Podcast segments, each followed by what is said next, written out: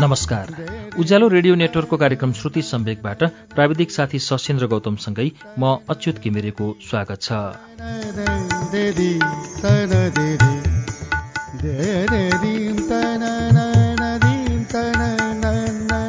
श्रुति सम्वेकको आजको श्रृङ्खलामा हामी हरिवंश आचार्यको चिना हराएको मान्छेको नौ श्रृङ्खला लिएर आइपुगेका छौं।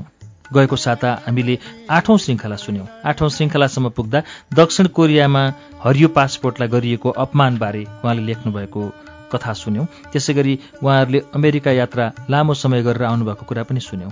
अमेरिका यात्रापछि आठौं श्रृङ्खला गएको साता टुङ्गिएको थियो। अब के हुन्छ त? सुनौ हरिवंश आचार्यको आत्मकथा चिना हराएको मान्छेको नौ श्रृङ्खला आज पृष्ठ एक सय बैसठीबाट।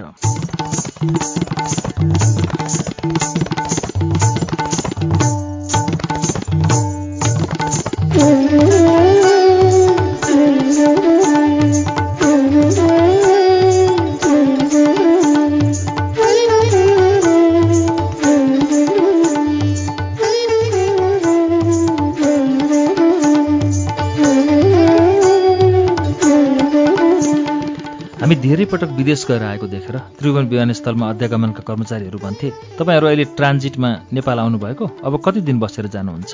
हुन पनि त्यसबेला हामी चार महिना देशमा आठ महिना विदेशमा हुन्थ्यौँ। पछि पछिका भ्रमणमा मिरा पनि मसँगै सहभागी हुन थालिन्। उनी कार्यक्रमहरूमा उद्घोषिकाको भूमिका निभाउँथिन्। दुई हजार अन्ठाउन्न सालमा राजा वीरेन्द्रको वंश विनाशपछि भएको विदेश भ्रमणमा नेपालीहरूको हामीसँग एउटै जिज्ञासा हुन्थ्यो। राजा वीरेन्द्रको हत्या दिपेन्द्रले नै गरेका हुन्। उनीहरू सबै कुरा हामीलाई थाहा छ भन्ने तरिकाले प्रश्न गर्थे। हामी भन्थ्यौँ दिपेन्द्रले नै गरेको पनि हुनसक्छ। संसारमा बाबामा मार्ने थुप्रै छन् नि। अमेरिकामा पनि बन्दुकधारीले कलेजमा गएर गोली चलाउँछ र थुप्रै मान्छे मार्छ। त्यस्तो विकृति मनस्थिति दिपेन्द्रमा पनि हुनसक्छ। तर यसै भन्न सकिन्न। यस विषयमा कसैले चर्काचर्की नै गर्थे कसैले अरूले नै मारेको भन्थे।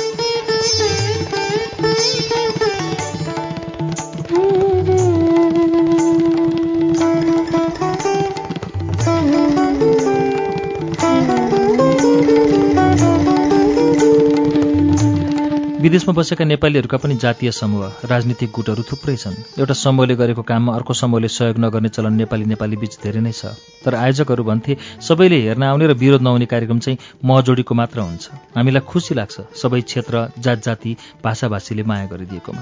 सम्पन्न मुलुकमा स्थायी बसोबास गर्ने नेपालीहरू दुई खाले देखिन्छन्। एक खाले आफ्ना छोराछोरीले नेपाली बोलुन् देशको संस्कृति नबिर्सिउन् भन्छन् र त्यहीँ जन्मेर त्यहीँ पढेका छोराछोरीले नेपाली भाषा बोलेकोमा गर्व गर्छन्। उनीहरू कुनै न कुनै रूपमा नेपाललाई माया गरिरहेका छन् उदाहरणका लागि अमेरिकाको बोस्टनमा बस्ने रुद्र पाण्डे र मुना पाण्डेलाई लिन सकिन्छ। उनीहरू आफ्ना छोराछोरीहरूसँग नेपालीमा मात्रै कुरा गर्छन् र नेपालमा सफ्टवेयर कम्पनी खोलेर सयौँ नेपालीलाई काम दिइरहेका छन्।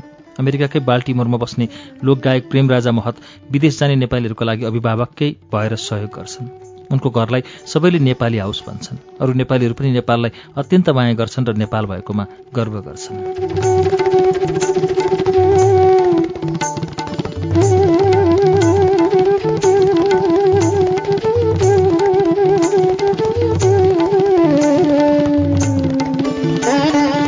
धेरै नेपालीले आफ्नो घरमा नेपालको राष्ट्रिय झण्डा फहराएका छन्। झण्डालाई छोएर आएको हावाले आफूलाई छुँदा नेपालले नै छोए जस्तो गर्वको महसुस गर्छन्। तर त्यहाँ अर्का खाले नेपाली पनि छन् जो आफ्ना छोराछोरीले नेपाली बोल्न नजानेकामा गर्व गर्छन्।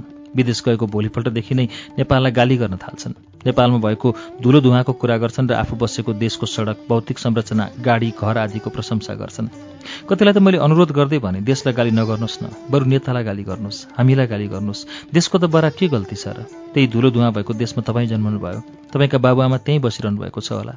फेरि यो देशको बाटोघाटो भौतिक संरचना र यहाँ भएको विकासबारे के धाक लगाउनुहुन्छ? यहाँको सडक यातायात विकासमा तपाईँको के योगदान छ? होइन यहाँको विकास मन्त्रालयले नै गरेको ठान्नुहुन्छ कि क्या हो? तपाईँ त यो मुलुक सम्पन्न भएको देखेर आएर बस्नुभएको कृपया नेपाललाई गाली नगरिदिनु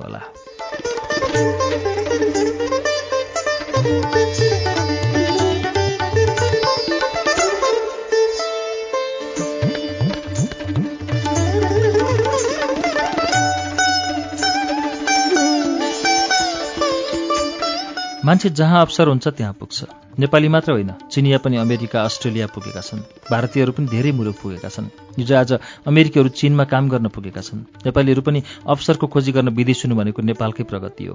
विदेशमा बस्ने नेपालीबाट नेपाललाई संसारमा चिनाउने काम भएको छ। विदेशमा बस्ने नेपालीको नाम जेसुकै होस् जात जेसुकै होस् नाम र जातले त्यहाँ बस्नेहरूले चिन्दैनन्। जेसुकै नाम थर भएको नेपालीले राम्रो काम गरे पनि नेपालीले गर्यो भनेर चिनिन्छ। नराम्रो काम गरे पनि नेपालीले गरेको भन्ने थाहा हुन्छ। एकपटक वासिङटनको एउटा सुन्दर हलमा हाम्रो कार्यक्रम थियो। त्यस हलमा ओछ्याइएको हरियो कार्पेटमा कार्यक्रम हेर्ने नेपालीले समोसा खाँदा खसाएछ। भुइँमा खसेको समस्या खुट्टाले कुल्चँदै कार्पेटमा टाँसिएछ। भोलिपल्ट त त्यस हलको प्रशासनले अबदेखि नेपालीलाई हल भाडामा नदिने भनेर निर्णय गरेछ।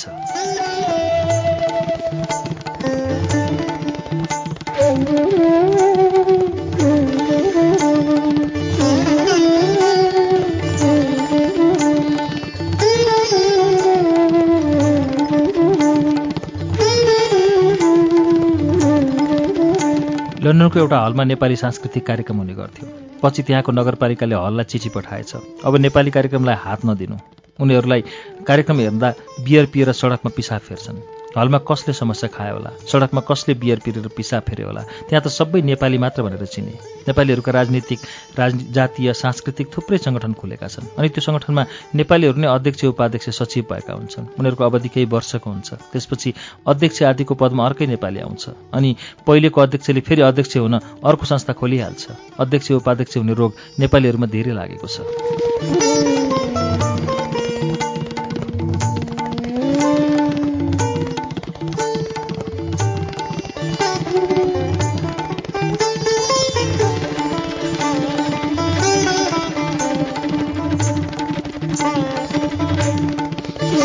विदेशमा खुलेका राजनीतिक सङ्गठनले पनि बेला बेला रकम सङ्कलन गरेर नेपालको माउ राजनीतिक पार्टीलाई पठाउने गर्छन् अनि उनीहरू नेपालका मन्त्री प्रधानमन्त्रीसँग सिधै फोनमा कुरा गर्न सक्छन्। कोही कोही त नेपालको राजनीति नै हामीले विदेशबाट चलाइरहेका छौँ भन्ने ठान्छन्।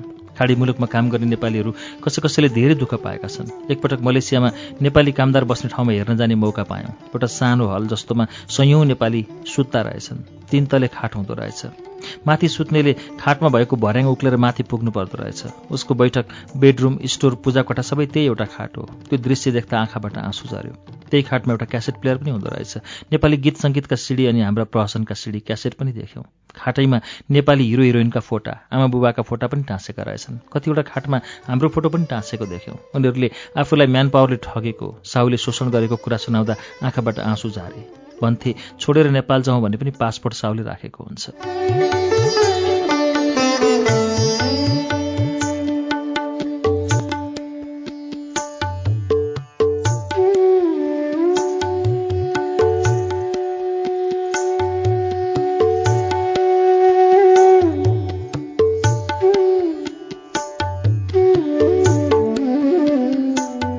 उनीहरू ठान्छन् हामी उनीहरूको समस्या समाधान गरिदिन सक्छौँ। त्यसैले भन्छन् हाम्रो समस्या नेपाल सरकारलाई भनिदिनु होला। तर सबै ठाउँमा त्यस्तो स्थिति छैन। राम्रै कमाएर राम्रै ठाउँमा सुतेर राम्रै खाएर बसेका पनि देख्यौँ। कतिले त कमाए जति पैसा त्यहाँका केटीहरूका लागि खर्च गर्दा रहेछन् हातमा लाग्यो शून्य खाडी मुलुकमा श्रम गर्न गएका नेपाली नेपाल फर्कन्छन् अनि घर मर्मत गर्छन् छाना फेर्छन् नयाँ लुगा टेलिभिजन किन्छन् दुःख गरेर बचाएको थोरै पैसा सकिन्छ नै। विदेशबाट कमाएर ल्याएको पैसा नेपालमा केही आयमूलक काममा लगाएर त्यसमा थप्दै लगे आत्मनिर्भर हुनुपर्ने थियो। तर उत्पादनमूलक काममा लगानी गर्न जानेकै छैनन् धेरैले देशले सिकाउन पनि सकेको छैन।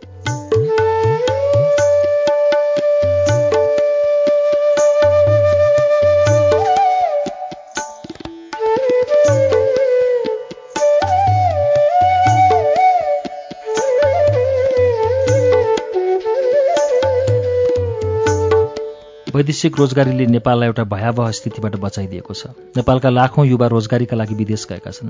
नेपालको अर्थतन्त्र नै रेमिट्यान्सले धानेको छ। यसरी दसौँ लाख युवा वैदेशिक रोजगारीमा संलग्न नभएको भए हाम्रो देशको दस वर्ष युद्धमा विद्रोहीहरूले अझ धेरै युवालाई आफ्नो सेनामा लाने थिए र अझ धेरै मानिस मारिने थिए। मैले एनआरएनका अध्यक्ष जीवा लामिछानेसँग खाडीमा श्रम गरेर कमाएको रकम नेपालको जलविद्युतमा लगानी गर्न सके। उनीहरूले त्यसको सेयर दीर्घकालीन रूपमा प्राप्त गरिरहन्थे भन्दा जीवाजीले म त्यो गर्ने कोसिस गर्दैछु दाई भनेका थिए। उनी त्यसतर्फ केही गर्दै होलान् कि? विदेशमा कार्यक्रम गर्न जाँदा नेपाली दाजुभाइ दिदीबहिनीलाई माइकबाटै भन्ने गर्छु। तपाईँहरू काम गर्न आउनुभएको होइन। कलेज युनिभर्सिटीमा पढ्न सिप सिक्न आएको ठान्नुहोला यहाँ तपाईँहरूले सिप सिकिरहनु भएको छ। यहाँ सिकेको सिप नेपालमा गएर प्रयोग गर्नुहोस् अनि अरूलाई पनि सिकाउनुहोस्। देशलाई सम्पन्न बनाउनुहोस्। हामी पछिका पुस्ताले विदेशमा आएर जोखिमपूर्ण काम गर्नु नपरोस्।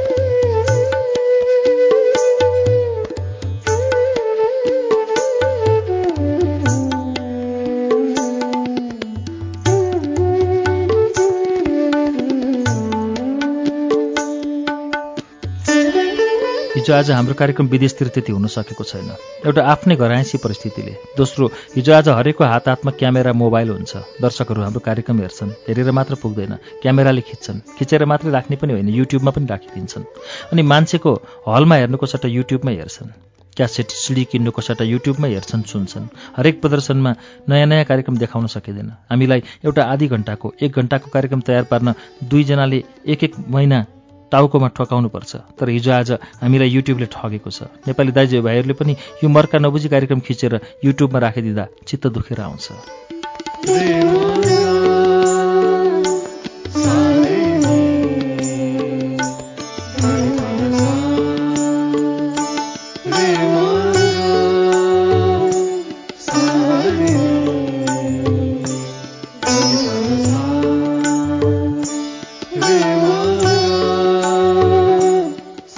गाई घरपालुवा जनावर हो भने मान्छे सामाजिक जनावर।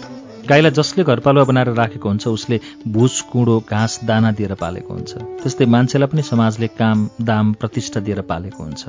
त्यसमाथि पनि यो कलाकारिता क्षेत्र त समाजसँग पुरै निर्भर हुनुपर्ने पेसा हो। समाजभित्र शुभचिन्तक नातागोता रोजगारदाता सबै पर्छन्। त्यसैले हाम्रो पेसा पनि समाजमै निर्भर रहन्छ। समाजलाई महत्त्व नदिई हाम्रो काम अगाडि बढ्न सक्दैन। समाजको सहयोग बिना हामी कार्यक्रम बनाउन सक्दैनौँ। हाम्रा सांस्कृतिक कार्यक्रमको आयोजनामा धेरै व्यक्ति सामाजिक संस्था समावेश भएका हुन्छन्। अझ विदेशमा कार्यक्रम गर्दा त धेरै व्यक्ति सामाजिक संस्था लागि परेका हुन्छन्। विदेशमा टाढाको मान्छे पनि नजिकको हुन्छ। विदेश जाँदा त्यहाँ बसिरहेका नेपाली दिदीबहिनी हामीलाई माइतीतिरको मान्छे आएको जस्तो भावना व्यक्त गर्छन् भने दाजुभाइहरू नेपालबाट काका दाई भाइ आएकै जस्तो व्यवहार गर्छन्।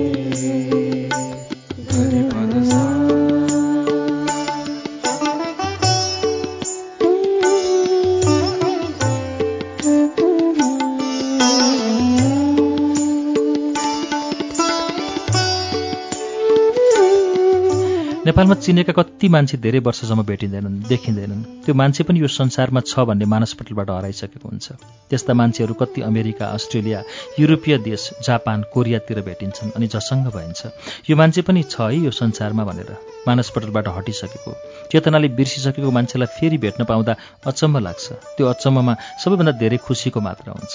विदेश पुग्दा घर घरबाट लन्च र डिनरको निम्तो आउँछ। पचास सय किलोमिटर टाढाबाट लिन आउँछन् नेपाली दाजुभाइ दिदीबहिनीहरू। खुवाउँछन् पियाउँछन् अनि जहाँबाट ल्याएको हो त्यहीँ पुर्याउँछन्। भनिन्छ विदेशमा पैसाभन्दा समय महँगो हुन्छ अरे त्यस्तो महँगो समय हाम्रो लागि त्याग गरेका हुन्छन्। त्यो अपार सद्भाव माया जीवनमा बिर्सनै सकिँदैन। तर बिर्सन नसक्दा नसक्दै पनि कहिलेकाहीँ बिर्सिँदो रहेछ। संसारका धेरैवटा देश गयौँ। धेरै नेपालीको घरमा बस्यौँ खायौँ सुत्यौँ सुख दुःखका कुरा गऱ्यौँ जोड्यौँ भने सयौँ घर हजारौँ व्यक्ति भइसकेका छन्। त्यत्रा मान्छेलाई सम्झँदा सम्झँदै पनि सम्झन सकिँदो रहेनछ कसैलाई चार वर्षपछि भेटेला कसैलाई कति वर्षपछि पाँच सात वर्षमा मान्छेको रूप फेरिसकेको हुन्छ। कोही मोटाएका हुन्छन् कोही झन मोटाएका हुन्छन्। कसैको कपाल झरिसकेको हुन्छ कसैको नक्कली कपाल विग हालिसकेका हुन्छन्। कसैले कपाल फुलिसकेको हुन्छ कसैको कपाल फुलेर रङ्गाएका हुन्छन्।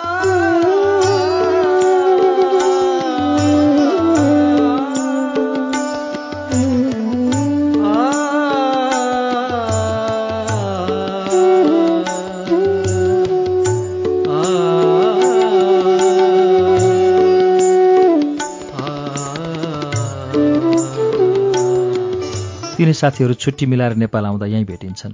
अनि सोध्छन् चिन्नुभयो दोधारमा पढ्दै भन्छौँ कहाँ चिने चिने जस्तो लाग्छ? खै कहाँ चिनेको? जर्मनीमा हो कि जापानमा हो? अमेरिका हो कि अस्ट्रेलियातिर हो?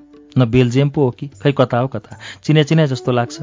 त्यसपछि त बिचराहरू मन दुखाउँदै भन्छन् फलानु ठाउँमा चिनेको हामीले? यति सालमा तपाईँहरूको कार्यक्रम आयोजना गरेको? तपाईँहरू मेरो घरमा पनि पुग्नु भएको छ। कसैलाई त्यति भन्ना साथै चिनिन्छ। कसैलाई नचिने पनि मन नदुखाउन् भनेर ए अँ भन्छौँ। उनीहरूको घरमा खाएका हुन्छौँ बसेका हुन्छौँ। उनीहरू सोच्लान् हामीलाई पनि घरमा एक छा खान बोलाउँछन् कि? उनीहरूले हामीलाई सयौँ किलोमिटरको यात्रा गराएर घुमाएका हुन्छन्। उनीहरू आशा गर्लान् हामीलाई पनि यिनीहरूले कतै घुमाउन लान्छन् कि? यो सोचाइ आउनु एकदमै स्वाभाविक हो। तर हामी दुईले विदेशबाट छुट्टीमा नेपाल आउने सयौँ परिवारलाई बोलाउन खुवाउन घुमाउन गाह्रो हुन्छ। साध्य पनि हुँदैन। त्यही पनि ज्यादै आत्मीयता भएका सम्पर्कमा रहिरहने साथीभाइलाई बेला बेला आतिथ्यता दिइन्छ नै।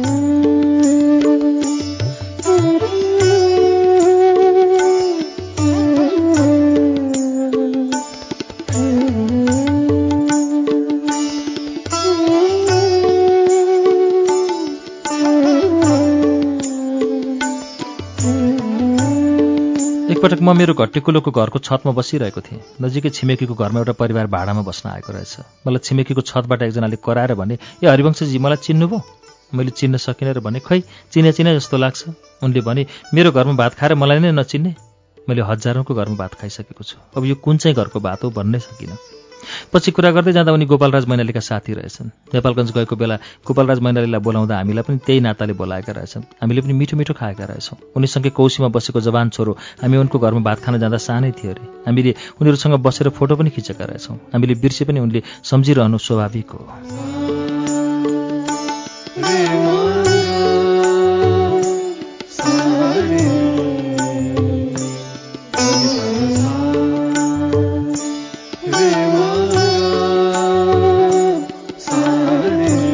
त्यस्तै अर्को एक दिन म रत्न पार्कमा हिँडिरहेको थिएँ। एकजना व्यक्तिले हात मिलाउँदै भने ए हरिवंशजी कता? चिन्नुभयो मैले पनि भने खै मैले ठम्याउन सकिनँ ठ्याक्कै तर चिने चिने जस्तो लाग्छ। मिलाइरहेको हात झड्काएर फुस्काए। ठुलो स्वरले रिसाउँदै भने भइगयो। त्यसपछि उनी हिँडे। मलाई मसँग एउटा व्यक्ति रिसाएकाले नरमाइलो लाग्यो। धेरै बेरसम्म सम्झन खोजेँ। अडिएर घोरिँदै उनलाई हेरिरहेँ तर चिन्न सकिनँ। सायद मैले उनको घरमा पनि भात खाइसकेको होला। उनलाई त्यति बेला म जोडी मेरो घरमा आएर भात खायो भनेर कति खुसी लागेको थियो होला। तर मैले चिने चिने जस्तो लाग्यो भन्दा कति चित्त दुखेछ। बिचरा अहिले सम्झँदा पनि ती व्यक्ति को थिए भनेर ठम्याउन सकेको छैन।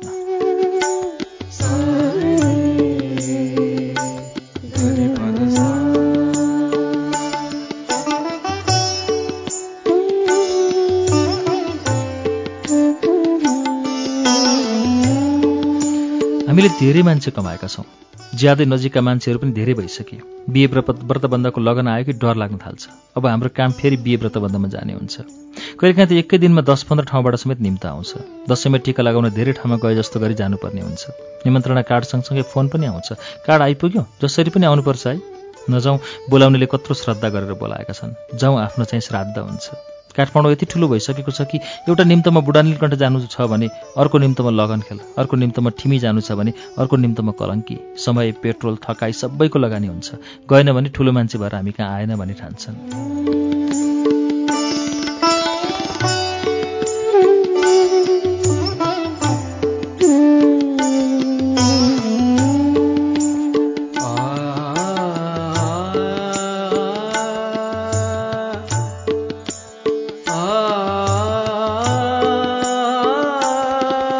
सकेसम्म जान्छौँ। दुला दुलैसँग बसेर फोटो खिच्छौँ अनि जाउँ है भनेर सोध्यो भने खाना नखाइ हिँड्न दिँदैनन्। फोटो खिचेपछि आयो भन्ने प्रमाण भइहाल्छ अनि एकछिनपछि फुत्त भागेर हिँड्नुपर्छ। न त त्यत्रो ठाउँमा कसरी भ्याउने? फेरि अन्त पनि गयो फोटो खिच्यो फुत्त भाग्यो। दस ठाउँमा बिहेको निम्तो मान्न गएर घरमा आइ अलिकति दुध र चिउरा खाएर सोध्नुपर्छ। प्रायः हरेक साँझ भोजमा गएर पार्टी प्यालेस र होटलको चिल्लो खाना खायो भने शरीर के होला? निम्तोमा बोलाउनेका लागि पो त एक साँझ। हाम्रो त हरेक साँझ यस्तै हुन्छ। कुनै कुनै ठाउँमा परिवारसँगै गएको छ भने ल खाउँ न त भनेर खान बस्यो। स्टिल क्यामेरा भिडियो क्यामेरा मोबाइलका क्यामेराहरू आफूतिरै तिर्सिन्छन्। पुलाउ कति हाल्यो मासु कति टुक्रा राख्यो भनेर सबै क्यामेराले रेकर्ड राख्छन्। लाइन बसेर खाना हाल्दा खाना देखेर घुटुक्क थुक्नेलेको पनि क्लोजअपमा खिचेको हुन्छ। चपाएको निलेको सबै प्रमाण क्यामेराले कैद गरेर राखेको हुन्छ। साह्रै अप्ठ्यारो र लाज पो लागेर आउँछ।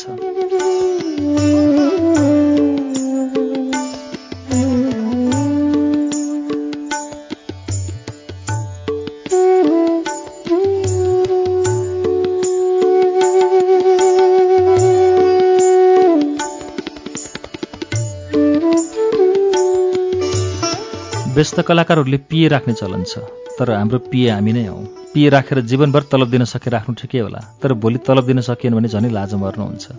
नेपालको अव्यवस्थित बजार र अस्थिर राजनीतिले कलाकारहरूको पारिश्रमिक बढ्नुको साटो दिन प्रतिदिन घट्दै गएको छ। सबै आफ्नो कुरो आफै सम्झनलाई गाह्रै भइरहेको छ। धेरै समारोहबाट निम्त आउने भएकाले कहाँ गइन्छ कहीँ छोड्छ कति ठाउँमा भ्याइँदैन। धेरै वर्ष अघिको कुरा। मदन दाई र मैले एक एकवटा सेकेन्ड ह्यान्ड मोटरसाइकल किन्यौँ। हामीले हाम्रा ससाना दुई छोराछोरी एउटालाई अगाडि पेट्रोल ट्याङ्कीमा अर्कोलाई बिचमा र पछाडि श्रीमतीलाई राखेर हिँड्नु पर्थ्यो। त्यसबेला मोटरसाइकल चलाउनेको पनि राम्रै इज्जत थियो। कति त अहिले पनि जिउमा टाइसुट टाउकोमा हेलमेट लगाएर अगाडि पछाडि बच्चा बिचमा श्रीमती राखेर बत्त बद्नमा जान्छन्। एकपल्ट ट्राफिकले मोटरसाइकलको पछाडि बस्नेलाई पनि हेलमेट लगाउन अनिवार्य गरेपछि आइमेहरू राम्रो सारी घाँटीभरि झलझलाउँदो गहना र टाउकोमा चाहिँ हेलमेट लगाएर मोटरसाइकलको पछाडि बसी भोजमा जान्थे। त्यसरी हेलमेटले थिचिएर आइमेहरूको कपाल प्याच्च हुन्थ्यो। जुरो हेलमेटमा अड्दैन थियो। हिजो आज मोटरसाइकल पछाडि बस्नेलाई हेलमेट अनिवार्य नगरेपछि भोज जाने मध्यम वर्गका महिलाहरूलाई धेरै ठुलो राहत भएको छ।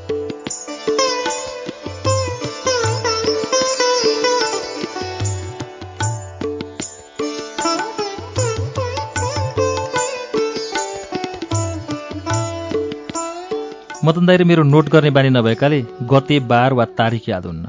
एकपटक पन्ध्र गते टेलिफिल्मकी एडिटर रोशना तुलाधरको बिहेमा हामी दुवैजना मोटरसाइकल चढेर गयौँ।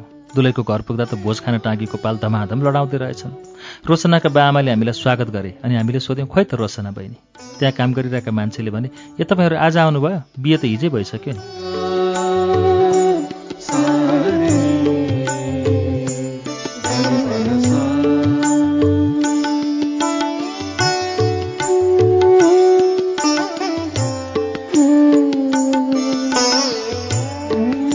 हामी पनि बाध्य भयौँ।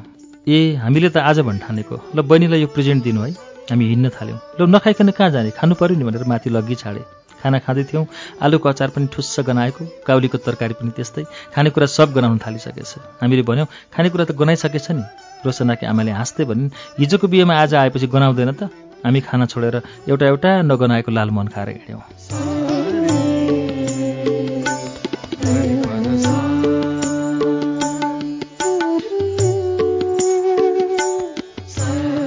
पञ्चायती व्यवस्था भए पनि नेपाली सेनाको अस्पतालको वार्षिक उत्सवमा हामीलाई सधैँ निमन्त्रणा गर्थे। त्यसवखत अस्पतालका प्रमुख doctor Birendra Bahadur Basnet doctor Shyambahadur Pande doctor Purushottam Raj Bhandari doctor Madanman Malla doctor Shambhu श्रेष्ठसँग राम्रै हिमचिम थियो। सबैको नाम अगाडि डाक्टर। सेनाका डाक्टर भएकाले डाक्टरका अगाडि जर्नेल कर्नेल पनि जोडिएको हुन्थ्यो। हामीलाई केही सन्चो भनेर जचाउनु गयो भने प्रायः सबै डाक्टरले जाँचिदिन्थे। डाक्टर मदनमान मल्लको छोराको हो कि छोरीको बिहेमा निमन्त्रणा आयो। मदन दाई र म मोटरसाइकल चढेर साँझ कुपन्डोल पुग्यौँ। त्यहाँ पुग्दा त मान्छेहरू धमाधम घर सजाइरहेका थिए। पाल टाँगिँदै थियो। सेनाका जवानहरू कौसीमा बत्तीका मालाहरू झुन्ड्याउँदै थिए। हामी बिहे घरमा पुग्दा डाक्टर मदनमान मल्लले नेवारी भाषामा भने तपाईँहरू बिहे भोजमा आएको? हामीले हो डाक्टर साहब भन्यौँ। हाँस्दै उनले भने बिहे त भोलि हो। हामी लाजले भुत्तुक्कै भयौँ। र जाउँ भित्र भनेर लगी छाडे। विस्की र मासु खुवाए। भोलि पनि आउनुपर्छ है फेरि भनेर बिदा गरे। भोलिपल्ट पनि गयौँ। डाक्टर साहब रिसाउलान् भनेर।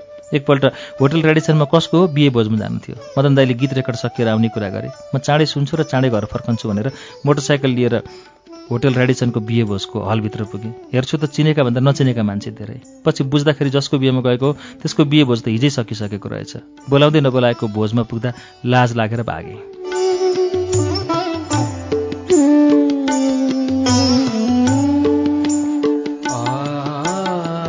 घर पुगेर बसिरहेको थिएँ मदन दाईले फोन गरे। तिमी बिहेमा गयौ? मैले भने अँ गएँ। गएर भर्खर घर आइपुगेँ। म त फसिहालेँ मदन दाईलाई पनि फसाउँ भनेर भोज त हिजै सकिसकेको रहेछ भनिन। मदन दाई पनि गएछन्। बिहे भोज हिजै सकिसकेको रहेछ। आज त अर्कैको भोज रहेछ भने थाहा पाएर कुलेलाम ठकेछन्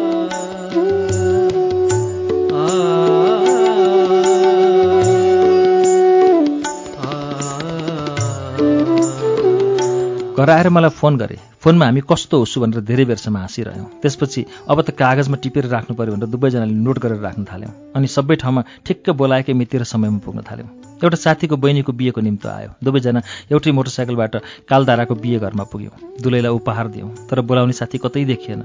साथी खै त भनेर सोधेको त उसको घर अलिक पर रहेछ। त्यहाँ पनि बिहेको बत्ती झलमल्ल बलिरहेको थियो। फेरि एउटा घरमा बोलाएको अर्कै घरमा पुगेछौँ। एउटी दुलैलाई भनेर लगेको उपहार पनि अर्कै दुलैलाई दिइयो। फिर्ता लिने कुरा भएन। नबोलाएको बिहे घरमा पनि हामी जाँदा सबजना खुसी भए। फोटो खिचे नखाइकन हिँड्नै दिएनन्। अलिकति खायौँ र बोलाएको घरमा गयौँ। दुलैलाई खाममा राखेर पैसा दियौँ। फेरि अलिअलि खायौँ र घर आयौँ।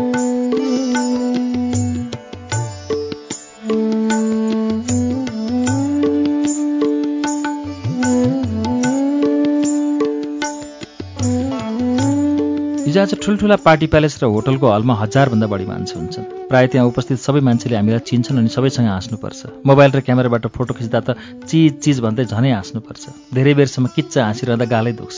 सायद गालाका मसलहरू धेरै ड्युटी गर्नु परेर खुब थाक्छन् अनि बाहिर मुख बन्द गरेर बसेपछि गालाका मसलहरू आफ्नो ठाउँमा आउँछन् होला र सहज हुन थाल्छन्। भोजभत्तेरमा जाँदा जाने बस्ने खाने र आउने कुराको गाह्रो एकातिर छ भने अर्कातिर त्यहाँ थुप्रै मान्छे भेटिन्छन् धेरैसँग सङ्गत हुन्छन् थरीथरीका चरित्र देखिन्छन्। हाम्रो कामै बोलेर खाने हो कुरा गरेर खाने। मान्छेहरूले जमघटमा निकालेका राम्रा राम्रा कुरा सम्झिरहन्छौँ र घरमा आएर डायरीमा नोट गरेर राख्छौँ। ती भोजभत्ते र जमघटमा सुनेका कुराहरू देखेका चरित्रहरू हाम्रा नाटक टेलिफिल्म र प्रहसनहरूमा मिसाएका छौँ। जो देखेर नक्कल गरिएका चरित्र हुन्छन् उनीहरू नै हाम्रा नाटक हेरेर हाँसेका हुन्छन् तर उनीहरूलाई आफ्नै नक्कल गरिएको थाहै हुँदैन।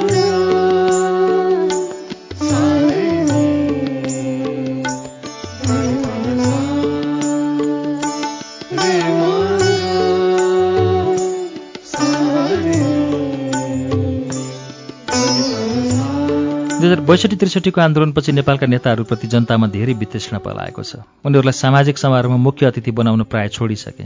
सामाजिक सङ्घ संस्थाले नेताको सट्टा मुख्य अतिथि बनाउन मान्छे खोज्दा हामी पनि परेका छौँ। कति ठाउँमा मुख्य अतिथि बन्न जानु कति ठाउँमा उद्घाटन गर्न जानु भ्याउनै गाह्रो भइसक्यो। हामीले मुख्य अतिथि भएर हिँड्नुको साटो आफ्नै कला संस्कृतिको काम गर्न पाए सार्थक हुने थियो। त्यसै कारणले म दिनको पचास प्रतिशत झुटो बोल्छु। भन्ने गर्छु म त्यो बेलामा हुन्न विदेश जाँदैछु जिल्ला जाँदैछु यस्तै के के के के? लौ नेता हो। तिमीहरूलाई जनताले बोला बोलाउँ बोलाउँ लाग्ने भन। हामीलाई गरिखान देऊ। तिमीहरूको काम हामीले गर्दै हिँड्नु नपरोस्।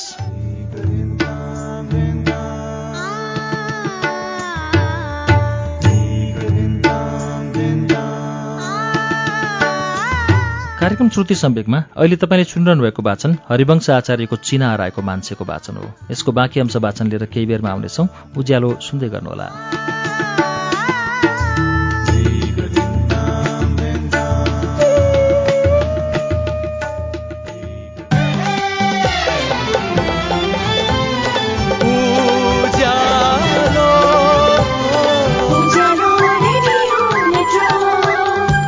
सीधा कुरा प्रश्न विचार। Ujyaalo radio network.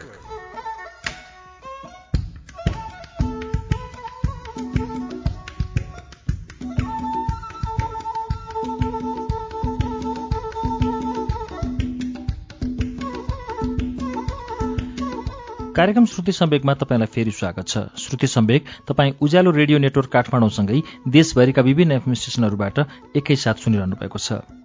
श्रुति सम्वेकमा आज हामी हरिवंश आचार्यको चिना हराएको मान्छे सुनिरहेका छौं। यसको नौ श्रृङ्खलाको बाँकी अंश अब सुनौ।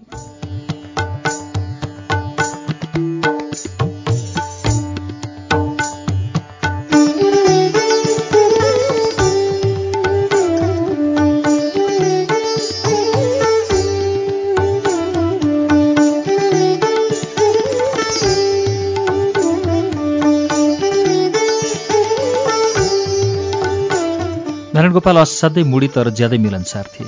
उनलाई मान्छे मन पर्यो भने साह्रै मिल्थे तर मन परेन भने उनी जस्तो नमिल्ने कोही हुँदैन थियो। उनको यही बानी थाहा पाएर हामीलाई पनि उनका गीत जस्तै प्रिय थिए।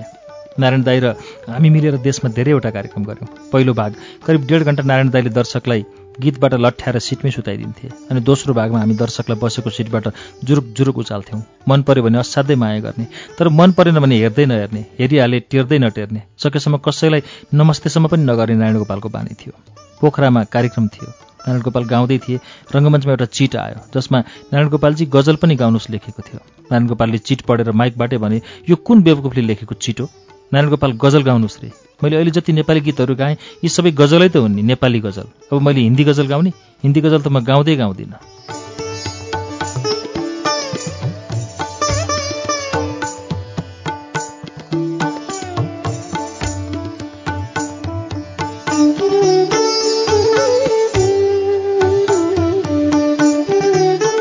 आयोजकहरू झस्किए। त्यो चिट त गण्डकीका अञ्चलाधीशले पठाएका रहेछन्।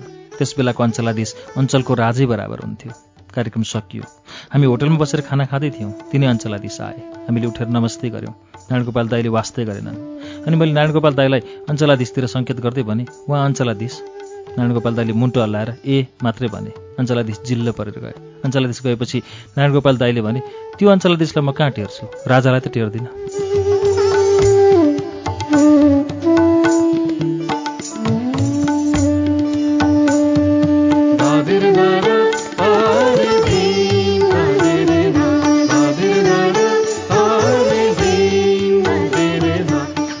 त्यसपछि एउटा प्रसङ्ग सुनाए। एकपटक राजा वीरेन्द्र र रानी ऐश्वर्यलाई नारायण गोपालको गीत सुन्न मन लागेछ। राजा आठ बजी गीत सुन्न आउने कार्यक्रम रहेछ तर सचिवले सात बजे नारायण गोपाललाई बोलाउनु भन्ने आदेश दिएछन्। अर्का आदेश पालकले छ बजे भनेछन्। नारायण गोपाल कहाँ खबर गर्नेले त पाँच बजे भनेछन्। नारायण गोपाललाई लिन चार बजे नै गाडी गएछ। उनी चार बजे एक सेट तबला एकजना तबल्ची र एउटा हार्मोनियम लिएर घरबाट हिँडेछन्। दरबारको कोठामा पाँच बजेदेखि कुरेछन् राजा आएनछन्। उनलाई छ बजेपछि त दुई चार पेग लिनुपर्ने। तलतल लागेर असाध्यै गाह्रो भएछ। सात बजीसम्म कुर्दा पनि राजा आएनन्। अनि त उनले त्यहाँ उभिरहेको सिपाहीलाई बोलाएर भनेछन् ए भाइ अहिले राजा आउनुभयो भने नारायण गोपाल पाँच बजेदेखि सात बजीसम्म कुर्यो अनि घर गयो भनिदिनु है। त्यसपछि उनी हिँडेछन्।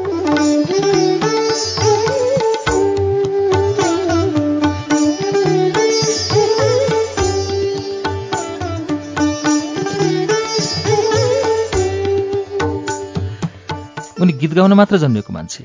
बानी बेहोरा भने असाध्यै कमजोर। उनलाई गीत गाउन बाहेक जिन्दगीमा अरू केही पनि आउँदैन थियो। नारायण गोपाल दाईलाई धेरैवटा रोगले छोइसकेको रहेछ कारण उनी बोल्न पनि मुख नबार्ने खाना पनि। माइतीघरको टापुमा रहेको महसञ्चारमा नारायण गोपाल दाई पोको बोकेर आउँथे। बङ्गुरको उसिनेको मासु खान्छौ? भन्थे। हामी खाँदैनौँ दाई भन्थ्यौँ। उनी क्वाप क्वाप असनको भट्टीबाट ल्याएको उसिनेको मासु खान्थे। कहिले सालको पातमा बेरेको एक पाउ खुवा रत्न पार्कबाट ल्याएर क्वाप क्वाप खान्थे। घरमा पेमला भाउजू शरीरका लागि जे पाए त्यो खानु हुँदैन भन्नुहुँदो रहेछ। तर उनी खानाको सोखिन बाहिरै खाएर भए पनि सोख पुरा गर्थे।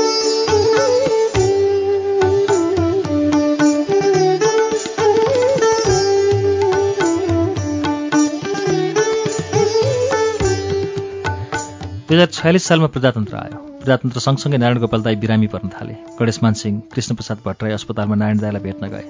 रेडियो टेलिभिजनले समाचारमा उनको स्वास्थ्य अवस्था प्रसारण गरे। त्यसपछि उनको स्वास्थ्य स्थिति झन्झन बिग्रिँदै गएछ।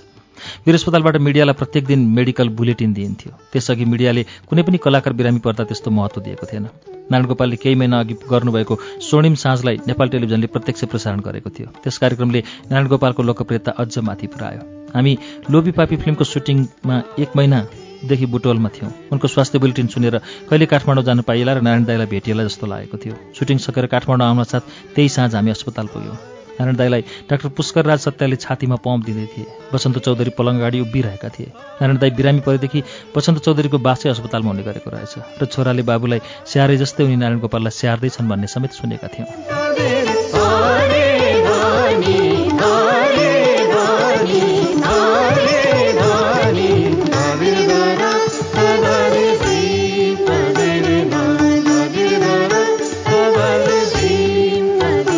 पेमला भाउजू सोक सोक रुन थालिन्। नारायण दाईका भाइ मनोहर गोपालले भाउजूलाई कोठा बाहिर लगे। डाक्टर पुष्कर राज सत्याल नारायण दाईलाई छातीमा अझ पम्प दिँदै थिए। नारायण दाईले आँखा पुलुक्क हेरेर सधैँका लागि चिम्ले। यो घटना हामी अस्पताल पुगेको एक मिनटभित्र घटेको थियो। मान्छेले अन्तिम सास त्यागेको मैले जीवनमा कहिले देखेको थिएन। खालि फिल्ममा पात्रहरूले अभिनय गरेको मात्र देखेको थिएँ। ठ्याक्कै फिल्म जस्तै भयो त्यहाँ। फिल्ममा आफ्नो नजिकको मान्छेलाई देख्ने पात्रले अन्तिम सास रोकिराखेको हुन्छ। जब भेट्न चाहेको मान्छे आइपुग्छ अनि उसले आफ्नो सास त्याग्छ त्यस्तै भयो। पुलुकको आँखा खोल्दा उनले हामीलाई देखे देखेनन् थाहा भएन। तर नारायण दाईले आफ्नो अमर स्वर नेपालीलाई उपहार दिएर सधैँका लागि आँखा चिम्लेको हामीले देख्यौँ।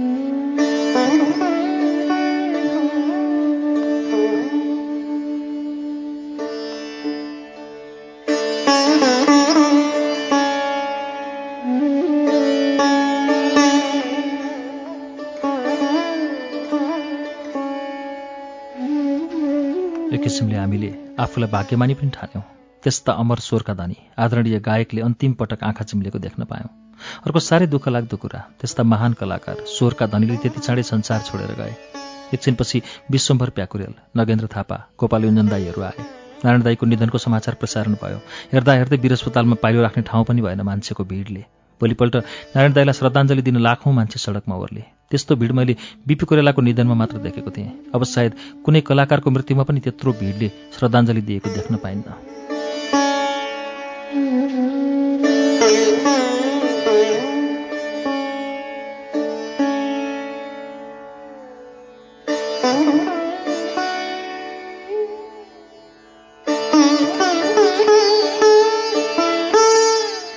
नारायण दाई भाग्यमानी रहेछन्। उनी ठिक समयमा जन्मेर ठिक समयमा बिते। मान्छेको लोकप्रियता सधैँ समान रहँदैन। केही वर्ष बाँचेका भए त्यति ठुलो श्रद्धाञ्जली नपाउन पनि सक्थे। मान्छेहरू अझै पनि भन्ने गर्छन् मृत्यु त नारायण गोपालको जस्तो होस्। उनका टोलवासीले महाराजगञ्ज चोकमा उनको शालिग बनाए र त्यही चोकको नामै नारायण गोपाल चोक राखे। पेमेला भाउजूलाई झमझम पानी पर्दा लाग्थ्यो अरे नारायण गोपाललाई वर्षाले रुजाइरहेको होला। गएर उसलाई छाता उडाइदिन पाए पनि हुन्थ्यो।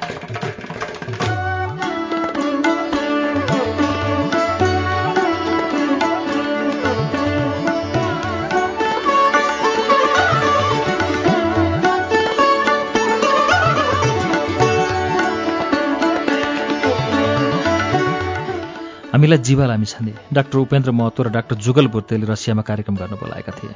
कार्यक्रमपछि अहिलेसम्म पनि सुरक्षित राखिएको कम्युनिस्ट नेता लेनिनको शव हेऱ्यौँ। त्यति पहिले मरेका लेनिनको शव देख्दा अचम्म लाग्यो। जिउँदैछन् जस्तो। जुरुक्क उठेर फेरि शासन गर्न आउलान् जस्तो। त्यही हप्ता हामी चीन पुग्यौँ। बेजिङमा कम्युनिस्ट नेता माओत सेतुङको शव पनि हेऱ्यौँ। त्यसरी नै राखेको रहेछ लेनिनको जस्तै। फेरि त्यही हप्ता हामी उत्तर कोरिया पुग्यौँ। त्यहाँ कम्युनिस्ट नेता किम इल सुङको शव पनि हेऱ्यौँ।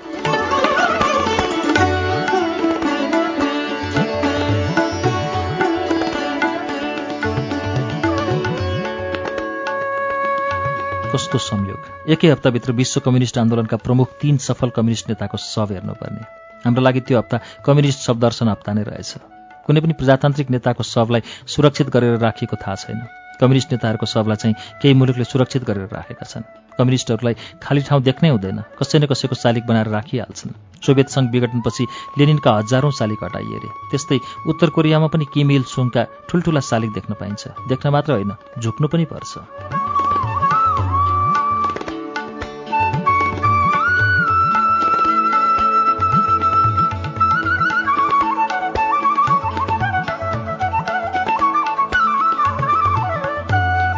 मान्छेलाई घुम्न लाने भनेर लान्छन्।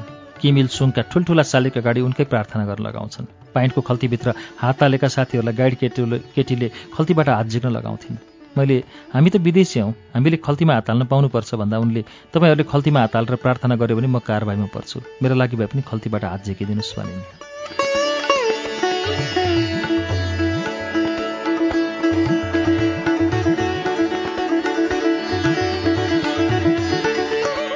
उत्तर कोरियामा टेलिभिजनका दुईटा मात्र च्यानल रहेछन्। एउटामा किमिल सुङको गीत मात्र आइरहँदो रहेछ। अर्को च्यानलमा जापान र अमेरिकासँग उत्तर कोरियाले लडाइँ गरेको फिल्म आउँदो रहेछ।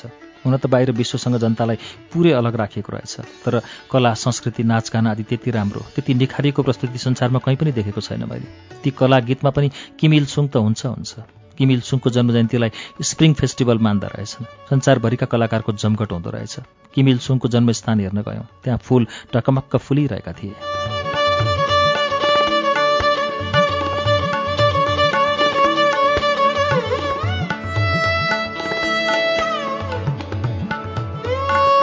गाइड केटीले भनिन् यी फुलहरू यहाँ किन फुलेको थाहा छ? हामीले थाहा छैनको सङ्केत गर्दै टाउको हल्लायौँ। उनले भनिन् किमिल सुङ जन्मेको भएर खुसीले फुलेका। हामीले सोध्यौँ फुल फुलेपछि किमिल सुङ जन्मिनु भएको कि? किमिल सुङ जन्मेर फुल फुलेको? उनले भनिन् किमिल सुङ जन्मेर फुल फुलेको। अर्काको देशमा गएका पाहुना थियौँ हामी। होइन भन्न पनि मन लागेन। त्यसैले हो भनिदियौँ।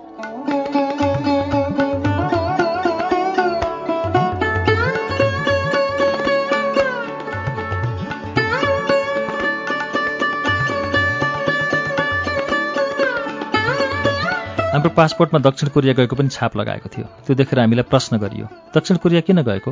हामीले भन्यौँ त्यहाँ नेपालीहरू काम गर्छन् हामी सांस्कृतिक कार्यक्रम देखाउन गएको। एउटा किम नाम नाम गरेको गाइड केटो थियो। ऊ नेपालमा पनि धेरै बसेकाले नेपाली भाषा पुरा बोल्दो रहेछ। यतिसम्म कि मदन दाई र मेरो पुर्ख्यौली घर श्रीमती र छोराछोरीको नाम पनि थाहा रहेछ उसलाई। हाम्रा प्रश्नहरू एमोलोक प्यारालाइसिसका सम्वाद पनि धेरै आउँदो रहेछ। ऊ बेला बेला प्रश्न गर्थ्यो उत्तर कोरिया राम्रो कि दक्षिण कोरिया? हामी कुटनीतिक तरिकाले जवाफ दिन्थ्यौँ दुवै देश राम्रो। ऊ झर्केर भन्थ्यो दक्षिण कोरिया होइन उत्तर कोरिया राम्रो।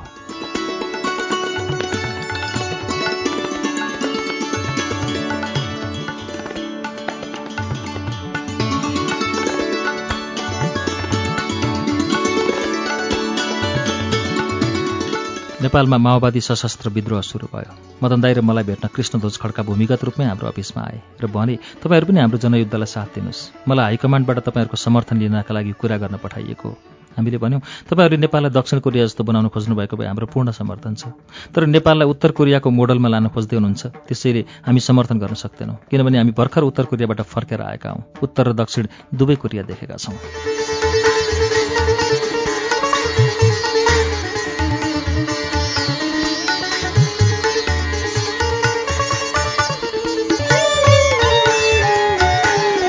हरिवंश आचार्यको आत्मकथा चिना हराएको मान्छेको एक सय एकासीौँ पृष्ठमा आएर आज हामीले हाम्रो वाचनलाई रोकेका छौँ। लेनिन माओ चेतुङ किम्युल सुङ र महजोडी शीर्षकको यो अध्याय आजको वाचनमा नौ श्रृङ्खलामा हामीले आएर रोकेका छौँ।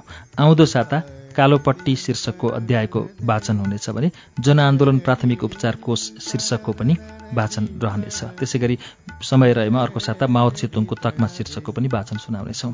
चिना हराएको मान्छे हामीले गएको नौ सातादेखि तपाईँलाई सुनाइरहेका छौँ। कस्तो लागेको छ? कृपया हामीलाई प्रतिक्रिया दिनुहोला। त्यसका लागि हामीलाई पत्राचार गर्नुहुन्छ भने हाम्रो ठेगाना कार्यक्रम बुलबुल पोस्ट बक्स नम्बर छ चार छ नौ काठमाडौँ नेपाल उज्यालो रेडियो नेटवर्क लेख्न नभुल्नुहोला। त्यसै गरी इमेल गर्नका लागि हामीलाई इमेल ठेगाना छ S H R U T I Shruti at UNN dot com dot NP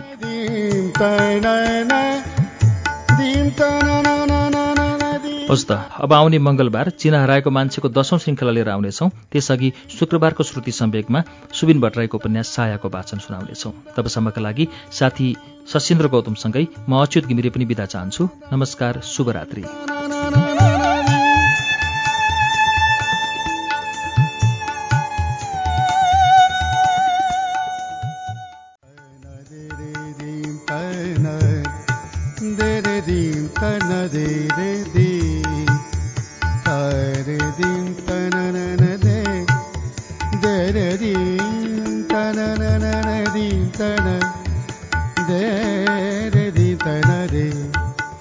नमस्कार उज्यालो रेडियो नेटवर्कको रात्रि प्रस्तुति श्रुति सम्वेकमा प्राविधिक साथी सशिन्द्र गौतमसँगै म अच्युत घिमिरेको स्वागत छ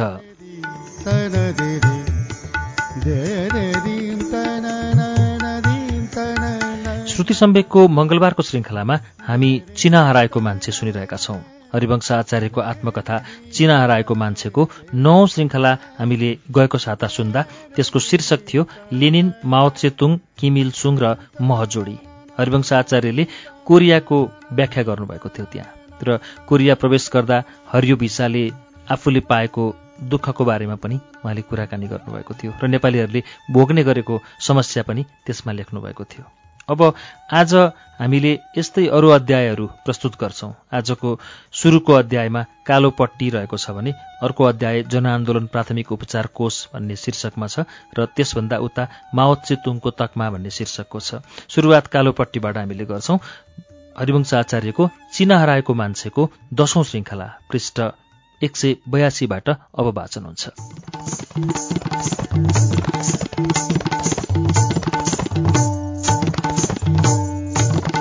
दुई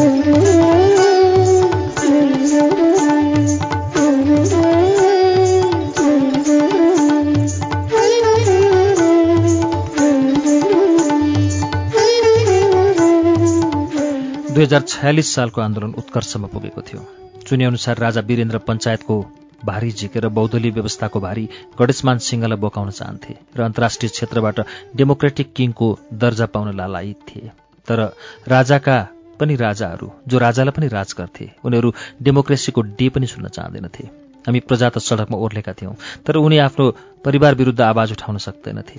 नारायणटी दरबारभित्रको सडकमा आवाज उठाएर त्यहाँभित्र एक्लै जुलुस निकालेर के गर्ने? परिवार विरुद्ध आवाज उठाउन गाह्रो रहेछ भन्ने कुरा पछि उनको हत्या भएबाटै थाहा पाइन्छ।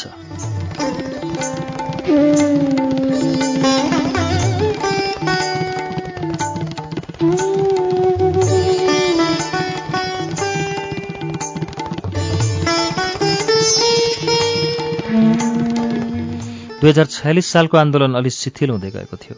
नाटककार अशेष मल्ल गुनासो गर्न थाले। आन्दोलन चलाउन लाग्यो फेरि चर्काउनु पर्यो। केही गरी यो आन्दोलन तुइयो भने तपाईँ हामीले त यो देशमै नबसे पनि हुन्छ। अब हामी कलाकार साहित्यकारहरू मुखमा कालो पट्टी बाँधेर सडकमा बसौँ र प्रजातन्त्र बिना अभिव्यक्ति स्वतन्त्रता हुँदैन भन्ने नारा दिउँ। हाम्रो यही सल्लाह भयो। हामी सबैभन्दा पहिले सत्यमोहन जोशी कहाँ गयौँ? उनले हुन्छ म आउँछु भने। हाम्रो हौसला बढिहाल्यो। त्यसपछि डायमन्ड शमशेर राणाका घर गयौँ। उनले भने मलाई त यो आन्दोलनमा कसैले वास्तै गरेका थिएनन्। तपाईँहरू बोलाउन आउनुभयो म आउँछु। कमलमणि दीक्षितले पनि आउँछु भने। हाम्रो हौसला अझ बढ्यो। मुखमा कालोपट्टि बाँधी दिनको भोलिपल्ट डायमन्ड शमशेरलाई फ्रान्स जानु रहेछ। उनी आफ्नो कृति सेतो बाघ अरू भाषामा छाप्ने बारे कुरा गर्न जान लागेका रहेछन्। उनले थपे होस् म बरु समातेर थुने भने फ्रान्स जान्न तर आन्दोलनमा अवश्य आउँछु।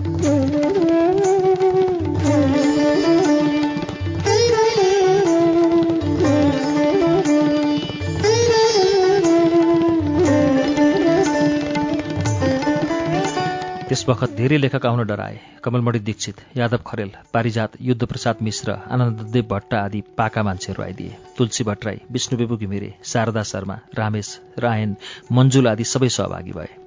अघिल्लो दिन दरबारका दूतहरू आएर भने तपाईँहरू कालोपट्टि बाँधेर नबस्नुहोस्। हामीले भन्यौँ होइन हामीले बाँध्नै पर्छ।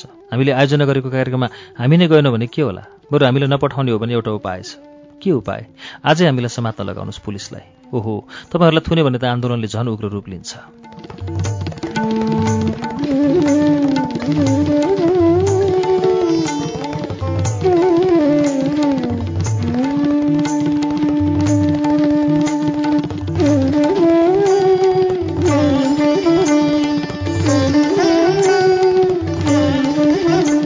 भोलिपल्ट प्रज्ञा भवनमा भेला हुने कार्यक्रम थियो।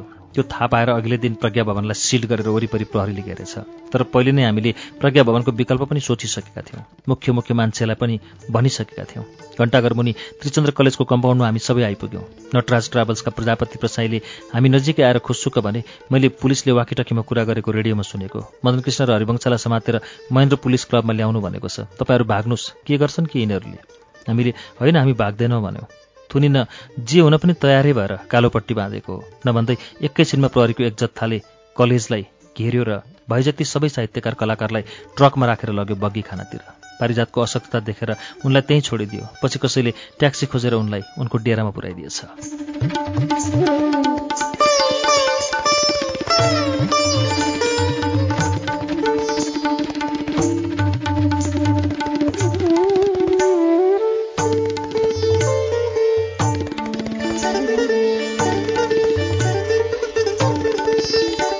पहिले त बगी खानाभित्र हामी सबैलाई एउटै हलभित्र राखिएको थियो। सबै हँसी मजाक ठट्टा गर्दै बसिरहेका थियौँ। एकछिनपछि प्रहरीले युद्ध प्रसाद मिश्र मदन दाई र मलाई गाडीमा राखे। हामीलाई लिएर गएको देखेर सबैजना कराए तर प्रहरीले लग्यो। प्रहरीले युद्ध प्रसाद मिश्रलाई महेन्द्र पुलिस क्लबको चौरमा राख्यो। हामी दुईजनालाई चाहिँ माथि लिएर गएर एउटा कोठाभित्र छिरायो। त्यहाँ डिआइजी अच्युत कृष्ण खरेल काठमाडौँको सिडिओ र अरू प्रहरी थिए। अच्युत खरेलले के छ भाइहरू? बसौँ भन्दै हामीलाई सोफामा राखेर सोधे। चिया खाने? हामीले भन्यौँ खाउँ न त। चिया आउँदै थियो खरेलले कुरा सुरु गरे। तपाईँहरूले मुखमा कालोपट्टि किन बाँध्नुभएको? हामीले भन्यौँ अभिव्यक्ति स्वतन्त्रताका लागि वाक स्वतन्त्रताका लागि प्रजातन्त्र प्राप्तिका लागि खरेल सोध्दै गए। नेपालमा तपाईँहरूलाई जस्तो बोल्ने छुट अरू कसलाई छ र? अझ पुगेन? हामीले भन्यौँ हामीले मात्र बोल्न पाएर भएन नि। सबै नेपालीले बोल्न पाउनु पर्यो त्यसबेला मान्छेहरू भन्ने गर्थे नेपालमा शरदचन्द्र शाहलाई जे गर्न पनि छुट छ। मदन कृष्ण र हरिवंशलाई जे बोल्न पनि छुट छ।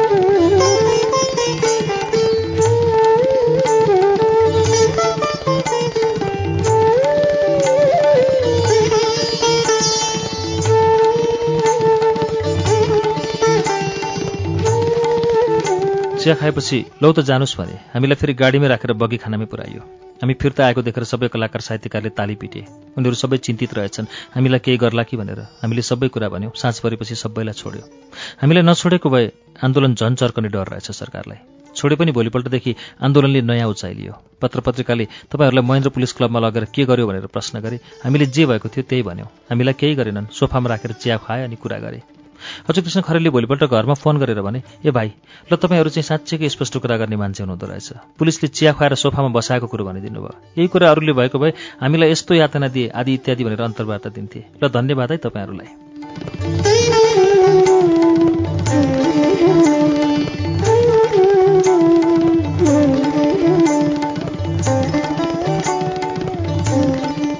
गोपाल चित्रकारले हामीले मुखमा कालो पट्टी बाँधेर बसेको फोटो सेटेलाइट मार्फत विश्वभर छरिदिएर धेरै देशका पत्र पत्रिकाले छापे जसले गर्दा आन्दोलनको उचाइ अझ बढ्यो। दुई हजार छयालिस सालको आन्दोलन सफल भयो।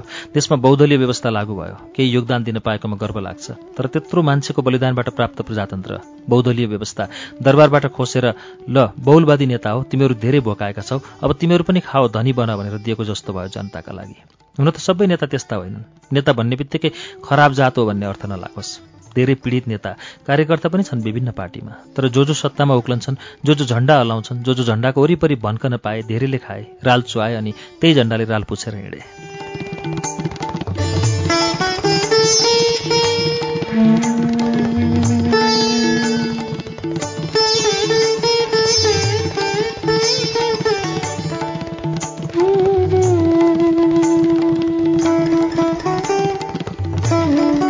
पञ्चहरूले दस खाए बहुदलवादीहरूले सय खाए गणतन्त्रवादीहरूले हजार खाए जसले खाए तिनले पचाए। कसले हिसाब माग्ने? हिसाब माग्नेले पनि खाए हिसाब बुझाउनेले पनि खाए। हिसाब बुझाउने र हिसाब माग्ने मिलेर खाएपछि कसले समाउने? राजा वीरेन्द्रका सपरिवार मारिए। कसरी मारिए? तुरुन्तै पत्ता लाग्यो गोलीद्वारा मारिए। गोली हान्ने पनि पत्ता लाग्यो छोराले हानेको रहेछ।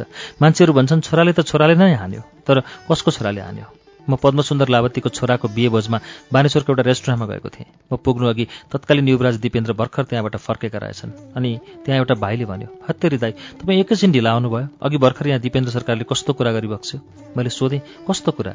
सरकारले भनिबक्स्यो यो देश बिग्रेकै मेरो बाबु लुरे भएर हो। साला म भएको भए एक एकलाई ठिक पारिदिन्थेँ। यो कुराले के अन्दाज लगाउन सकिन्छ भने राजा वीरेन्द्र लुरे रहेछन्। उनलाई त लगाउनुपर्छ भन्ने मनस्थिति छोरामा पलाइसकेको थियो।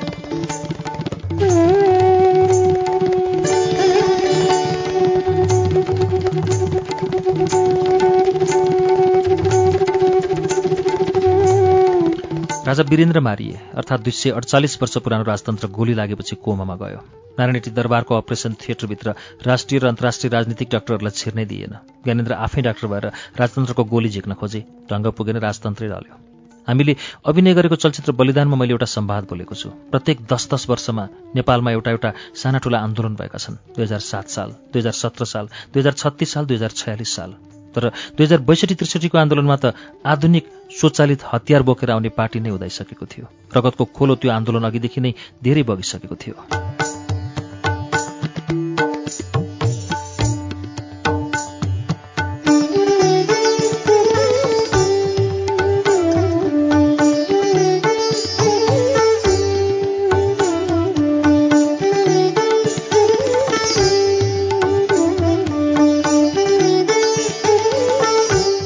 जनता झस्के प्रजातन्त्र जान लाग्यो। ज्ञानेन्द्रले प्रजातन्त्र खान लाग्यो भनेर बहुदलवादी नेताहरू भ्रष्टाचारी भएको परिवारवादमा चुर्लुममा डुबेको नेताहरूसँग देश चलाउने ढङ्ग नभएको पनि जनताले बिर्सिदिए र फेरि एकपटक नेताहरूलाई साथ दिए।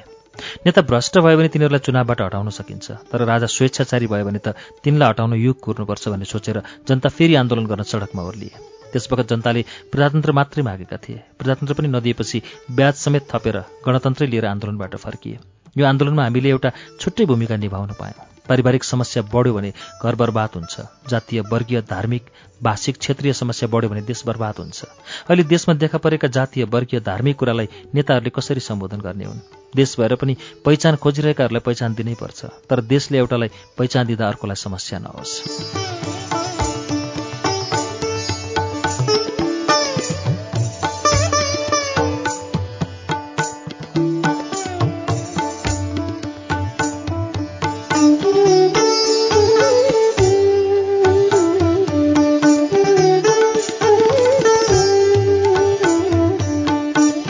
यहाँ वर्गीय समस्या झन् ठुलो छ। ठकुरी भन्नासाथ सबै ठकुरी सम्पन्न र सम्मानित छैनन्। हुम्ला जुम्लामा बस्ने कति ठकुरीहरू यो शताब्दीमा पनि निरक्षर छन्। गाडी देख्न पाएका छैनन्। मिठो के हो भन्ने थाहा पाएका छैनन्। मान्छे जन्मदा जाति वर्ग भाषा छानेर जन्मन पाउँदैन। मान्छे बन्ने भ्रूणको कुनै जात भाषा धर्म हुँदैन। जुन वर्ग धर्म भाषा बोल्नेको गर्वभित्र त्यो खस्छ त्यो गर्वबाट बाहिर निस्केपछि उसको आमा बाबुले जे भाषा धर्म संस्कृति मान्छन् त्यही कुरो उसले सिक्छ। चिस्नोका झ्याङमा भेटिएका अनाथ बालबालिकालाई जुन जाति लगेर पाल्छ ती त्यही जातका हुन्छन्। नेपालबाट धर्मपुत्र धर्मपुत्री बनाएर युरोप अमेरिका लगेका बालबालिका अङ्ग्रेजी फ्रेन्च जर्मन बोल्न थाल्छन् र चर्चमा प्रार्थना गर्छन्।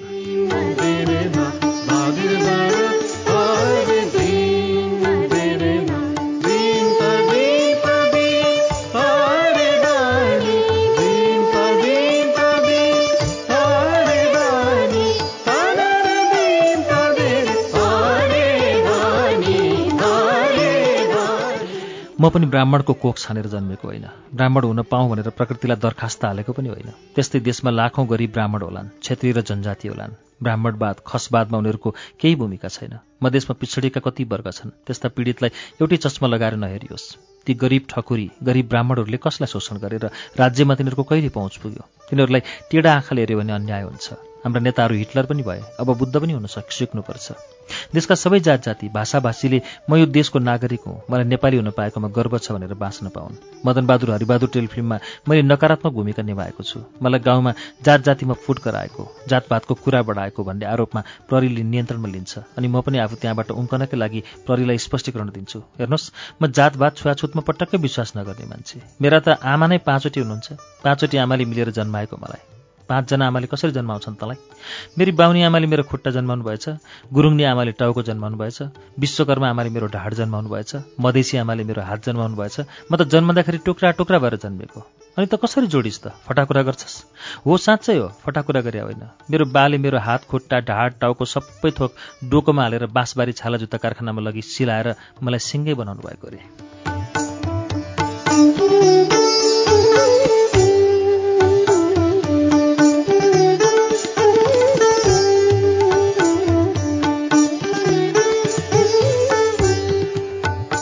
त सानो हुँदा बाँसबारी छाला जुत्ता कारखाना त स्थापना भएकै थिएन फटाकुरो गर्छस्। होइन बाँसबारी छाला जुत्ता कारखाना बाहिर एकजना जुत्ता सिउने सार्की दाई थिए अरे उनले सिलाइदिएको अरे जुत्ता सिउने आरोले। यी सम्वाद झ्वाट्ट सुन्दा हँस्यलो लाग्छ। तर गहिरिएर बुझ्दा मलाई कता कता राष्ट्रियताको भावना गाँसिएको जस्तो लाग्छ। हामी सबै नेपाल आमाका सन्तान हौँ। नेपाल आमाले हामीलाई आफ्नो गर्वबाट जन्माइन्। नेपाल आमा हामी सबैकी आमा हुन्। यी आमाकी पनि आमाले जन्माएका सबै आमाहरू मेरी आफ्नै आमा जस्तो लाग्छ। मलाई जस्तै हरेक नेपालीलाई त्यही लाग्दो हो। केवल केही नेताहरू सबै आमाहरूको अनुहारमा आमा नदेखि जात देख्छन् होला।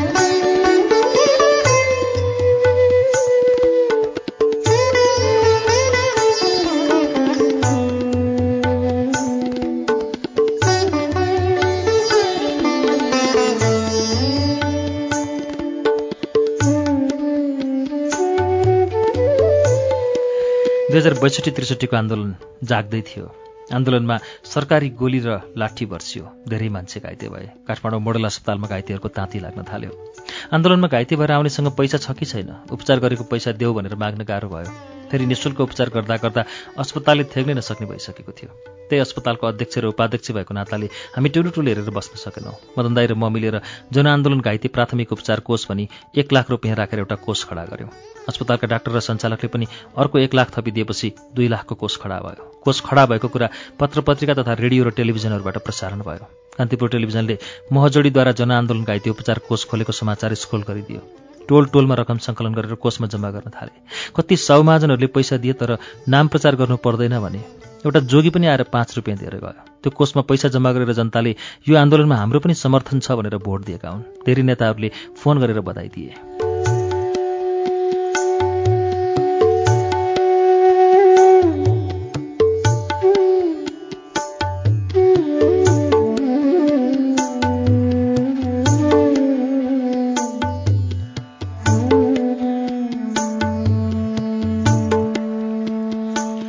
गिरिजाप्रसाद कोइरालाले पनि फोन गरेर भने तपाईँहरूलाई धन्यवाद। तपाईँहरूको यो गुरु म जिन्दगीभर बिर्सन्न।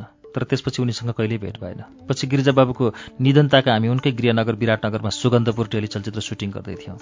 हामी सुटिङ क्यान्सल गरेर उनलाई श्रद्धाञ्जली दिन काठमाडौँ आयौँ। आन्दोलन झन् चर्किँदै थियो। जनताको आन्दोलन दबाउन शाही सरकारले कर्फ्यू लगायो। प्राथमिक उपचार कोषको काम पनि भइरहेको थियो। साहित्यकार कलाकारहरू दुई हजार बैसठी त्रिसठीको आन्दोलनमा पनि कर्फ्यू तोडेर सडकमा उत्रने निर्णय भयो। मदन दाईको घर धोबीधाराबाट गल्ली गल्ली हुँदै दिल्ली बजार निस्केर सेना र पुलिसलाई छल्दै हामी बानेश्वरको गुरुकुलमा भेला भयौँ। त्यहाँबाट कर्फ्यूमा पनि नाराबाजी गर्दै पुरानो बानेश्वर चोकमा गएर बस्यौँ। करिब दुई सयजना जतिको समूह चोकमा बसेको मात्रै के थियो गोली चल्न थाल्यो। हामी तित्तर बित्तर भयौँ। पर्खाल नाग्दै व्यक्ति व्यक्तिका घरभित्र छिर्यौँ। नजिकबाट गोली गएको आवाज आइरहेको थियो। हामी एउटा अपरिचित व्यक्तिको छिणीमा लुकिरह्यौँ। प्रहरीले घरभित्र पसेर खोजेन फर्केर गयो।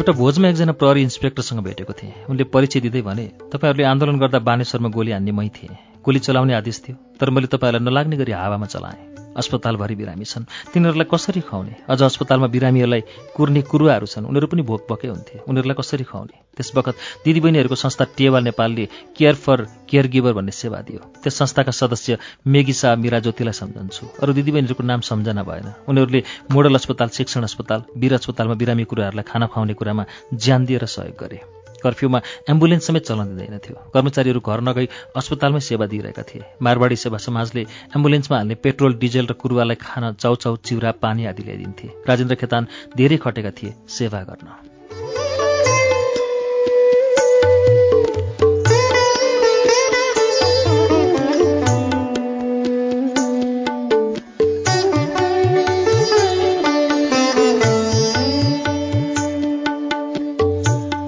सेना परिचालन भएको थियो। अस्पतालमा जुनसुकै बेला छापा मार्न सक्थ्यो। चन्दा सहयोग दिएको नोट चान्सुन धेरै भएकोले गन्न पनि गाह्रो थियो। पैसा बोरामा कोचेर राखेका थियौँ। केही गरी त्यो रकम जफत गरेर लगेको भए जनताको पैसा लुकायो होला भन्ने ठुलो अब्जस आउन सक्थ्यो हामीलाई। त्यो रकम रातभरि अस्पतालमै गनेर राख्थ्यौँ। डिपोजिट लिन बैङ्कहरू मान्दैनथे किनभने त्यो पैसा आन्दोलनलाई सहयोग गर्न जम्मा गरेको हो। केही गरी डिपोजिट लिएको प्रशासनले थाहा पायो भने बैङ्कलाई नै कारवाही गर्न सक्थ्यो। बल्ल बल्ल एउटा बैङ्कले पैसा राखिदिन्छौँ भन्यो तर रिसिप्ट दिन मिल्दैन। आन्दोलनको पैसा भएकोले विश्वास गर्नुहोस् पर्यो। हामीले त्यो पैसा लगेर बैङ्कमा राख्यौँ। पछिसम्म गर्दा दुई करोड पचास लाख जम्मा भएको थियो। जनताबाट सङ्कलन गरेको पैसा कसरी पारदर्शी गराउने? एउटाले प्याच दुरुपयोग भयो भने दियो भने दाग लाग्ने कुरा भयो। अनि त्यो कोष सञ्चालन गर्न पूर्व न्यायाधीश कृष्णजङ रायमाझीको अध्यक्षतामा एउटा समिति बनायो जसमा अधिवक्ता शम्भु थापा पत्रकार महासङ्घका अध्यक्ष विष्णु नेष्ठुरी पत्रकार Kanakmani Dixit Suman Shrestha doctor Bharat Pradhan doctor Saroj Dital Komal Joshi engineer Bharat Sharma लगायत हामी दुईजना थियौँ।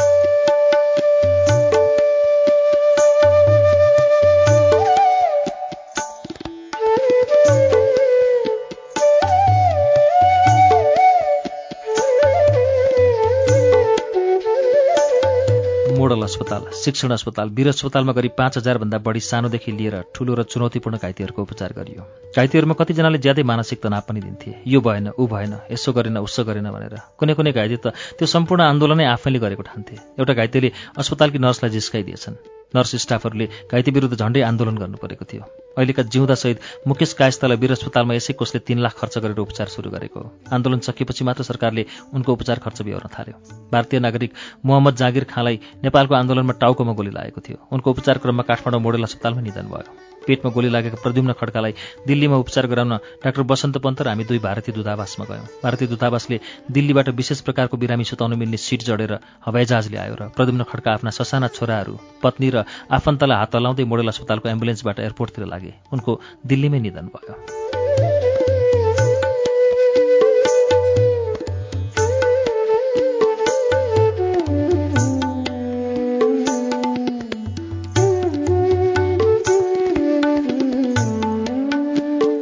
सहित विष्णुलाल महर्जन काठमाडौँ सतुङ्गलमा प्रजातन्त्र हरण विरुद्ध उर्लेको मानव सागरमा पौडी खेल्दै अघि बढेका थिए। चक्रपथमा मानव सागरमाथि प्रहरीले लाठी अश्रु ग्यास वर्षाउन थाल्यो। विष्णुलाल महर्जन भुइँमा डले। भागदौडको हुल उनको शरीर कुल्चँदै अगाडि बढ्यो। उनको मेरुदण्ड बाँचियो।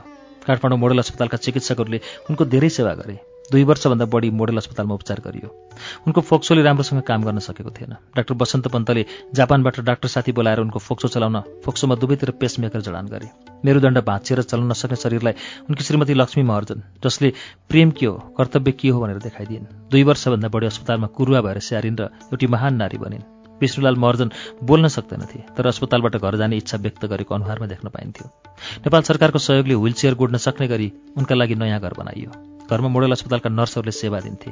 सेवा दिन बेला बेला डाक्टरहरू पनि पुग्थे। उनको स्वास्थ्य कुनै पनि बेला खराब हुन सक्थ्यो। दौडाएर अस्पताल लगिन्थ्यो।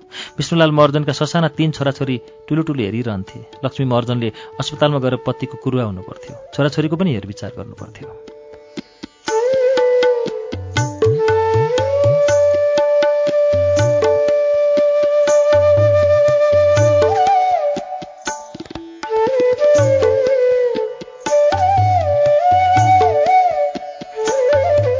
विष्णुलाल महर्जनको उपचारका लागि मात्रै प्राथमिक उपचार कोषले पच्चिस लाखभन्दा बढी खर्च गरेको छ तर विष्णुलाललाई डाक्टरहरूले चार वर्षभन्दा धेरै बचाउन सकेनन्। उनी जिउँदो सहितबाट अमर सहित भए। मधेसमा आन्दोलन भयो। मधेस आन्दोलन पनि नेपालभित्र नेपालीले नै गरेको आन्दोलन थियो। त्यो आन्दोलन पनि राज्यले गरेको विभेद विरुद्ध थियो। त्यो आन्दोलनमा पहाडहरूको पनि समर्थन हुनुपर्छ भनी मधेस आन्दोलनमा शहीद भएकाहरूलाई सम्मान प्रकट गर्दै घाइतेको स्वास्थ्य उपचारका लागि आन्दोलन प्राथमिक उपचार कोषबाट पच्चिस लाख रुपियाँ प्रदान गर्यो। यो उपचार कोषबाट शहीद भएकाहरूका परिवारलाई एक एक लाख रुपियाँ र गम्भीर घाइते भई अङ्गभङ्ग भएका दुवै आँखा गुमाएकाहरूलाई पचास हजारदेखि एक लाख रुपियाँसम्म प्रदान गरियो। सधैँ उपचार कोषको भारी बोकेर हिँड्न गाह्रो भयो। जनताबाट उठाएको पैसाको अपजस आउला भन्ने हामीलाई डर लागिरहन्थ्यो। त्यसपछि सुनिता मानन्दर श्रेष्ठको अध्यक्षतामा उपचार कोष गठन गरी हामी त्यसको सल्लाहकार मात्र भएर बस्यौँ। चोटपटक लागेका बिरामीहरू वर्षौंसम्म फलोअपमा आउँदै थिए। बाँकी रहेको पच्चिस लाख रुपियाँ यस्तै किसिमको आन्दोलन भयो भने त्यसका लागि खर्च गर्ने। भएन भने दुई वर्षपछि मोडल अस्पतालको कोषमा जाने गरी प्राथमिक उपचार कोष विधिवत रूपमा विघटन गरियो।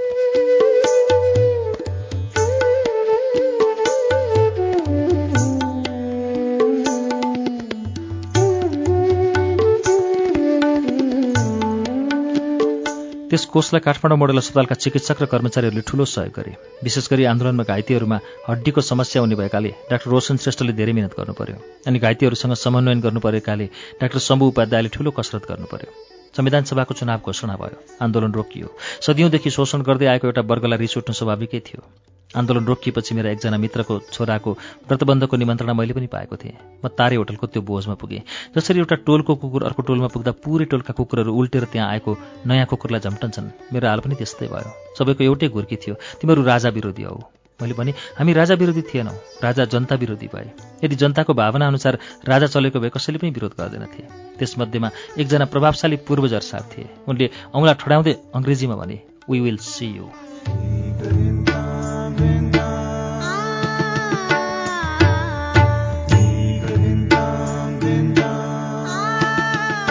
Shruti सम्वेकमा अहिले तपाईँले सुन्नुभएको वाचन हरिवंश आचार्यको आत्मकथा चिना हराएको मान्छेको वाचन हो। यसको बाँकी अंश लिएर केही बेरमा आउनेछौँ। उज्यालो सुन्दै गर्नुहोला।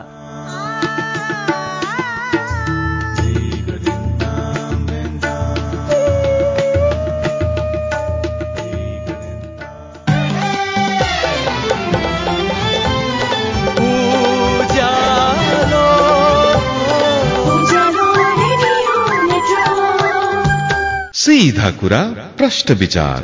Ujyaalo radio network.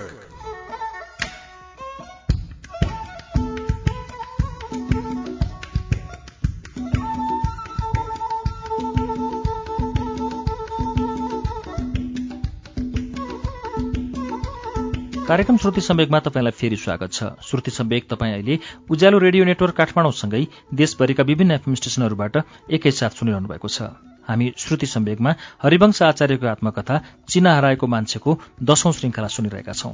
अब यसको बाँकी श्रृङ्खला सुनौ।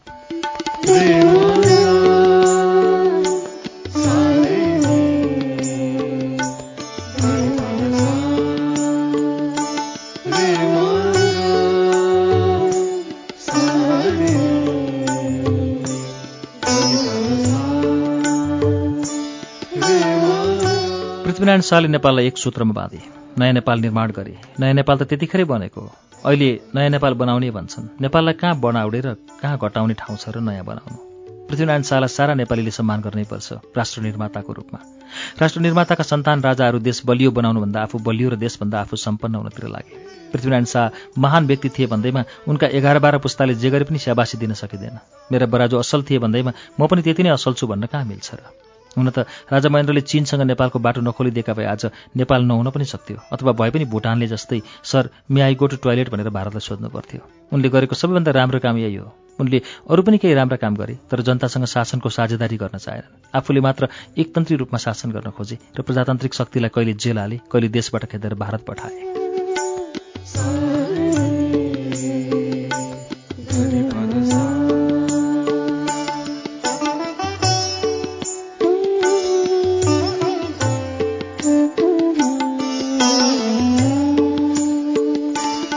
राजा महेन्द्रले भारत र चीन युद्धको फाइदा उठाई युद्ध जित्ने माओ चेतुङसँग घनिष्ठता बढाए अनि माओ चेतुङ रिसाउलान् भनेर कम्युनिस्टहरूलाई आफ्नो शक्ति विस्तार गर्ने अवसर दिए। महेन्द्रले सबै कम्युनिस्टलाई रोयल कम्युनिस्ट बनाउन खोजे तर आधा जतो मात्रै रोयल कम्युनिस्ट भए पनि अरूलाई बनाउन सकेनन्। तिनले सङ्गठन विस्तार गर्ने ठाउँ पाए। म सानो हुँदाखेरि बाटोमा रातो कपडाका पोकाहरू ठाउँ ठाउँमा भेट्टाइन्थ्यो। त्यसभित्र वरिपरि रातो बिचमा सुनौलो हेर्दाखेरि नै कमिजमा लगाउँ लगाउँ जस्तो लाग्ने माओ चितुङको टाउको भएको तकमा जताततै भेट्टाइन्थ्यो। नेपालभरि त्यो तकमा धेरैले लगाए। मैले पनि त्यो तकमा धेरै पटक लगाएर हिँडेँ। माओ चितुङको टाउको भएको तकमाको प्रभावले पछि नेपालका राजाहरूको टाउको भएको नोट छाप्ने शासनै बन्द भयो।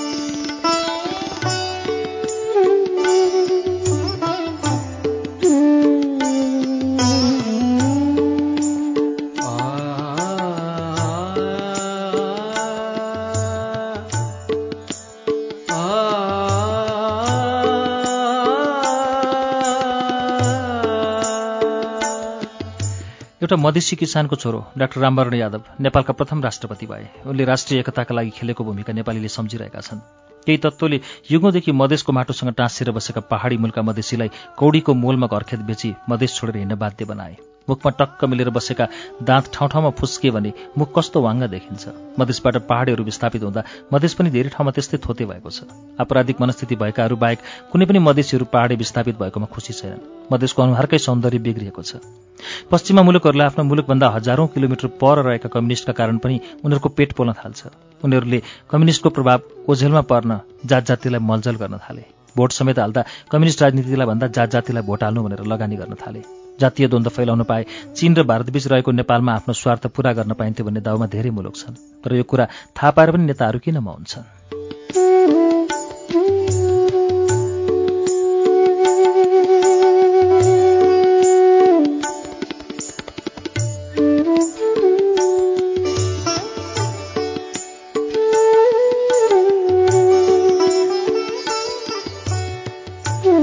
हुन त सत्ता भनेको सत्तै हो। खान नपाएर बिरालोको जस्तो अनुहार भएका नेता सत्तामा पुगेपछि बाघ जस्ता देखिन थाले। खपटा जस्ता गाला मखमली फुल फुलेको गमला जस्ता देखिन थाले। अगाडि पछाडि साइरन बजाउँदै दौडने गाडी। यता फर्के पनि सलाम उता फर्के पनि सलाम पाएपछि प्रहरी सेना प्रशासनलाई गुलाम बनाउन पाएपछि राष्ट्र ब्याङ्कलाई सिरानी राखेर अर्थ मन्त्रालयको सिरक ओढेर गृह मन्त्रालयलाई पाले राखेर सत्ताको भाले भई सुत्न पाएपछि मृग चित्तल हरिण खाएर हग्न पाएपछि देशी विदेशी रक्सी खाएर मुत्न पाएपछि को सत्ताबाट ओर्लन चाहन्छ? पञ्चायत डाले देश बन्ला कि भनेर पञ्चायत डाल्न लागि पञ्चायत डाल्यो तर देश उठेन। बहुदलीय प्रजातन्त्र आएपछि देशमा बहुरूपीहरू मात्र देख्न पाइयो तर वास्तविक बहुदलीय प्रजातन्त्र देख्न पाइएन। गणतन्त्रले देश बन्ला कि भन्ने ठानेको हो गणतन्त्रले खुट्टै टेक्न सकेको छैन। संविधान सभाले देश बन्ला कि भन्ने ठानियो नौ अर्ब रुपियाँको पासो लगाएर संविधान सभालाई नै फाँसी दिइयो नेपालमा भएका राजनीतिक परिवर्तनमा प्रत्यक्ष परोक्ष रूपमा हाम्रो पनि सहभागिता भएको। यो असफलतामा लज्जाबोध हामीले पनि गर्नुपर्छ। देशसँग माफी माग्नुपर्छ।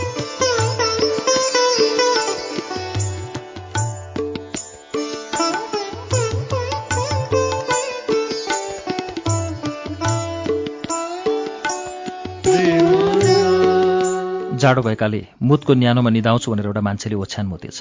एकछिन त तातो भएछ तर केही बेरपछि मुतले ओछ्यान ढाडिएर हिलो भएपछि सुत्नै सकेन। पछि त्यही मुतले उसलाई जाडो बनायो। हाम्रा नेताहरूले पनि जनतालाई आफूतिर तान्न छेडेको आश्वासन दिए। केही हुल आकर्षित पनि भए तर अहिले त्यो आश्वासन मुतको न्यानोले जिउ तताए जस्तै भयो। थाम्नै नसक्ने गरी थुप्रो थुप्रो ढुसी पर्न थाल्यो। नेताहरू दुर्गन्धित भएका छन्। त्यो दुर्गन्ध नेपाली जनताले सुँग्दै सहनु परेको छ। नेपालको अविकास भोग्नु परेको छ। देश यस्तो भएको बेला हामीलाई नेपाल सरकारले तकमा दियो। हामीले तकमा लिएनौँ। देश सम्मानित भएको बेला पो त तकमा लिनु। देश अपमानित भएको बेलामा के तकमा लिनु?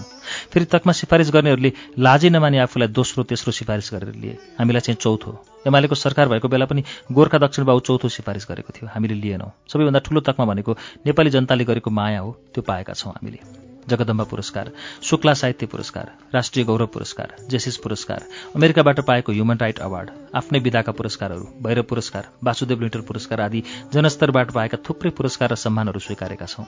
तकमा त नेपालका प्रथम राष्ट्रपति डाक्टर रामवरण यादवको हातबाट लिन मन थियो तर अहिले देश दुःखी छ। देशको अवस्था ठिक भएपछि राष्ट्रले दिएको सम्मान पक्कै लिउँला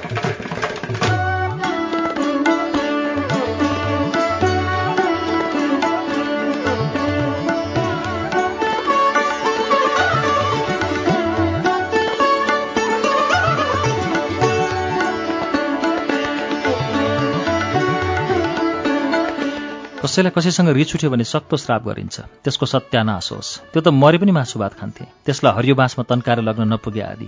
तर जसलाई सम्झेर सरापेको त्यसको सत्यानाशको कामना गरिएको न उसको सत्यानाश हुन्छ न त उसलाई पछाडि कसैले सरापिरहेको छ भन्ने नै थाहा हुन्छ। व्यक्तिलाई व्यक्तिसँग रिस उठ्यो भने सक्तो श्राप गरिन्छ भने नेतासँग रिस उठ्यो उसको पुत्ला बनाएर जलाइन्छ। पुत्ला मन नपरेको नेतालाई सम्झेर बनाउने पराल कपडा र काठको मानव स्वरूप हो। जो नेतालाई सम्झेर पुत्ला बनाइएको हुन्छ। त्यो पुत्लाको अनुहार लम्बाइ चौडाइ एक अंश पनि मिलेको हुँदैन। त्यो नमिलेको नेताको प्रतीक पुत्ला जलाउँदा न त्यो नेतालाई पोल्छ न त्यो नेतालाई दुख्छ। हामीले एउटा प्रहसनमा भनेको थियौँ मेरो पुत्ला जलाएर के हुन्छ? पुत्ला जलाउँदा मेरो त एउटा भुत्ला पनि जल्दैन। मैले सम्झँदादेखि सूर्यबहादुर थापाका कैयौँ पुत्ला जले। कीर्तिनिधि विष्ट मरिजमान सिंह साथै अहिले आएर प्रचण्ड बाबुरामका पनि जलेका छन्। उनीहरूको पुत्ला जलाउँदा पनि उनका शरीरको एउटा भुत्ला पनि जलेनन्।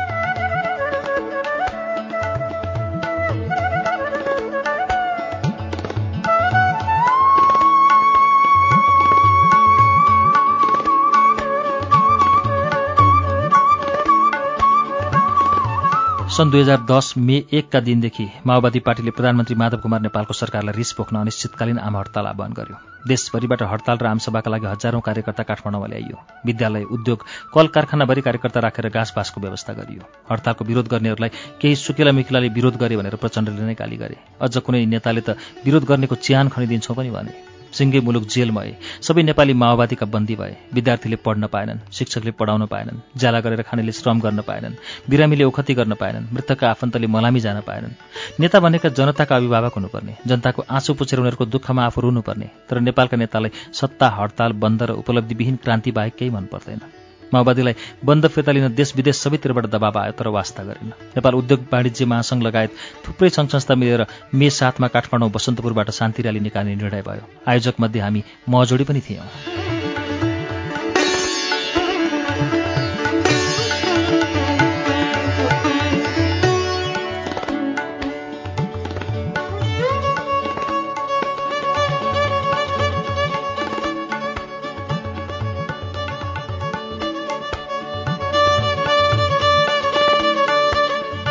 शान्ति सभामा जानेहरूलाई माओवादीले आफ्नो विरोधी सम्झियो। शान्ति र्याली नगर्न ठुलो दबाव आयो तर जानै पर्ने थियो बोल्नै पर्ने थियो। अत्याचार जसले गरे पनि त्यसको विरोध गर्नु नै थियो। पाँच दिनसम्म आयात नहुँदा काठमाडौँको दोकानहरू रित्तिन थालिसकेका थिए। मानिसहरू भोकभक्कै हुने स्थिति आयो अनि माओवादीप्रति मानिसको आक्रोश बढ्न थाल्यो। उसलाई नै भोट दिनेहरूले पनि उसको यो काममा समर्थन जनाएनन्। बाहिरबाट काठमाडौँ आएका माओवादी कार्यकर्ताले टोल टोलमा गई बन्द गर्दा घर घरबाट त्यसको प्रतिरोध हुन थाल्यो। कति ठाउँमा त माओवादी कार्यकर्ताले कुटाइ पनि खान थाले। माओवादीलाई पनि यो अनिश्चितकालीन बन्द घाँडो हुन थालिसकेको थियो। यो बन्द अलि दिन लम्बिँदै गयो भने हामी पतनको बाटोमा पुग्छौँ भन्ने महसुस नेताहरूलाई हुन थालिसकेको थियो। शान्ति सभामा भाग लिन बसन्तपुर जाउँ भन्ने नारा हाम्रो फोटोसहित राखेर इन्टरनेट फेसबुकहरूमा राखियो। एसएमएस पत्र पत्रिकाहरूको पनि प्रचार प्रसारमा ठूलो भूमिका रह्यो। लाखौँ जनता सेतो सर्ट सेतो टी सर्ट लगाएर बसन्तपुर पुगे। हामी पनि बुढाइलकण्ठका छिमेकीहरू रामेश्वर केसी मनोज शर्मा जोबिन श्रेष्ठ सन्तोष गौतम क्याप्टेन महेश डङ्गोलसँगै हिँडेर बसन्तपुर पुग्यौँ र हिँडेरै फर्क्यौँ। मलाई नेपाल बार एसोसिएसनका अध्यक्ष प्रेमबहादुर खड्काले बारको गाडीमा लगिदिन्छु भनेका थिए तर उनी काङ्ग्रेस भएकाले फेरि काङ्ग्रेसले माओवादी विरुद्ध महलाई प्रयोग गर्यो भन्लान् भनेर मैले मानिनँ।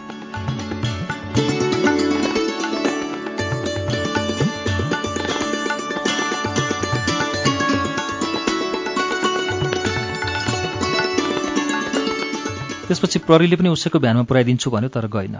स्वस्फूर्त रूपमा लाखौँ जनता शान्ति सभामा भाग लिन बसन्तपुर पुगे। त्यस बेलालाई राजनीतिकरण नहोस् भनेर नागरिक समाज बुद्धिजीवीहरूलाई मात्र सम्बोधन गर्न दिइएको थियो। ठाउँ ठाउँमा सेतो टी सर्ट लगाएर जानेलाई भिजिलान्ती भनेर आक्रमण पनि भयो। मदन दाईले यो बन्द भोलिसम्ममा फिर्ता लिनु पर्यो भनेर सम्बोधन गरे। मैले भोलिसम्म होइन आजै फिर्ता लिनुपर्छ। हामी जनता भनेका मालिक हौँ नेता भनेका नोकर हुन्। हामीले भनेको मानेनौँ भने कान समातेर निकालिदिन्छौँ भने। संयोग त्यस्तै भयो। माओवादीले त्यसै दिन आन्दोलन फिर्ता लियो। प्रधानमन्त्रीदेखि सबै राजनीतिक पार्टीका नेताहरूले हामीलाई बधाई दिए। फोन उठाउँदा उठाउँदा हैरान भयो। कसै कसैले त तपाईँहरूले जीवनमा गर्नुभएको सबैभन्दा ठूलो काम पनि भनिदिए। वास्तवमा माओवादीका ठूला नेताहरूले पनि हामीलाई मनमनै धन्यवाद दिए होलान्। उनीहरूलाई नै घाँडो भइसकेको बन्दले सुरक्षित अवतरण हुने मौका पाएको थियो। उनीहरू हामीसँग रिसाएका छैनन् भन्ने मलाई थाहा छ। मलाई व्यक्तिगत दुःख पर्दा सबैभन्दा पहिले सानुभूति दिन आउनेमा प्रचण्ड नै थिए। तर केही नयाँ माओवादी साथीहरूले हामीले युरोपियन युनियनको पैसा खायौँ माधव नेपालले दुई करोड दिए भनेर भाषण पनि ठाउँ ठाउँमा गरेछन् अनि महजोडीको पनि पुतला बनाएर ठाउँ ठाउँमा जलाएछन्।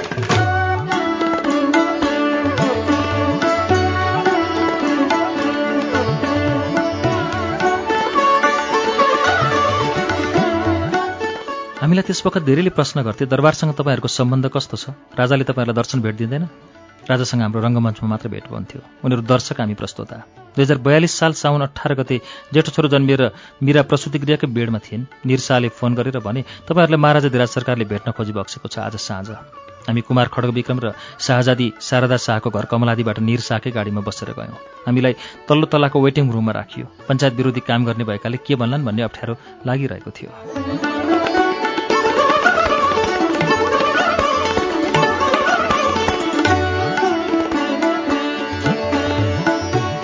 जर्नेल शान्तबहादुर मल्ल ताराबहादुर केसी निर शाह पनि हामीसँगै थिए। उनीहरूको पनि बाहिरिया मान्छेको गाडी राजपरिवारको जमघटमा बस्ने हैसियत हुँदो रहेनछ। हामीलाई केही बेरपछि माथि बोलाइयो। राजपरिवारका धेरै सदस्यहरू बैठकमा थिए। सबैको हातमा गिलास थियो। मलाई पुत्रलाभ भएको उनीहरूलाई थाहा रहेछ। सबैले बधाई दिए। मैले कृतज्ञता प्रकट गरेँ। हामीले केही प्रस्तुति गरेर हँसाउनुपर्छ होला भनेर गएका थिएनौँ तर त्यहाँ केही कुरा सुनाउन भनियो। कोसिस गऱ्यौँ तर सबैजना मात्र अड्कलेर मात्र हाँस्दै थिए। दरबारका सदस्यहरू हाँस्ने बोल्ने पनि ठाउँ हेरेर गर्दा रहेछन्। उनीहरूलाई मान्छे हेरेर कस्तो बेलामा कसरी बोल्नुपर्छ हाँस्नुपर्छ भन्ने थाहा हुन्छ अरे। एक घन्टा जतिपछि राजा वीरेन्द्रले हामीलाई थ्याङ्क यू भने त्यसको मतलब अब पुग्यो भन्ने रहेछ। हामी फेरि तल पहिलेकै कोठामा पुग्यौँ। जनरल शान्तबहादुर मल्लले हामीलाई दुई दुई हजार रुपियाँ दिँदै भने ल यो तपाईँहरूलाई महाराजा धिराज सरकारले बक्सेको यसलाई खर्च नगर्नुहोस्। सरकार असाध्यै खुसी भएर बक्सेको हो। सरकारले कसैलाई यसरी पैसा बक्सन्न तपाईँहरूलाई मात्र बक्सेको हो। राजाले बक्सेको भनेर यी नोटलाई फ्रेममा हालेर राख्नुहोस्।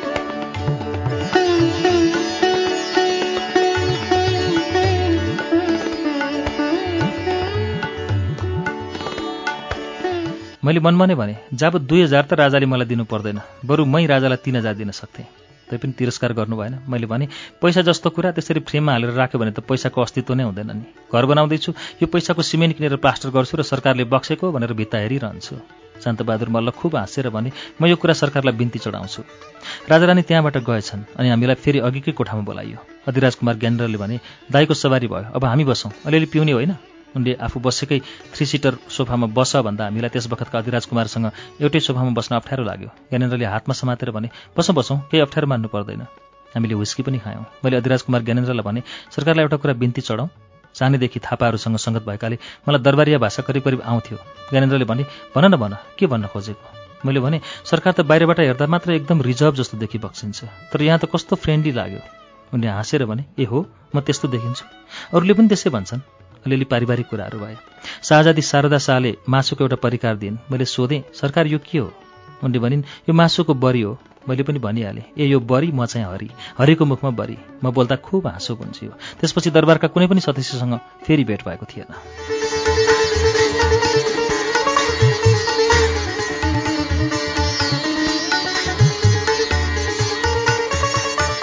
श्रुति सम्वेकमा अहिले तपाईँले सुनिरहनु भएको वाचन हरिवंश आचार्यको आत्मकथा चिना राईको मान्छेको दशौं श्रृङ्खलाको वाचन हो। हामीले थ्याङ्क यूको मतलब शीर्षकको अध्याय वाचन गर्दा गर्दै यसलाई बीचमै रोकेका छौं। आज पृष्ठ दुई सय पाँचको सुरुवाततिरको बिन्दुमा रोकिएको छ।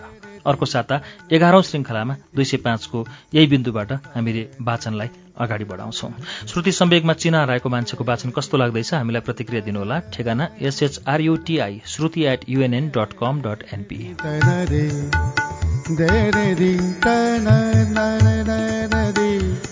हवस् त अर्को दिनसम्मका लागि प्राविधिक साथी सशिन्द्र गौतम र म प्रस्तुता अच्युत घिमिरे विदा चाहन्छौ। नमस्कार शुभरात्रि।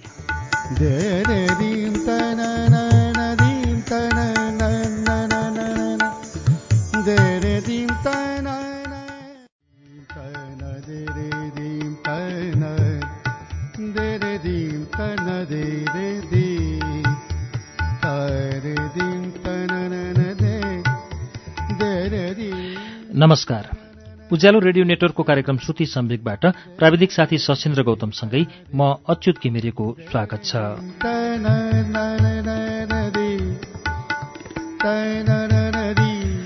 श्रुति सम्वेकको मंगलबारको श्रृङ्खलामा हामी हरिवंश आचार्यलाई सुन्दै आएका छौं। गएको साता हामीले यसको दशौं श्रृङ्खला वाचन सुन्यौं। चिना हराएको मान्छेको दशौं श्रृङ्खलामा पुग्दा जनआन्दोलनको प्राथमिक उपचार कोषको बारेमा कुराकानी भयो। त्यसै गरी यसै पुस्तकको अर्को अध्याय माओ सेतुङको तकमा पनि वाचन भयो। महको पुतला पनि वाचन गर्यौं हामीले। र अन्तिममा हामीले गएको साता थ्याङ्क यूको मतलब भन्ने शीर्षकको एउटा अध्याय वाचन गरेका थियौं। त्यहाँ चाहिँ हरिवंशले राजा रानीसँग भेटघाट कसरी गर्नुभयो र भेटघाट हुँदाखेरि राजाले थ्याङ्क यू भन्नुको मतलब के थियो भन्ने कुरा पनि बुझाइएको थियो। थ्याङ्क यू भनेपछि कुरो सकियो अब जाऊ भन्ने बुझ्नु पर्थ्यो त्यति बेला। यही थ्याङ्क यूको मतलब भन्ने अध्यायलाई हामीले पूरा गरेका थिएनौं अलिकति बाँकी छ त्यो। दुई सय पाँच पृष्ठबाट आज वाचन गर्छौं चिना हराएको मान्छेको एघारौं श्रृङ्खला।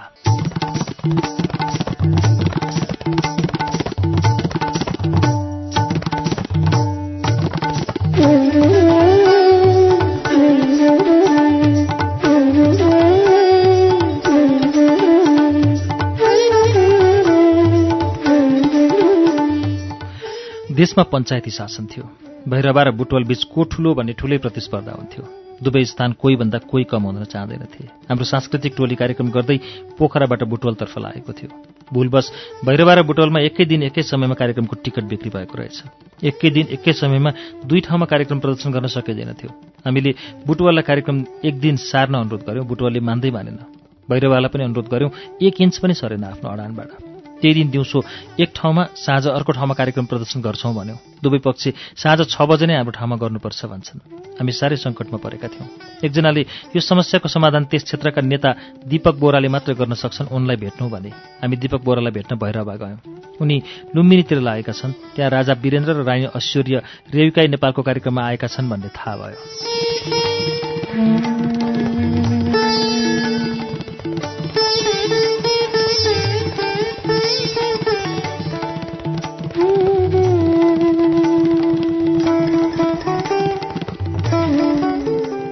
हामी लुम्बिनी पुग्यौँ। राजा रानी मञ्चमा बसेका थिए। स्कुलका विद्यार्थी ठाउँ ठाउँबाट आएका झाँकी जुलुस सर्वसाधारणले मञ्च अगाडिको चौर खचाखच थियो। हामी मञ्चमा राजा रानी पछाडि मेचमा बसेका दीपक बोरालाई भेट्न चौरको पछाडिबाट छिर्यौँ। एक दुईजनाले हामीलाई चिनेछन्। एउटाले अर्कोलाई ऊ जोडी आए भनेछ। अर्कोले अर्कोलाई भनेछ। चौरमा बसेका सारा मान्छे हामीलाई नै हेर्न थाले। स्कुलका विद्यार्थीहरू कागज ल्याउँदै अटोग्राफ भन्न थाले। सबैको घाँटी हामीतिर फर्केको देखेर मञ्चमा बसेका राजारानी पनि ढाड तन्काई तन्काई किन सबै मान्छेले पछाडि हेरे भनेर हेर्न थाले? हामीलाई एकजना प्रहरी अधिकृतले तपाईँहरू गइदिनुहोस् न राजारानीको कार्यक्रम नै बिथोलिन लाग्यो भने। हाम्रो उद्देश्य राजारानीको कार्यक्रम बिथोल्नु थिएन अनि हामी हुलबाट हिँड्यौँ। पछि दीपक बोराले कुरो मिलाइदिए। भैरवामा दिउँसो एक बजेदेखि कार्यक्रम गऱ्यौँ बुटवलमा साँझ छ बजे नै।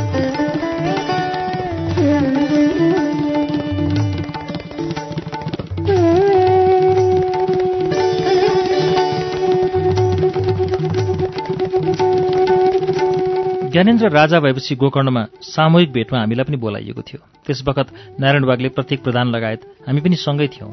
मलाई राजा ज्ञानेन्द्रले सोधे छोरो कत्रो भयो? के गर्छ? बिस वर्ष अगाडि गरेको कुराको पनि सम्झना रहेछ। राजनीतिक कुराको सन्दर्भमा चाहिँ मैले भने सरकारले राजनीतिक पार्टीसँग कम्प्रोमाइज गर्नुपर्छ। उनीहरूलाई भेट्नुपर्छ। राजाले टाउको हल्लाएर थ्याङ्क यू भने थ्याङ्क यूको मतलब हो भयो जाऊ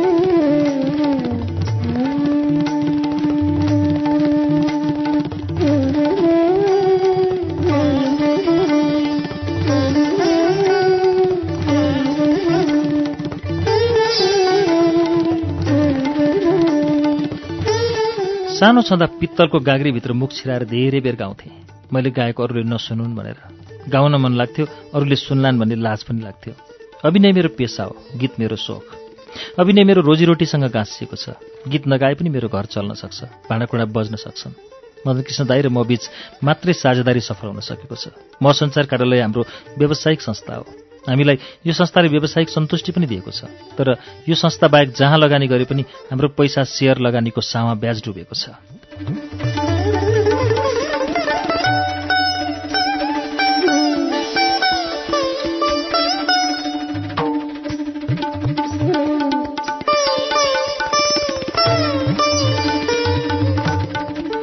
मदन दाईको स्वर मेरोभन्दा धेरै राम्रो छ।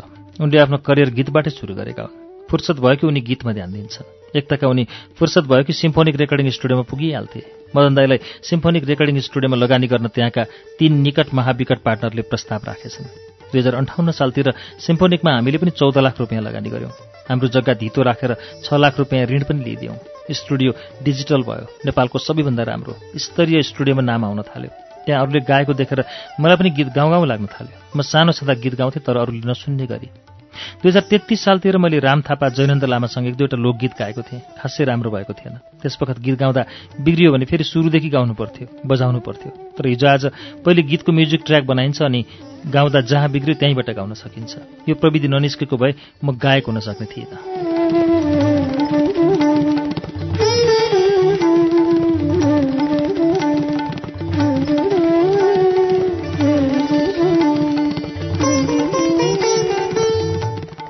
आफ्नो पनि लगानी भएको हुनाले मलाई गीत गाउँछु भन्न सजिलो भयो। तर गीत कोसँग माग्ने सङ्गीत कसलाई दिन लगाउने आफूलाई यो विषयको पटक्कै ज्ञान थिएन। कसैसँग सिक्न जान पनि लाज लाग्थ्यो। मैले हार्मोनियम किनेर ल्याएर घट्टेकुलोको घरको कौसीमा एउटा साउन्ड प्रुफ कोठा पनि आफ्नै नक्सामा बनाएँ अनि सङ्गीतकार शिलाबहादुर मोक्तानको घरमा लाज दबाएर गएँ। म उनको घरमा जाँदा कुन्ती बहिनी पनि खुसी भइन्। मैले लाज मानी मानी भने मलाई हार्मोनियम सिक्न रहर लाग्यो सिकाइदिनुहोस् न। शिलाबहादुरजीले आश्चर्य मान्दै हुन्छ भने बिहान बिहान हप्ताको तिन दिन बोलाए। मैले उनीसँग सारेगमा र हार्मोनियमका कड अलिअलि सिकेँ अनि घरको साउन्डप्रुफ कोठामा बिहान एक घन्टा हार्मोनियमसँग चल्न थालेँ। अच्युत दबाडी भाइसँग तबलाका तालहरूको ज्ञान दिए। उनी मेरो घरमै आएर मलाई सिकाइदिन थाले तर मेरो छिप्पिएको दिमागमा सजिलोसँग घुसेन। त्यही कुरो अलि बेलैमा सिकेको भए चाँडै जान्ने थिएँ होला। तैपनि अलिअलि काम चलाउ जाने जे पर्ला पर्ला भनेर केही गीत आफैले लेख्ने कोसिस गरेँ। सङ्गीत पनि आफैले राखेँ। भूपाल सिंहले राम्रो सङ्गीत संयोजन गरिदिए।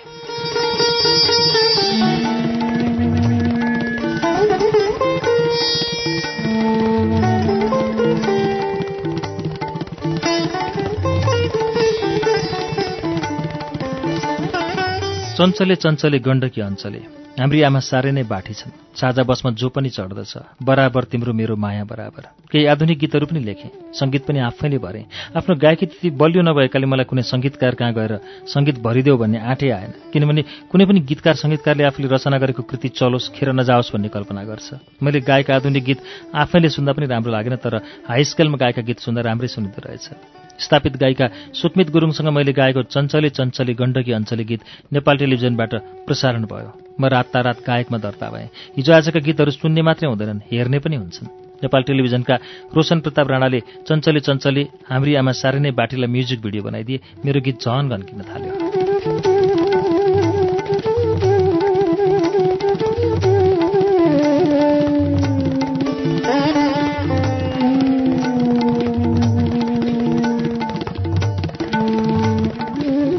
आमा साह्रै नै बाटी छन् भन्ने गीतमा मैले अद्वैंसी आइमे भएर अभिनय गरेको छु। त्यो गीत टेलिभिजनबाट प्रसारण हुँदा मेरी माइली दिदी गीता लाजले भुत्तुकै हुन्छन्। अरूले भनेछन् त्यो गीतमा तपाईँको भाइ त ठ्याक्कै तपाईँ जस्तै लाग्यो। तपाईँ नै टिभीमा आए जस्तो लाग्छ। त्यो गीत गाएपछि लाजले दिदी त टिभी नै पो बन्द गर्न थालिछन्। फिल्म भन्ने फिल्ममा राखेको साझा बसमा जो पनि चढ्दछ नामको गीतले मलाई अझ स्थापित गराइदियो। यसबाट के थाहा पाएँ भने म राम्रो गायक नभए पनि ममा एउटा छुट्टै गाउनेपन रहेछ। त त साह्रै बिग्रिस्ने बद्री चलचित्रमा मैले सम्बुजित बास्कोटाको सङ्गीतमा आफैले लेखेको गीत भारतीय गायिका सपना अवस्थीसँग गाएँ। धुँदा पनि गएन पखाल्दा नि भएन ओखतीले छोएन फुमन्तरले झटेन झरेन। काँडा बिज्यो मुटुमा गाजलु निचर्दा नि काँडा झऱ्यो कठै मुटु खिलै झरेन। यो केटाले भनेपछि केटीले भन्नुपर्छ तिमी पर्यौ पिरेममा मादलु पिरेम काँडा बिजाएछौ तिमीले आफ्नो मुटुमा।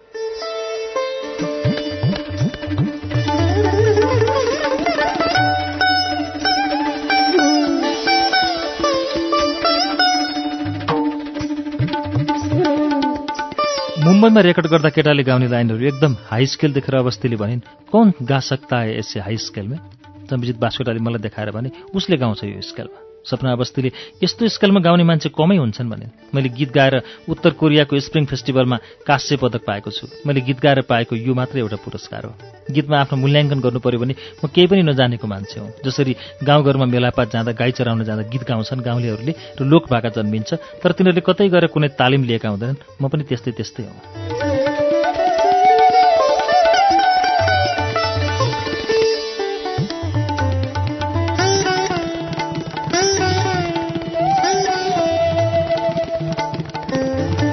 सफल गायक हुन वर्षौँ तपस्या गर्नुपर्छ। मैले जस्तो एक दुई महिना तपस्या गरेर कहाँ हुन्छ र?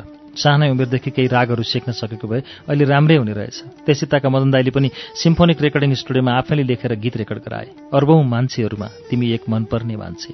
खोलाबारी खोलापारी मदन दाई त गायनमा पहिले नै स्थापित भइसकेका थिए तर मलाई चाहिँ सिम्फोनिकले स्थापित गराइदियो। गायकमा स्थापित भएँ तर सिम्फोनिकले साझेदारी व्यापारबाट विस्थापित गराइदियो। साझेदारी व्यापारमा साथीहरूले इमान्दारी देखाएनन् पछि मुद्दा मामिला भयो। हामीले आफ्नो लगानी फिर्ता लिन मुद्दा मामिला नै गर्नु पर्यो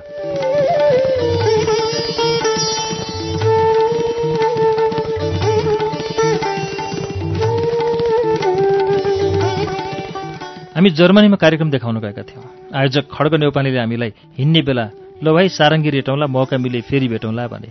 मलाई यो हरफ खुब राम्रो लाग्यो। अनि मैले खड्गलाई भने मलाई यो हरफ मन पर्यो। गीत बनाएर गाउन अनुमति दिनुहोस् न। उनले हुन्छ भने काठमाडौँ आएर पछाडिका शब्दहरू लेखेर सङ्गीत पनि म आफैले भरेर लक्ष्मी नेौपानेसँग गाएँ। मूल शब्द सारङ्गी रेटौँला मौका मिले फेरि भेटौँला उनको भएकाले मैले रचनामा उनकै नाम खड्ग नेौपाने राखेको छु। सारङ्गी रेटौँला मौका मिले फेरि भेटौँला जस्तै मौका मिले एउटा दुइटा गीत गाउने रहर आज पनि लागिरहन्छ।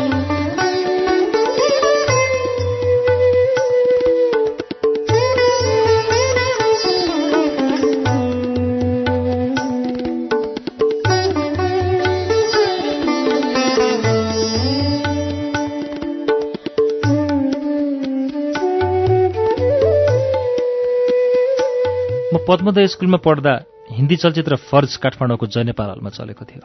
मैले त्यो फिल्म पहिलो दिनको पहिलो प्रदर्शनमै हेरेँ। हल छुट्यो। सबै बाहिर निस्के म निस्किनँ। सेकेन्ड क्लासको ढोकामा राखेको कालो पर्दा पछाडि लुकेर बसेँ। हलमा मान्छे छोडेपछि सिटमा बसेँ। सिटमा टिकटवाला आयो। म अर्को सिटमा सरेँ। फेरि त्यहाँ मान्छे आयो। म अर्को सिटमा सरेँ। सिनेमा सुरु भयो। टोलका दादाहरू बिना टिकट हलभित्र आएर उभिएर हेर्थे। हाम्रो घरमा दुध ल्याउनेको छोरो तीर्थ भन्ने थियो। म उसैसँग टाँसिएर उभिएर फिल्म हेरेँ। तेस्रो सो तीर्थले पनि हेऱ्यो। मैले उसलाई छोड्दै छोडिनँ तेस्रो सो पनि हेरेँ। चिनियालाई भिलेन बनाएको हुनाले चाइनिज एम्बेसीले भोलिपल्ट नेपाल सरकारलाई भनेर फिल्म ब्यान्ड गर्न लगायो। फर्ज फिल्म हेर्नेहरूको स्कुलमा ठुलो इज्जत थियो। साथीहरू मलाई देखाएर यसले फर्ज हेरेको छ भन्थे।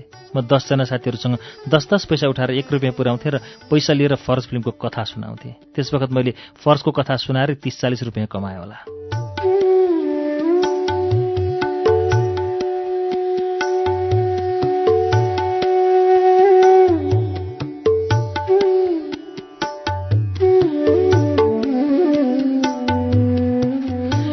सिनेमा हेरेर अभिनय मात्र होइन एक्सन पनि गर्न मन लाग्थ्यो। हामी पद्मोदय माध्यमिक विद्यालयमा पढ्दा नजिकै तीन तलाको बाल्मिकी क्याम्पस बन्दै थियो। हामी त्यो तीन तले बाल्मिकी क्याम्पसको छतबाट ढिसिम ढिसिम गर्दै बक्सिङ खाएर ढले जस्तो गरी तल भुइँमा थुपारिएको बालुवामा खस्थ्यौँ देख्नेहरू जिब्रो टोक्थे। एउटा धार्मिक फिल्ममा महादेवले आफ्नो वाहन साँडे चढेको देख्दा मलाई पनि महादेव जस्तै भएर साँडेमाथि चढ्ने रहर लाग्यो। म जन्मिएको टोल टङ्गाल गैरीधाराको घरको पर्खाल मुनि एउटा च्यान्टे च्यान्टे साँडे शीतलमा उभिएर उग्राइरहेको थियो। मलाई फिल्मको जस्तै महादेव बन्न असाध्यै इच्छा जाग्यो र म पर्खालमाथि चढेर मुनि उभिरहेको साँडेको जिउमा बिस्तारै हाम फालेँ।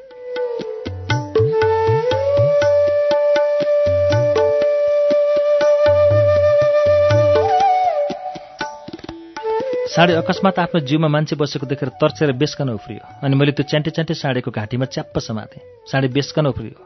टोलका मान्छेहरूले झ्यालबाट हेरेर गाली गरे। साँडेबाट ओर्लेर भागौँ भने सिङले हानेर भुँडी पाल पारिदेला भन्ने डर। साँडे धेरै बेर उफ्रिएपछि थाकेर होला एकछिन चुप लाग्यो। म त्यही मौकामा साँडेबाट हाम फालेर भागेँ। साँडेमाथि बसेर महादेवको अभिनय गर्न सक्ने कुरै भएन। डरले होसबास गुमिहाल्यो। अनुहार चाहिँ काली रिसाएर विश्वकल्दा विष नफैलियोस् भनेर कालीको मुखबाट खसेको विष खाइदिने महादेवको जस्तै निलो भएको थियो डरले।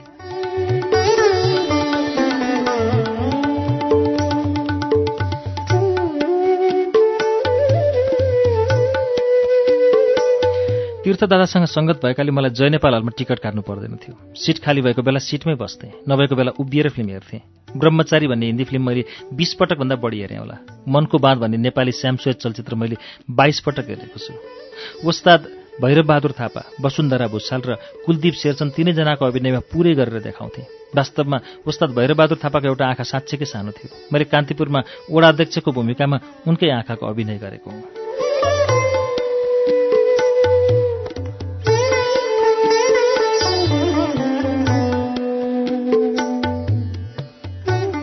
दुई हजार तिस एकतिस सालतिर होला साई नेपाल चलचित्र संस्थानले मनको बाँध फिल्मपछि पहिलो नेपाली रङ्गीन चलचित्र निर्माण गर्न तीनतिरबाट खिचेको पोस्टकार्ड साइजको तस्विर राखेर कलाकारको दरखास्त आह्वान गरेको थियो।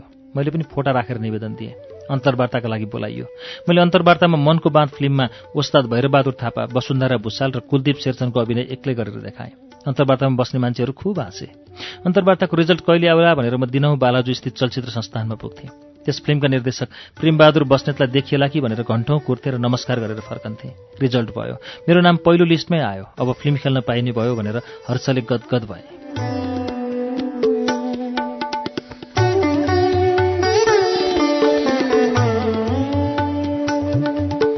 त्यस वखत फिल्ममा अभिनय गर्न प्रधानमन्त्रीदेखि दरबारसम्मको भन्छुन चल्थ्यो। मलाई कुमारी चलचित्रमा खलासीको रोल दिने निश्चित भएको थियो अरे। तर पछि ज्यादै कलिलु देखिएँ भनेर त्यो रोल दिइएन। अन्तर्वार्तामा पहिलो लिस्टमै नाम निकालेको र धाउन पनि दिनका दिन चलचित्र संस्थानको चौरमा गएर लम्पट कसेको हुनाले मलाई केही न केही रोल त दिनै पर्ने भयो। रेस्टुराँमा जहिले पनि रक्सी खान जाने मान्छेले एक दिन पन्ध्र सोह्र वर्षको छोरो पनि लिएर आउँछ अनि बाबुले जबरजस्ती छोरालाई पनि खुवाउँछ। छोराले रक्सी खाएर दलिन घुमेको देख्ने एक मिनटको दृश्य मेरा लागि थपिएछ। त्यतिखेर चलचित्र संस्थानका क्यामेराम्यान एडिटर र अधिकृतहरू अरूलाई उल्ली बिल्ली पार्थे। मलाई पनि यो रक्सी खाने सिनमा त साँच्चैकै रक्सी खायो भने एकदम राम्रो हुन्छ भनेर दुई पेक जति खुकुरी रम खुवाए। रक्सीको मात लागेर टेबलमै बान्ता गरे।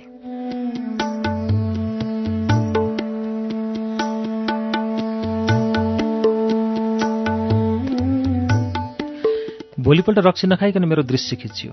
क्यामेराम्यान एडिटर र अरूहरू त त्यो दिन पनि खाउ खाउ भन्दै थिए तर निर्देशक प्रेमबहादुर बस्नेतले खानु पर्दैन भने। मेरो एक मिनटको भूमिका फिल्म हेर्दा कता बिलायो कता? तैपनि त्यस वखत नेपाली चलचित्र पाँच वर्षमा एउटा बन्ने भएकाले धेरैले हेर्थे र सानै भूमिका खेले पनि मान्छेले अलिअलि चिन्थे।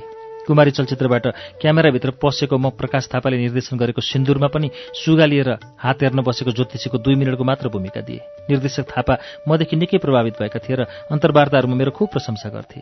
पछि सिन्दुर चलचित्र टिभीमा दिँदा हेरेर मिराले भनिन् त्यो बेला हजुरभन्दा त चङ्खी गोपालराज मैनाली ह्यान्डसम रहेछन्।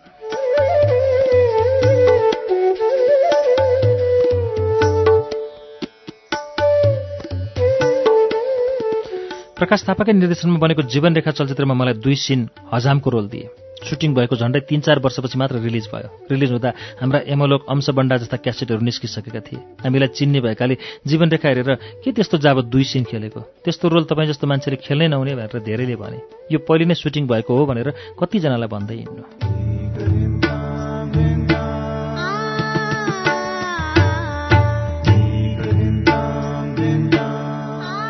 कार्यक्रम श्रुति सम्वेकमा अहिले तपाईँले सुन्नुभएको वाचन हरिवंश आचार्यको आत्मकथा चिना हराएको मान्छेको वाचन हो। यसको बाँकी अंश वाचन लिएर केही बेरमा आउनेछौ।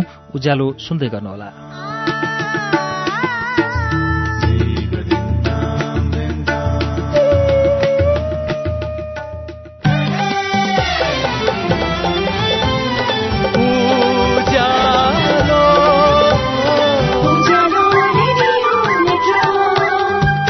सीधा कुरा प्रश्न विचार। Ujyaalo radio network.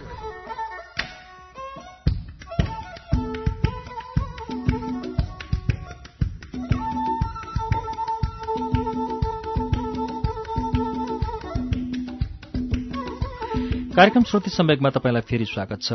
श्रुति सम्वेक तपाईँ अहिले उज्यालो रेडियो नेटवर्क काठमाडौँसँगै देशभरिका विभिन्न एफएम एकैसाथ सुनिरहनु भएको छ। श्रुति सम्वेकमा हामी आज हरिवंश आचार्यको चिना हराएको मान्छेको एघारौं श्रृङ्खला सुन्दैछौ। यसको बाँकी अंश अब वाचन हुन्छ।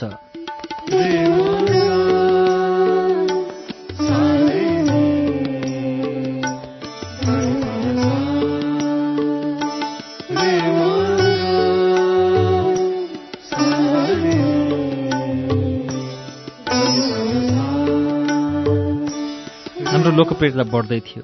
निरसा साई नेपाल चलचित्र संस्थानको डेपुटी जिएम छँदा टिका सिंह महाप्रबन्धक थिए। निरसाले मदन दाई र मलाई एउटा चलचित्र बनाउनु पर्यो कथा तपाईँहरू नै लेख्नुहोस् भने। पछि त्यो टिममा गोपालराज मैनाली पनि थपिए। कथा लेख्दै गयौँ। त्यसमा मुख्य नायकको भूमिका मलाई नायिकाको बाबुको भूमिका मदन दाईलाई र नायककी बहिनीको श्रीमान गोपालराजलाई दिने भन्ने भयो। नायकको चरित्र हास्य प्रधान थियो। चलचित्र संस्थानका मान्छेहरूले महाप्रबन्धक टिका सिंहलाई उकासिदिएछन् यो चलचित्र बन्नुभन्दा पहिले नै फ्लप भयो। हिरो पनि कहीँ हास्य प्रधान हुन्छ? फेरि हरिवंश भनेको हास्य कलाकार हो। हास्य कलाकारलाई हिरो बनाएपछि फिल्मले त जिरो नम्बर पाउँछ। मलाई हिरोबाट बिलियन बनाउने निर्णय भयो। तर त्यस बेलासम्म म अलिअलि मोटाएर राम्रै भइसकेको थिएँ। वास्तवमा हिरो बनाएको भए पनि म सुहाउने भइसकेको थिएँ। म बिलियन भएपछि हिरोको व्यापक खोजी हुन थाल्यो। हामीले हाम्रै साथी राजु बुझो हुन्छ कि भन्यौँ। करिब करिब भइसकेको थियो तर निर्देशक प्रदीप रुमालले गोरो अग्लो राम्रो पुरन जोशीलाई खोजेर ल्याएछन्। फिल्म ठिक ठिकै मात्र भयो। तर त्यस बखत फाटफुट मात्रै बने भएकाले नेपाली फिल्म जस्तो बनाए पनि चल्थ्यो। के घर के डेरा फिल्म हिट भयो पैसा पनि उठायो होला।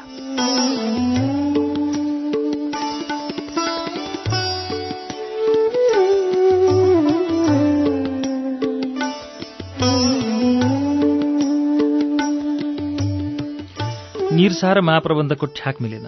दुवैजना त्यस बेलाका पावरदार। शाहजातिका देवर निरसाको पावरभन्दा महाप्रबन्धक टिका सिंहको पावर धेरै रहेछ। निरसाले चलचित्र संस्थान छोडेर विनोद चौधरीको लगानीमा ध्रुवचन्द्र गौतमको उपन्यास कट्टेल सरको चोटपटकमा आधारित वासुदेव चलचित्र बनाए त्यसमा हाम्रो भूमिका राम्रै भयो तर आफू प्रधान फिल्ममा काम गर्ने रहर चाहिँ पूरा भएन। दुई हजार छयालिस सालको आन्दोलनपछि रामेश श्रेष्ठ दाईले एउटा बेजोड राजनीतिक चलचित्र बनाउने रहर गरेछन्। निरङ्कुशता विरुद्ध आवाज उठाउँदै आएका गीतहरू गाउँ गाउँबाट उठ कोही त भने जहाजमा हरेर एक युगमा एक दिन एकपल्ट आउँछ आदि समावेश गरी मोदनाथ प्रसिद्धको कथा तुलसी घिमिरेको निर्देशन श्याम सापकोटाको लगानीमा बलिदान चलचित्र बन्ने भयो। उनीहरू नायकको खोजीमा लागे तर कल्पना गरे जस्तो नायक कतै पाएनछन्।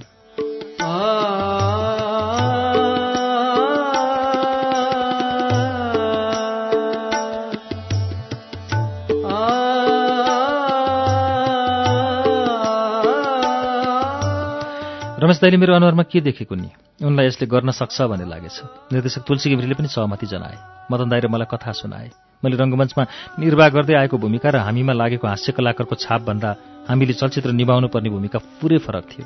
त्यस भूमिकामा हास्यको हा पनि थिएन। गम्भीर राजनीतिक चिन्तनमा डुबेको र कम्युनिस्ट आन्दोलनको साँच्चीकै नायकको भूमिका निभाउनु पर्ने थियो। धेरैले यस्तो गम्भीर भूमिका हरिवंशलाई सुहाउँदैन भनेछन्। तर रमेश दाई तुलसी घिमिरे श्याम सपकोटाले मलाई नै रोज्नु भयो। मलाई डर पनि लाग्यो। यही गरी मेरो कारणले चलचित्र फ्लप भयो र चलेन भने त म पनि डुब्छु म सँगसँगै अरू पनि डुब्छन्। तर मेरो हृदयमा म यस्तो गम्भीर भूमिका पनि निभाउन सक्छु र हामीले निभाउनु पनि पर्छ। खालि हास्य कलाकारको छविमा बस्नु हुँदैन भन्ने लाग्यो र मेहनत गर्न थालेँ। ऐना हेरेर एक्लै कोठामा अभ्यास गर्न थालेँ।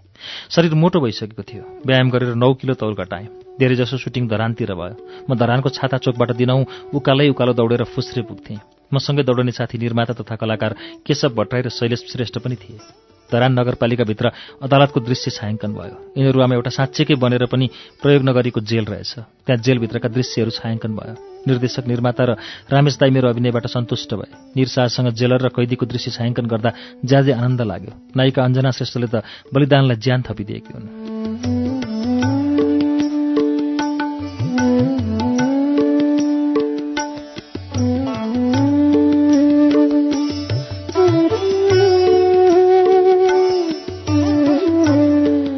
तत्कालीन अञ्चलाधीशको रूपमा नीलकाजी साक्यसँग गरेको अभिनय पनि आनन्द लाग्दो थियो। मदन दाई भूतपूर्व सैनिक भएर गरेको अभिनय त झन् कुरै भएन। सुटिङ गर्न पनि ऋतु हुन्छ। वर्षा ऋतुमा आउटडोर सुटिङ अनुभवीहरूले गर्दैनन्। बलिदानको आउटडोर सुटिङ ठ्याक्कै वर्षा ऋतुमा सुरु भयो। धरान छाता चोकबाट भेडेटारसम्म गयो। झमझम पानी परेकाले फर्केर आयो।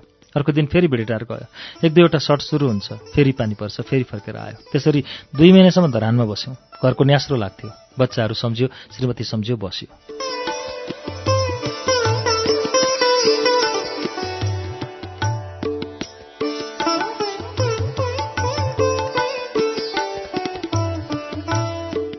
निर्माता श्याम सापकोटाको बिस लाख रुपियाँ सकियो अरे त्यस वखत बलिदान कम्युनिस्टहरूको फिल्म हो। यस फिल्ममा एमाले पार्टीले लगानी गरेको छ भन्ने हल्ला पनि भएको थियो।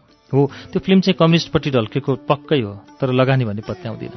बलिदान फिल्म माओवादी युद्धभन्दा जेठो हो। यसमा करिब करिब माओवादी युद्धकै झल्को दिन खोजिएको छ तर माओवादी पार्टीसँग प्रभावित भएर होइन। बरु माओवादी बलिदान फिल्मबाट प्रभावित भएको हुनसक्छ फिल्म अनुशासित राजनीतिक सङ्घर्षमा आधारित छ। त्यस फिल्ममा फरक विचारधारा भएकालाई सिद्धाउनुपर्छ भन्ने सन्देश छैन। श्याम सापकोटाले बिस लाख रुपियाँ सकेपछि बैङ्कमा घर धितो राखेर अर्को बिस लाख झिके क्यारे। त्यतिले पनि नपुगेर छत्तिस प्रतिशत ब्याज तिरेर व्यक्तिगत ऋण लिए। सामो ब्याज जोड्दै जाँदा झण्डै त्यस बेलाको एक करोड खर्च भयो। त्यो रकम बजारको तुलनामा धेरै बढी लगानी थियो।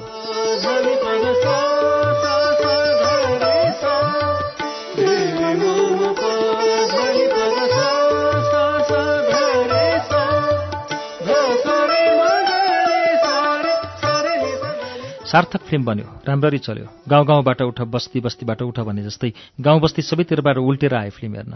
मेरो जीवनको लागि एउटा सार्थक फिल्म भयो। यो फिल्ममा काम गरेर हामीले एक पैसा पनि पारिश्रमिक लिएनौँ किनकि श्याम सापकोटा चर्को ब्याजको ऋणमा चुर्लुममा डुबेका थिए। जति आम्दानी फिल्मले गरे पनि श्याम सापकोटालाई ब्याज तिर्दैको हैरानी थियो। फिफ्टी फिफ्टी पन्ध्र गते घाँस काट्ने खुर्केर लालपूर्जा र चिरञ्जीवी वनपाले कान्तिपुर दसैँ असल लोग्ने आदि टेलिफिल्म प्रसारण भएपछि टिभीमा हामी जम्यौँ। तर हलमा चल्ने फिल्म भने बलिदान मात्रै सफल भयो। चलचित्र नसा जस्तै हुँदो रहेछ। हलमा चल्ने फिल्मलाई ठूलो पर्दा र टिभीमा प्रसारण हुनेलाई सानो पर्दा भनी परिभाषित गरिन्छ। वास्तवमा टिभीमा आउने फिल्म एकै पटकमा लाखौँ दर्शकले हेर्छन्। हलमा चल्ने फिल्म दस देशैभरिको हिसाब गर्ने हो भने पनि एक दिनमा बिस तिस हजार मान्छेले मात्रै हेर्छन्। तर हामीले पहिलेदेखि नै फाइट गीत नाच भएको हिन्दी सिनेमा हेरिरहेको बानीले गर्दा हलमा चल्ने फिल्मलाई बढी नम्बर दिने चलन छ।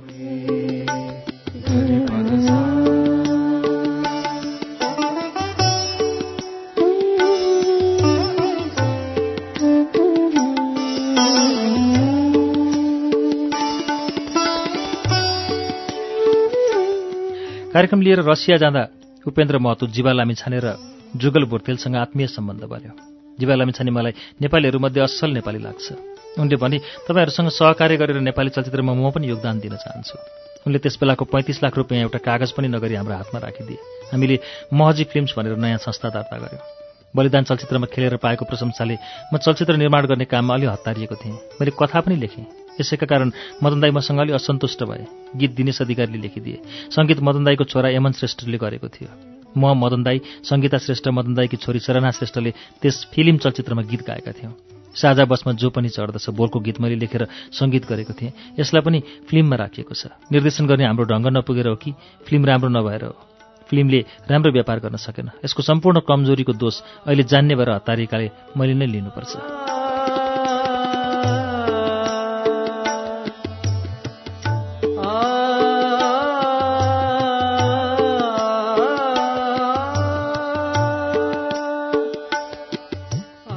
फिल्म चल्नु नचल्नु भन्दा पनि मलाई जीवा लामिछानेले त्यत्रो विश्वास गरेर दिएको पैँतिस लाख रुपियाँ कसरी फर्काउने भन्ने चिन्ता थियो। बल्ल बल्ल पैँतिस लाख जम्मा भयो। फिल्मले लगभग त्यति नै पैसा आम्दानी गर्यो। जीवा लामिछानेको पैसाको ब्याज र नाफा त तिर्न सकिएन तर सामासम्म तिर्न सकेकोमा साह्रै आनन्द लाग्यो। असाध्यै सरल स्वभावका जीवा लामिछानेले यसलाई सहज रूपमा लिए। अझ पनि उनीसँग सहकार्य गरेर एउटा उत्कृष्ट चलचित्र निर्माण गर्ने धोको छ। कहिलेकाहीँ हामीले निर्माण गरेको फिल्म सिडीमा हेर्छु सरर बगेको छ। त्यो फिल्म अहिले हेर्दा पनि राम्रै लाग्छ तर किन चलेन सायद दर्शकले हामीसँग अझ धेरै आशा गरेका थिए। फिल्म चलचित्रमा सफलता हात नलागेपछि मलाई एउटा सफल चलचित्र बनाएर देखाउने भूत चढ्न थाल्यो। मैले फेरि त त साह्रै बिग्रिस्ने बद्री नामको चलचित्रको कथा लेखेँ। मैले एक्लैले कथा लेखेको हुनाले मदन दाई मसँग खुब मन दुखाए। म संसारले फिल्म निर्माण नगर्ने भयो। कथा पटकथा संवाद सबै लेखेर तयार भइसकेको पाण्डुलिपि मैले त्यसै माया मार्न सकिनँ। मैले साथी किरण केसी वितरक मनोज राठीसँग सहकार्य गरेर चलचित्र सुटिङ गर्न थालेँ। मदन दाई एक्लै परे। पत्र पत्रिकाहरूले म जोडी छुट्टियो भनेर लेख्नु पनि स्वाभाविकै हो। गल्ती कमजोरी मेरै थियो। चलचित्र निर्माणले मलाई सुख दिएन। मलाई मदन दाईसँग सम्बन्ध बिग्रियो भने झन् बर्बाद हुन्छ। देशले नै चित्त दुखाउँछ भन्ने चिन्ता बढ्यो। त्यसै बेलादेखि मेरो रक्तचाप बढेर नियमित औषधि नै खानुपर्ने भयो। सुटिङमा जाँदा पनि मलाई पोलिरहन्थ्यो। म यहाँ सुटिङमा छु। मदन दाई एक्लै के गर्दै होलान् भन्ने लाग्थ्यो। मदन दाई एक्लै घरमा बस्न सकेनन्। उनले पनि नगद पाँच लाख भन्ने कार्यक्रम नेपाल टेलिभिजनबाट चलाउन थाले। त्यसपछि त झन् महजोडी फुट्यो भनेर नेपाली चिन्तित हुन थाले।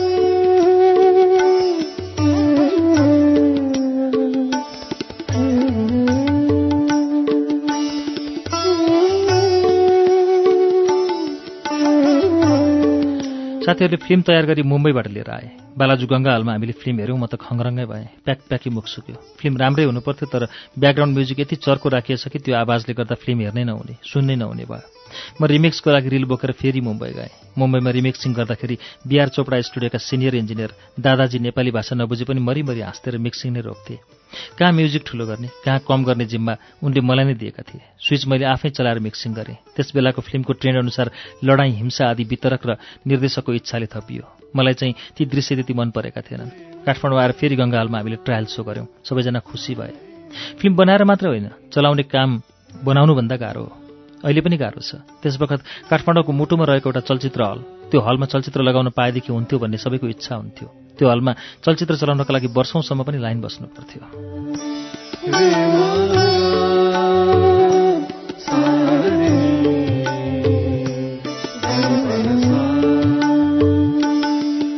सुरुमा कुरा गर्न जाँदा एक बोतल रेड लेभल र एक लाख रुपियाँ व्यवस्थापकलाई बुझाउनु पर्थ्यो।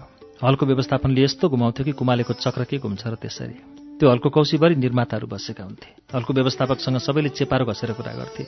उनीहरूले गरेको कुरामा हाँसो नउठे पनि निर्माताहरू हाँसिदिन्थे। उनीहरूको कुरा मन नपरे पनि हो भनिदिन्थे। हामीले पनि त्यही गर्नु पर्यो। चलचित्र त त साह्रै बिग्रिस्ने बद्री रिलिज भयो। चलचित्रले राम्रो व्यापार गर्यो। सबैले तारिफ गरे।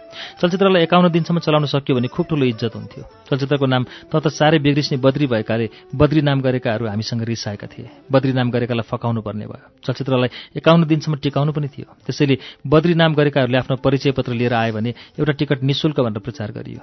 परिचय पत्र लिएर थुप्रै बद्रीहरू आए। त्यसमध्ये एउटी महिला पनि टिकट माग्न आइन्। उनको नाम बद्रीमाया रहेछ। उनले पनि टिकट पाइन्।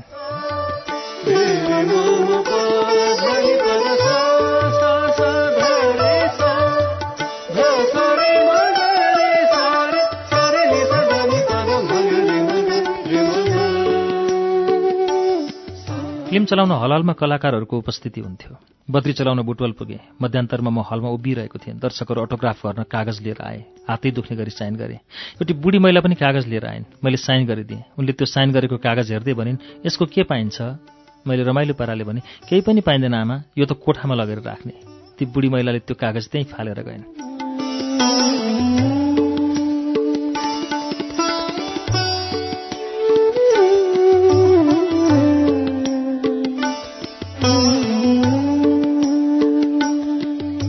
त त साह्रै बिग्रिस्ने बद्रीले साठी लाख रुपियाँ नाफा गर्यो। मेरो भागमा बिस लाख आयो। मैले त्यो पैसाले नयाँ बजार टाउन प्लानिङमा चार आना जग्गा किनेँ। पछि त्यहाँ घर बनाएर चार वर्ष बस्यौँ। सडकको घर भएकाले बाटोमा हिँड्नेहरू यो हरिवंशको घर भनेर देखाउँथे। एक दिन त एउटा मान्छे हाम्रो घर हेरेर मरिमरि हाँसिरहेको रहेछ। मिराले किन हाँस्नु भएको भनेर सोद्धा त्यो मान्छे यो हरिवंशको घर हो भनेर झन् मरिमरि हाँस्यो अरे मदन दाईसँगको तमिलिएको सम्बन्ध सुधार्न मैले उनीसँग माफी मागेँ। उमेरमा पनि मै सानो थिएँ। गल्ती पनि मेरै थियो। मदन दाई र मेरो सम्बन्ध फेरि प्रगाढ बन्दै गयो। उनले तिम्रो काम गर्ने स्पिरिटलाई कायम राख भने पछि जे भो राम्रै भयो भन्ने चलचित्र निर्माण गऱ्यौँ त्यसमा मदन दाईले पनि अभिनय गरे। नेपाली चलचित्रमा एक छत्र रजाइ गरिरहेका जसको पोस्टरमा फोटो मात्र भए पनि चलचित्र हिट हुन्थ्यो। नायक राजेश मालले पनि साथ दिए।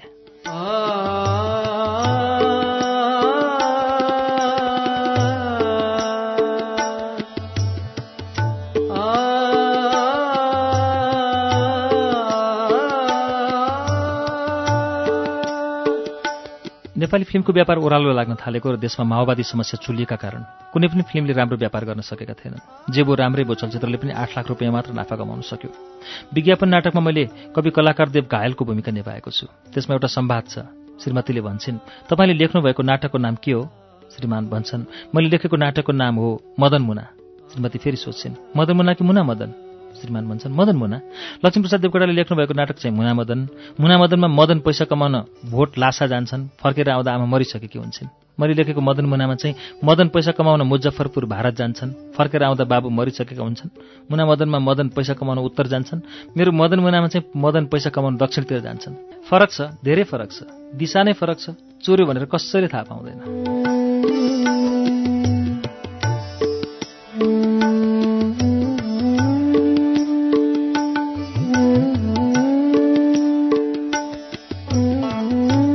हिजो आज अधिकांश नेपाली चलचित्रको अवस्था त्यस्तै छ। दुई चारवटा हिन्दी फिल्मको सिडी ल्यायो हेऱ्यो। हिन्दी फिल्मको हिरोइनको भूमिका नेपाली चलचित्रमा हिरोलाई खेलाइदियो। हिरोको भूमिकामा हिरोइनलाई खेलाइदियो। चार पाँचवटा हिन्दी फिल्मका टुक्रा टाक्री मिसाएर नेपाली चलचित्र तयार पारिन्छ। करोडौँ अर्बौँ रुपियाँ खर्च गरेर तयार पारेको हिन्दी चलचित्रसँग चालिस पचास लाखमा बनेको नेपाली चलचित्रले नेपालको बजारमा प्रतिस्पर्धा गर्नुपर्छ। त्यसरी उनीहरूकै टुक्रा टाक्री मिसाएर बनाएको नेपाली चलचित्रले हिजो आज पानीसम्म पनि पिउन पाएन भन्ने समाचार पढ्नुपर्छ। नेपाली चलचित्र क्षेत्रमा केही नयाँ निर्देशकहरूको उदय भएको छ र धेरैजसोले कोरियन चलचित्रको हुबहु नेपाली चलचित्र बनाउने काम गरेका छन्। यस्ता चलचित्रले पनि प्राय पानी पनि पिउन पाएका छैनन् तर केही नयाँ निर्देशकले आफ्नो मौलिक कथामा निर्माण गरेको चलचित्रले साँच्चै नै राम्रो व्यापार गर्न राम्रो छाप छोड्न सफल भएका छन्। एकपल्ट एउटा चलचित्रको शुभ मुहुर्त समारोहमा एनआरएनका प्रथम अध्यक्ष डाक्टर महतोले भनेका थिए म नेपाली फिल्म निर्माताहरूलाई अनुरोध गर्छु तपाईँहरू दर्शकले तीन घण्टा हलमा बसेर हेर्न नसक्ने फिल्म कृपया नबनाउनुहोला तीन घण्टासम्म दर्शकले हलमा बसेर हेर्न सक्ने फिल्म मात्र बनाउनुहोस् पक्कै नेपाली फिल्म चल्छ।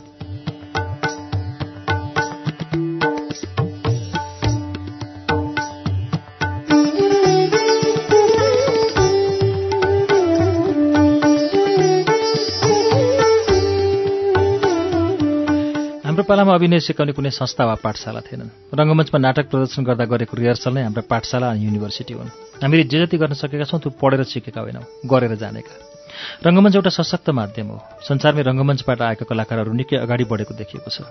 रङ्गमञ्चमा नाटक गर्दा दर्शक अगाडि हुने भएकाले आफ्नो अभिनयको प्रतिक्रिया तुरुन्तै पाइन्छ। प्रस्तुति खस्क्यो भने रङ्गमञ्चको एक मिनट एक घण्टा जस्तो लामो हुन्छ।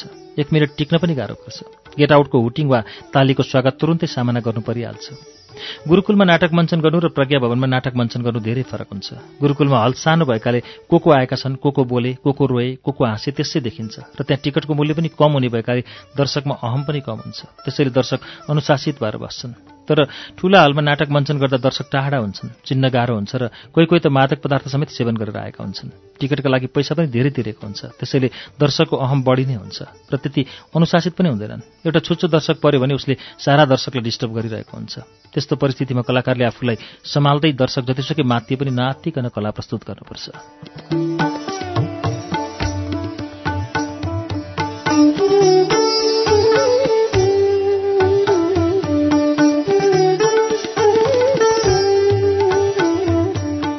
एकपटक भारतीय दूतावासको निमन्त्रणामा राष्ट्रिय सभागृहमा आधि अधुरी हिन्दी नाटक प्रदर्शन गरिएको थियो। नाटकको बीचमा एकजना नेपाली दर्शक दर्शक दीर्घबाट कराए। कलाकार तथा निर्देशक ओम पुरीले नाटक रोक्दै भने अच्छे नाटक देखने के लिए अच्छे दर्शक चाहिए? आपको हमारी नाटक पसन्द नआए तो आप प्लिज बाहिर जाइए। ती हल्ला गर्ने दर्शक टाउको निहुराउँदै हलबाट बाहिर निस्के। नाटक फेरि सुरु भयो। तर हामी हाम्रा दर्शकले त्यस्तो भन्ने हिम्मत गर्न सक्दैनौँ। एक दुई पटक चाहिँ रङ्गमञ्चमा हाम्रो कार्यक्रम गर्दा कृपया भिडियो नखिचिदिनु होला भन्दा नमानी जबरजस्ती खिचेकाले नाटक रोकी मैले भिडियो क्यामेरा खोसेर ल्याएको छु। नाटक गर्दा गर्दै रङ्गमञ्चबाट भिडियो नखिच्नुहोस् भनेर कराएको छु। दर्शकहरूसँग रमाउँदै र चुनौतीको सामना गर्दै अगाडि बढ्नुपर्ने भएकाले रङ्गमञ्चका कलाकारहरू निडर हुन्छन्। रङ्गमञ्चमा काम गर्दा गर्दा नर्भसनेस पचाइसकेका हुन्छन् र क्यामेरामा पनि सजिलै घुलमिल हुन सक्छन्।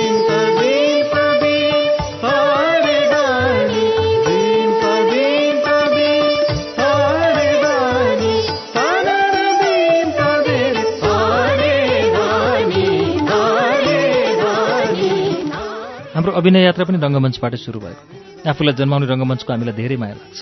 तर सानो सानो सौन्जेल मात्र छोराछोरी आमा बाबुसँगै बस्छन्। ठुलो भएपछि घरमा मात्रै सीमित रहेर पुग्दैन।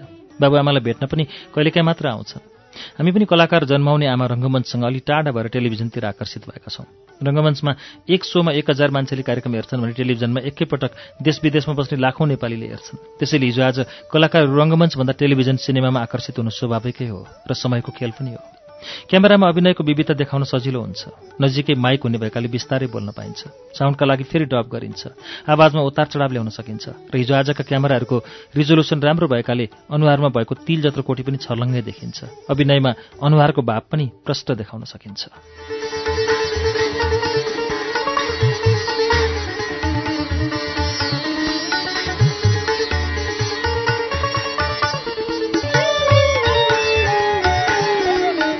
श्रुति सम्वेकमा अहिले तपाईँले सुन्नुभएको वाचन हरिवंश आचार्यको आत्मकथा चिना हराएको मान्छे हो। यसको एघारौं श्रृङ्खला आज दुई सय पच्चिस पृष्ठमा ल्याएर रोकेका छौं। अर्को साता चिना हराएको मान्छेको बाह्रौं श्रृङ्खला लिएर आउनेछौं। तबसम्मका लागि प्राविधिक साथी सशिन्द्र गौतम र म अच्युत घिमिरे विदा चाहन्छौ। नमस्कार शुभरात्रि।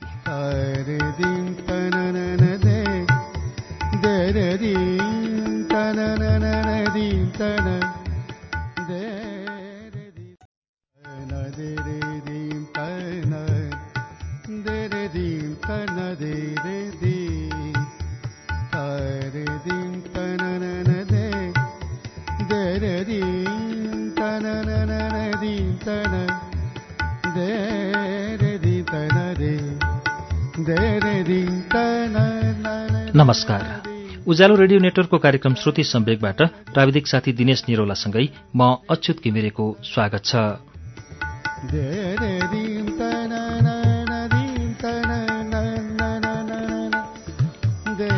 श्रुति सम्वेकको आज मंगलबारको श्रृङ्खलामा पनि हामी हरिवंश आचार्यको आत्मकथा चिना हराएको मान्छे लिएर आइपुगेका छौं। चिना हराएको मान्छेको गएको साता हामीले एघारौं श्रृङ्खला सुन्यौं। एघारौं श्रृङ्खलामा चलचित्र र म भन्ने अध्याय सुन्यौं। त्यसै गरी रूप एक रंग अनेक अध्याय सुन्दा सुन्दै हाम्रो समय सकिएको थियो। दुई सय छब्बीसौं पृष्ठको पहिलो अनुच्छेद वाचन गरेर रोकिएको छ। आज चिना हराएको मान्छेको बाह्रौं श्रृङ्खला अब शुरू गरौं दुई सय छब्बीसौं पृष्ठबाट।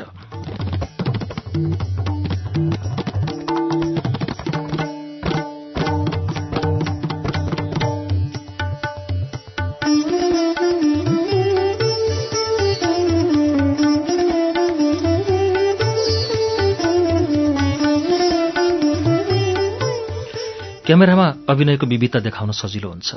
तर रङ्गमञ्चमा अलिक ठूलो स्वरले बोल्नुपर्ने हुन्छ। अनुहारको एक्सप्रेसन पनि अलिक बढी नै चाहिन्छ। कलाकारले दुःखको दृश्यमा अभिनय गर्दा साँच्चैकै दुःखी हुनुपर्छ। रुनुपर्दा कतिले आँखामा ग्लिसरिन नराखी अभिनयमा डुबेर साँच्चैकै आँसु निकाल्छन्। अनुहारको एक्सप्रेसन व्यक्त गर्नुपर्दा साँच्चैकै निधार खुम्च्याउनु पर्ने हुन्छ। नक्कली तनाव नक्कली आँसु झार्नुपर्ने भएकाले रङ्गमञ्चका कलाकारहरूको ब्लड प्रेसर हाई हुने सम्भावना बढी हुन्छ। अनुहार अनावश्यक खुम्च्याउनु पर्दा चाँडै चाउरी पर्छ अरे भनेर अनुसन्धानले देखाएको छ।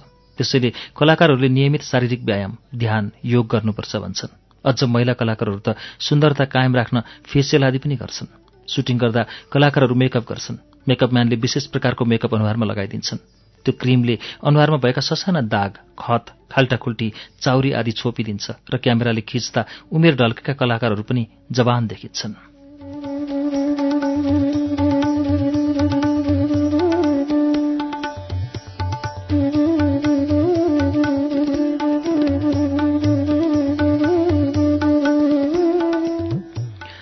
मैले एउटा जोक सुनेको थिएँ। एकजना मान्छेले चलचित्रकी नायिकासँग बिहे गरेछन्। नायिकाले राति सुत्नु अगाडि मुख धोएर मुखमा लगाएको क्रिम पाउडर पखालिछन्। मेकअप नहुँदा श्रीमानले नायिका श्रीमतीलाई चिन्नै नसकेर को मेरो कोठामा किन आएको? भनेर कराएछन्। नायिकाले हत्तपत्त फेरि मेकअप गरेपछि मात्र श्रीमानले चिनेछन्। त्यसैले कलाकारहरू चलचित्रमा जस्तो देखिन्छन् त्यस्तो ठ्याक्कै नहुन पनि सक्छन्। हामी रसिया जाँदा एउटा कुरा सुनेका थियौँ। प्रसिद्ध गायक माइकल ज्याक्सन रसिया आएको बेला होटल मुनि क्यामेराम्यान र पत्रकारहरूको भिड थियो अरे। माइकल ज्याक्सनले होटलको झ्यालबाट यसो चियाएर हेरेका थिए अरे एकजना फोटो पत्रकारले जुम गरेर उनको फोटो खिच्न भएछन् फोटो खिचेको देखेर माइकल ज्याक्सनले आफ्नो सेक्रेटरीलाई त्यो फोटो र क्यामेरा जति पैसा तिरेर भए पनि किनेर ल्याउनु भनी पठाएछन्। ती फोटो पत्रकारको त्यो फोटो भएको साधारण क्यामेरा एक लाख डलरमा माइकल ज्याक्सनले किनेछन्। कारण के रहेछ भने माइकल ज्याक्सनले झ्यालबाट च्याउँदा मेकअप गरेका रहेनछन्। त्यसैले मेकअप नगरेको फोटो पत्रिकामा छापिदेलान् र उनको सक्कली रूप अरूले थाहा पाउलान् भनेर त्यत्रो मूल्य तिरी क्यामेरा समेत किनेछन्।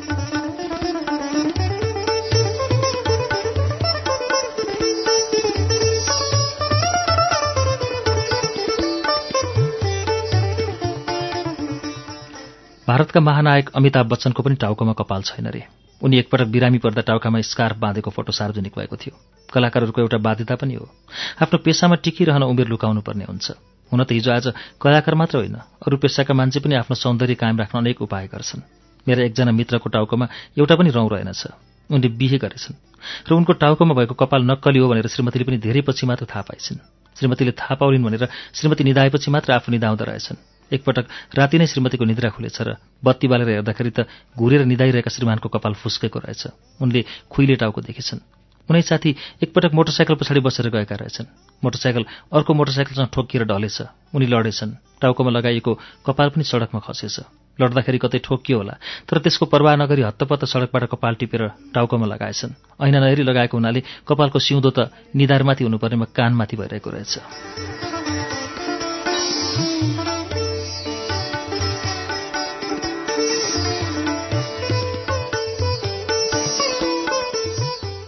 हिजो आज त नेपालमै राम्रा राम्रा कपाल बन्न थालेका छन्। टाउकोमा टाँसिएपछि खस्ता पनि नखस्ने हेर्दाखेरि पनि दुरुस्तै देखिने। हाम्रा एकजना सञ्चारकर्मी भाइले पनि त्यस्तै कपाल टाँसेका छन्। एउटा सानो तर रमाइलो जमघटमा हाँसो ठट्टा चलिरहेको थियो। ती भाइ मेरो जोग गरेर अलिअलि उडाउँदै थिए। मैले हो न्यु खोज्याऊ भुत्लाइदिउँ भनेपछि धेरै बेर हाँसो गुन्जिरह्यो। हामीलाई सजिलो छ। चरित्र अभिनयमा स्थापित भएकाले दर्शकहरू हामीसँग ग्ल्यामरको आशा गर्दैनन् र मेकअप गरेर हिँड्नु परेको छैन। तैपनि झरेर बाँकी रहेको पचास प्रतिशत कपालमा पनि पचास प्रतिशत सेतो भएको छ। मिरालाई मेरो एउटा रौँ पनि सेतो हेर्न मन लाग्दैन थियो। आफै कालो बनाएर लगाइदिन्थिन्। अहिलेसम्म पनि त्यही बानी लागिरहेको छ। तन्दुरुस्त देखिन्छु कि भनेर बिहान एक घन्टा शरीरका लागि दिने गरेको छु। मैले आफ्ना लागि दिने समय त्यही मात्र हो। अरू समय सबै कामलाई र समाजलाई दिने गरेको छु।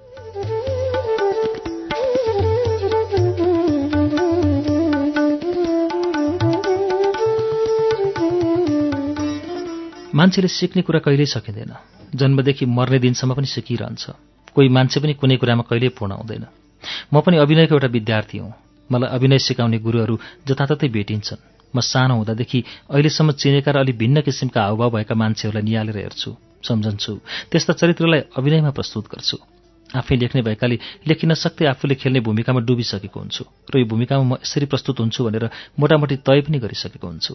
म सानै हुँदा टङ्गाल गैरीधारामा हाम्रो छिमेकमा एउटी आमा थिइन्। उनलाई हामी बैठकी आमा भन्थ्यौँ। उनका पति सायद कुनै राणा कहाँ बैठकी काम गर्थे। त्यसैले उनलाई बैठकी आमा भनेको होला। कुप्रिएकी बैठकी आमा लट्ठी टेकेर हिँड्थिन्। हाम्रो पर्खाल जोडिएका छिमेकी शिवप्रसादजीका छोराछोरी ईश्वरी र गोकुल मेरा साथी थिए। शिवप्रसादकी पत्नी आफ्ना छोराछोरीलाई च्याटिएको स्वरले काम हराउँथिन् गाली गर्थिन्। मैले त्यसै बेलादेखि उनको नक्कल गर्न थालेको थिएँ। म त्यो च्याटिएको स्वरमा बोल्ने मात्र होइन गाउन पनि सक्थेँ। ती बैठकी आमाको कुप्राई र शिवप्रसादजीकी पत्नीको स्वर मिसाएर एउटा चरित्र बनाए। मेरो उचाइ पाँच फिट नौ इन्च छ।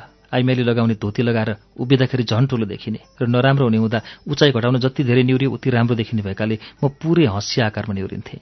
आधा घन्टासम्म निहुरिएर दोहोरी गीतमा नाच्नु पर्दा ढाड दुखेर फत्तक्कै हुन्थ्यो। म घर गएर ढाडको थेरापी गर्थेँ। त्यो कुप्राई र स्वरलाई पहिले त हामीले गीतमा मात्र प्रस्तुत गरेका थियौँ पछि चलचित्रमा उतार्न मन लाग्यो। निर्वाचन आयोगले संविधान सभा सम्बन्धी एउटा टेलिचलचित्र बनाउने प्रस्ताव ल्यायो प्रत्यक्ष र समानुपातिक भनेर दुईटा मतपत्रमा दुईटा छाप लगाउनु पर्ने जटिल कुरा थियो। त्यही सन्देश राखेर मैले आमा नामको टेलिफिल्म लेखेँ। त्यस बखतसम्म आइपुग्दा मदन दाईले तिम्रो काम गर्ने स्पिरिटलाई म कम गर्दिनँ। कथा पटकथा तिमी लेख भनेर मलाई छुट दिएका थिए। आमा टेलिचलचित्रमा म आमा हुन्छु मर्छु स्वर्ग पुग्छु र स्वर्गमै म विद्रोह गर्छु। नेपालमा पहिलोपटक संविधान सभाको चुनाव हुँदैछ। भोट खसाल्न जान पाउनुपर्छ। हिन्दू देवी देवताहरू जिजस क्राइस्ट अल्लाह बुद्धको निराकार ज्योति देखाइन्छ। मलाई देवी देवताहरू सोध्छन् के हो संविधान सभा भनेको? यो कसरी गरिन्छ? म मेरो छोरो मदन दाईलाई पनि अस्थायी रूपमा यहाँ बोलाउनुपर्छ भन्ने माग गर्छु। छोरो पनि स्वर्गलोकमा प्रकट हुन्छ। हामी देवताहरूसँग शक्ति पनि माग्छौँ। शक्ति पाएपछि हात यसो उठाउँछौँ। स्वर्गलोकमा नेपालको मतदान केन्द्र बन्छ र मान्छेहरू मतदान गर्न उभिएका हुन्छन्।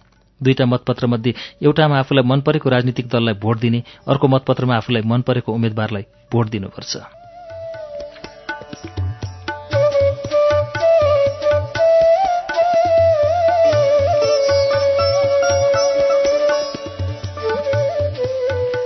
राजनैतिक दलले भाषा धर्म संस्कृति जनजाति दलित आदिको आवाज उठाउन संविधान सभामा प्रतिनिधि पठाउँछ र प्रत्यक्ष निर्वाचनमा चाहिँ आफूलाई मन परेको उम्मेद्वारलाई भोट हाल्ने भनेर सबै विधि देखाइदिन्छौँ।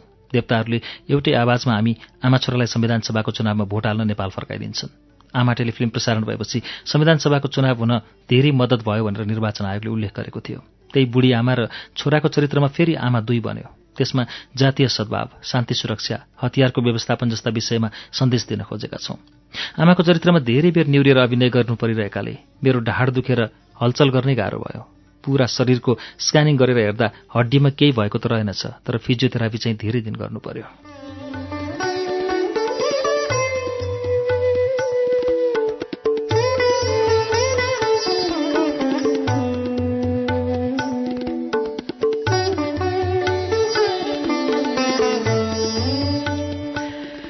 बा बित्नु हुँदा म छ वर्षको थिएँ।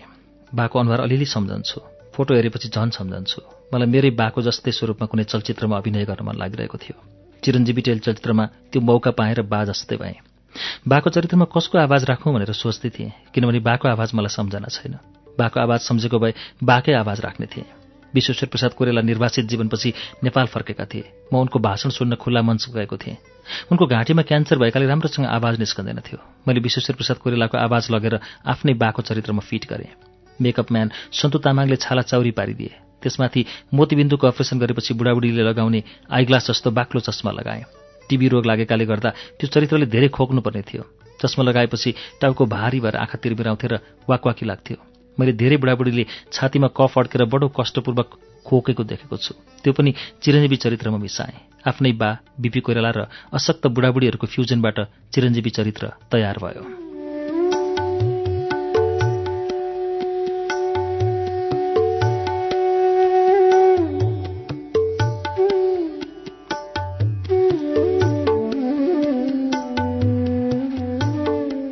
एकपटक काम विशेषले चारखाल अड्डा मालपोत कार्यालय गएको थिएँ।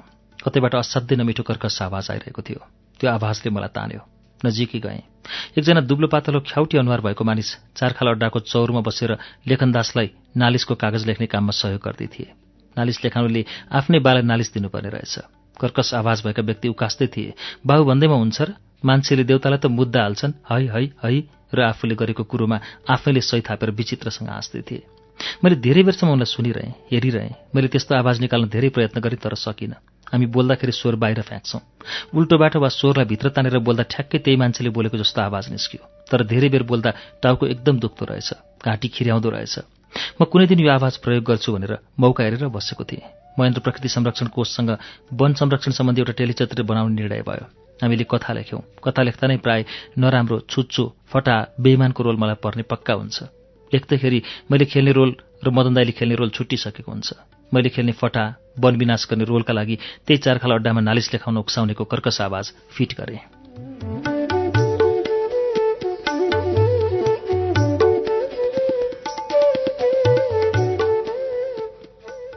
चितवनको सौराहमा सुटिङ भएको थियो। हाम्रा साथी गङ्गाजङ थापाले खाने बस्ने प्रबन्ध सौराकै रिसोर्टमा गरिदिएका थिए। उल्टो स्वरले बोल्दा म धेरै बेर बोल्न सक्दिनथेँ टाउको दुखिहाल्थ्यो अनि बिस्तारै बिस्तारै घाँटीको थकाइ मार्दा मार्दै सुटिङ गर्नु परेको थियो।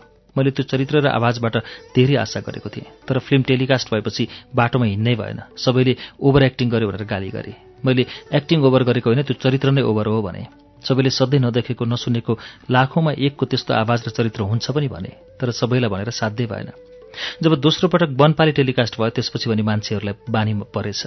तेस्रो चौथो पटक टिभीबाट वनपाले देखाएपछि मान्छेहरू मैले निभाएको चरित्रको प्रशंसा गर्न थाले। धन्यवाद छ चारखाल अड्डामा भेटेका ती मान्छेलाई। तर मलाई उनी को हुन्? उनको नाम के हो? केही थाहा छैन। अहिलेसम्म पनि चारखाल अड्डातिर जाँदा ती स्वरदाता देखिन्छ कि भनेर हेर्ने गर्छु।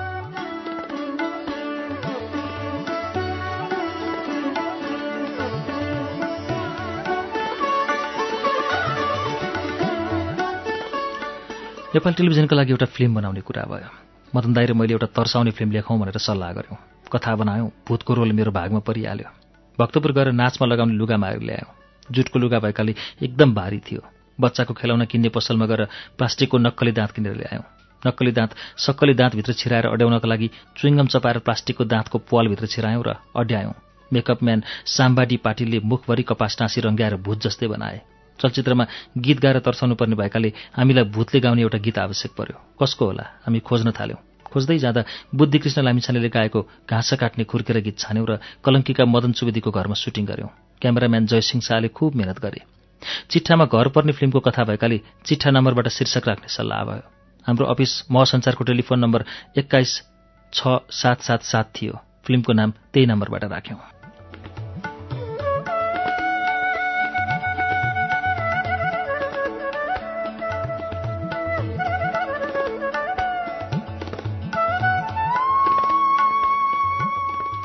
फिल्म आउने दिन हामी पोखरा गएका थियौँ। भोलिपल्ट काठमाडौँ आएर अफिस गएको त घरपति आमाले कस्तो गाली गरिन्। बाबुहरूले के गर्नुभएको त्यस्तो? फिल्मको नाम राख्दा पनि अफिसको टेलिफोन नम्बर राख्नुहुन्छ रातभरि फोनको घन्टी बजेर हामी त सुत्नै पाएका छैनौँ। त्यसपछि फोनमा प्लक हाल्यौँ। चाहिने बेला जोड्ने नचाहिने बेला छुटाउने। अलि दिनपछि हामीले टेलिफोन नम्बरै परिवर्तन गऱ्यौँ नत्र फोन उठायो कि गीत सुन्ने भन्दै घाँस काट्ने खुर्केर गाएर हामीलाई नै मान्छेहरूले हैरान बनाए।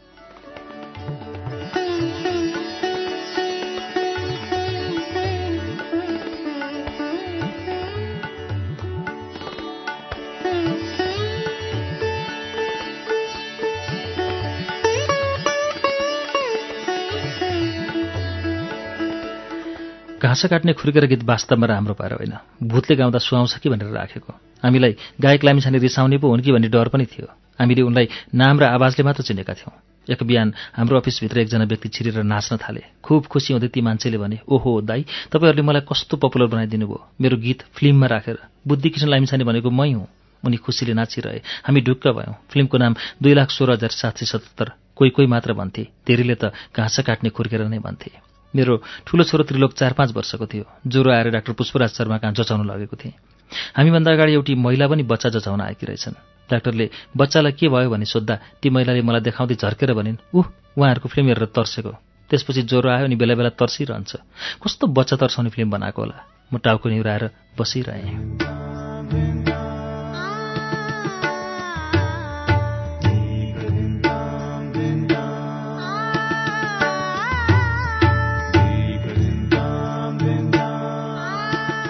कार्यक्रम श्रुति सम्वेकमा अहिले तपाईँले सुन्नुभएको वाचन हरिवंश आचार्यको चिना रायको मान्छेको वाचन हो। यसमा हामीले बच्चा तर्साउने फिल्म शीर्षकको अध्याय सुनायौं। अब यसपछि पाँच पैसाको मिश्री दस पैसाको नरिवल लिएर आउनेछौ। केही बेर प्रतीक्षा गर्नुहोला।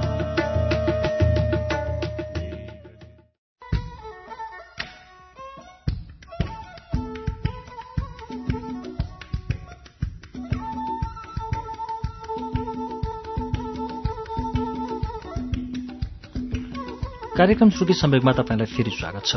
श्रुति सम्वेक तपाईँ अहिले उज्यालो रेडियो नेटवर्क काठमाडौँसँगै देशभरिका विभिन्न एफएम स्टेशनहरूबाट सुनिरहनु भएको छ। श्रुति सम्वेकमा हामी हरिवंश आचार्यको चिना हराएको मान्छेको बाह्रौं श्रृङ्खला सुनिरहेका छौं। यसको बाँकी अंश वाचन अब सुनौ।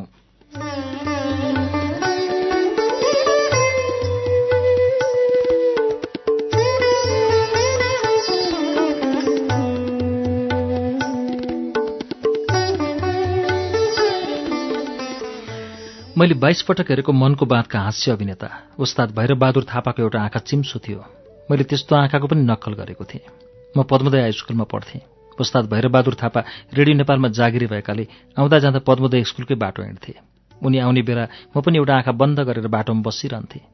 पहिले पहिले त उनी एउटा आँखा बन्द गरेर गिज्जाएको होला भनेर मैले नमस्कार गर्दा पनि फर्काउँदैनथे तर दिनहुँ एउटा आँखा बन्द गरेर बाटो हिँडेको देखेपछि उनले मेरो पनि आँखा त्यस्तै होला भन्ठानेछन् अनि हामी बाटोमा कुरा गर्दै सिंहदरबारभित्र रेडियो नेपालसम्मै जान्थ्यौँ। म नक्सालमा बस्थेँ। नारायणटी दरबारको दक्षिण ढोकामाथि नारायण मन्दिर थियो। प्रत्येक एकादशीका दिन त्यहाँ भजन गाउन ओस्ताद गायक गायिकाहरू आउने गर्थे। राजारानीलाई प्रत्यक्ष भजन सुनाउन एउटा स्पिकर दरबारभित्र पनि लगिएको थियो अरे। म पनि भजन सुन्न प्रत्येक एकादशीमा नारायण स्थानको एउटा सानो हलमा जाने गर्थेँ।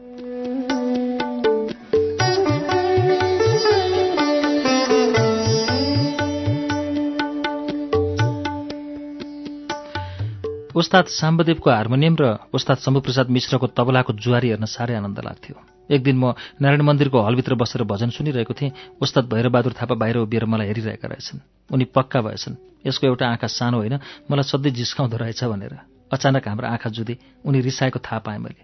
त्यसपछि म पनि सडकमा उनलाई भेट्न जानै छोडेँ। एउटा कामले मालपत कार्यालय दिल्ली बजार गएको थिएँ। उस्ताद भैरबहादुर थापा पनि त्यहाँ बसिरहेका रहेछन्। मैले मनको बाँध फिल्मको संवाद ए साउजी पाँच पैसाको मिश्री दस पैसाको नरिवल दिनुहोस् त भनेर आँखा उनको जस्तै बनाउँदै जिस्काएँ। उनले सुरुवालतिर देखाउँदै रिसाएर भने झुन्ड्या मिश्री लैजान्छस्? कान्तिपुर टेलिचलचित्रमा एउटा सोझो निष्कपट र केही काम गर्दा पनि ढङ्ग नपुर्याउने वडाध्यक्षको भूमिका निभाउनु थियो। मैले उस्ताद भैरबहादुरलाई सम्झेर उनको भाउ बोल्ने तरिका आँखा त्यो वडाध्यक्ष चरित्रमा फिट गरेँ। स्वभाव र चरित्र हामीलाई कान्तिपुर टेलिचलचित्र बनाउन दिने तत्कालीन काठमाडौँ महानगरपालिकाका मेयर पिएल सिंहकै थियो। उनी पनि असल निष्कपट काम गर्न खोज्ने तर टुङ्गोमा पुर्याउन नसक्ने खालका थिए।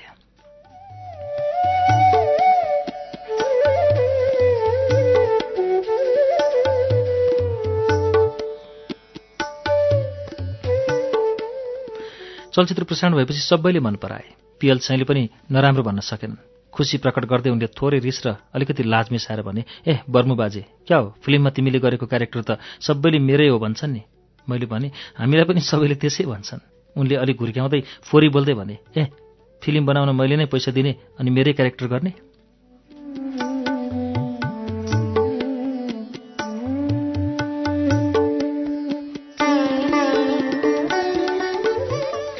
लालपूर्जा नामै छुन्दा सबैलाई मनपर्ने सबैलाई चाहिने। लालपूर्जाकै लागि मान्छे भ्रष्टाचार गर्छन् अरूलाई ठग्छन् मान्छेले मान्छे मार्छन्। कतिपय त लालपूर्जा नै कालपूर्जा पनि भएको छ। लालपूर्जाकै लागि अर्काको सम्पत्ति अडप्छन् झण्डा गाड्छन्। लालपूर्जा उद्योगपति व्यापारी कर्मचारी सर्वसाधारण सबैलाई चाहिने सबैलाई मनपर्ने प्राण प्यारो वस्तु भएको छ। लालपूर्जाको खोल पनि भूमि सुधार मन्त्रालयले रातै बनाएको छ। त्यसरी लालपूर्जा रातो कपडामा हँसिया हथौडा चिन्ह भएको राजनीतिक दललाई पनि हिजो आज असाध्यै मन पर्न थालेको छ। मुखले लाल सलाम भने पनि मनले लालपूर्जा भन्छन्। चार तारे झण्डा भएको। रातो कपडामा सूर्य चिन्ह भएको राजनीतिक दललाई पनि लालपूर्जा मन पर्दै आएको थियो पहिलेदेखि। मधेस आन्दोलनबाट उदय भएका मधेसवादी दलकाहरू त लालपूर्जा जोड्न दस हजार पनि छाड्दैनन् रे। कति राजनीतिक व्यक्ति व्यापारी उद्योगपतिले त भारत थाइल्याण्ड तथा पश्चिमा मुलुकमा समेत लालपूर्जा जोड्दैछन् भन्ने सुनिन्छ। हाम्रो देशमा शताब्दीौँदेखि मधेसमा जङ्गल फाँडेर आँखाले समेत देख्न नभ्याउने हजारौं बिघाको लालपूर्जा निशुल्क प्राप्त गरी पुस्तौंदेखि गरिबलाई दास बनाएर बसे केही मान्छे। सक्नेले पाटी पौवा पोखरी चौर पर्ती तालको पनि आफ्नै नाममा लालपूर्जा बनाइसके। तर नसक्नेले लालपूर्जा कस्तो हुन्छ भन्ने समेत देखेका छैनन्। उनीहरूसँग देश त छ तर एउटा खुट्टा राख्ने ठाउँको लालपूर्जा समेत छैन। कोही दुर्गन्ध सुँगेर खोलाको किनारमा बस्छन्। त्यो खोलाको किनारमा नसक्ने त छँदैछन्। सक्ने पनि मिसिन आउँछन् र ढलाने घर ठड्याउँछन् अनि बहालमा समेत लगाउँछन्।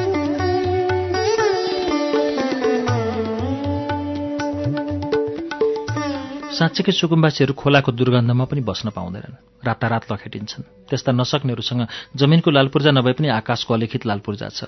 पुरै आकाश उसकै हो। आकाशमा उसले खेती गर्छ महल ठड्याउँछ तर मात्र कल्पनाको। उसलाई राति जाडो भयो भने ओड्ने चिरक पनि त्यही आकाश हो। वर्षात भयो भने ओत लाग्ने छानो पनि त्यही आकाश। मोही भन्दैमा सबै गरिब हुँदैनन् र तलसिङ भन्दैमा सबै धनी हुँदैनन्। साथी नरेन्द्र कंसाकारका मोही सेनाका जर्नेल थिए। मोहीसँग बाली लिन जाँदा घन्टौँ कुर्नु पर्थ्यो अनि मोही आएपछि उठेर दर्शन गर्नु पर्थ्यो।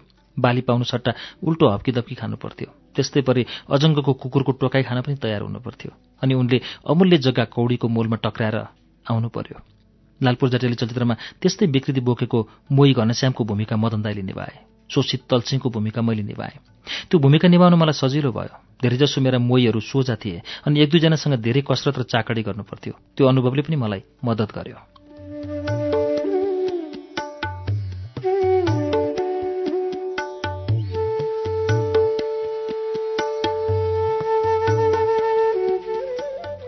पद्मोदय हाई स्कुलमा पढ्दा हाल पुतली सडकको सेयर मार्केटमा गुठी संस्थानको कार्यालय थियो। गुठी संस्थानका एक कर्मचारी लाल पूर्जाको दुर्गाराम जस्तै अलिअलि भकभकाएर बोल्थे। हामी सडकको झ्यालबाट उनलाई जिस्काउँथ्यौँ। उनी बाहिर निस्केर हामीलाई परसम्म लखेड्थे अहिले सम्झँदा हामीले गर्न नहुने काम गऱ्यौँ तर त्यस बेलाको बुद्धि जिस्काउँदा अरूलाई मर्का पर्छ भन्ने ख्याल राख्दैनथ्यौँ। उनको नाम ठेगाना केही थाहा छैन तर लालपूर्जामा दुर्गाराम चरित्रमा उनकै छाया छ। सानैमा टङ्गाल गरिधाराको मेरो गुच्चा खेल्ने साथी कृष्ण मर्दनको झडा पर्यो कि उस उस उस गर्ने थेगो थियो। मैले त्यही उस उस उस थेगोलाई गुठी संस्थानको अज्ञात कर्मचारीको चरित्रमा मिसाएर ध्रुवरामको चरित्र बनाएँ।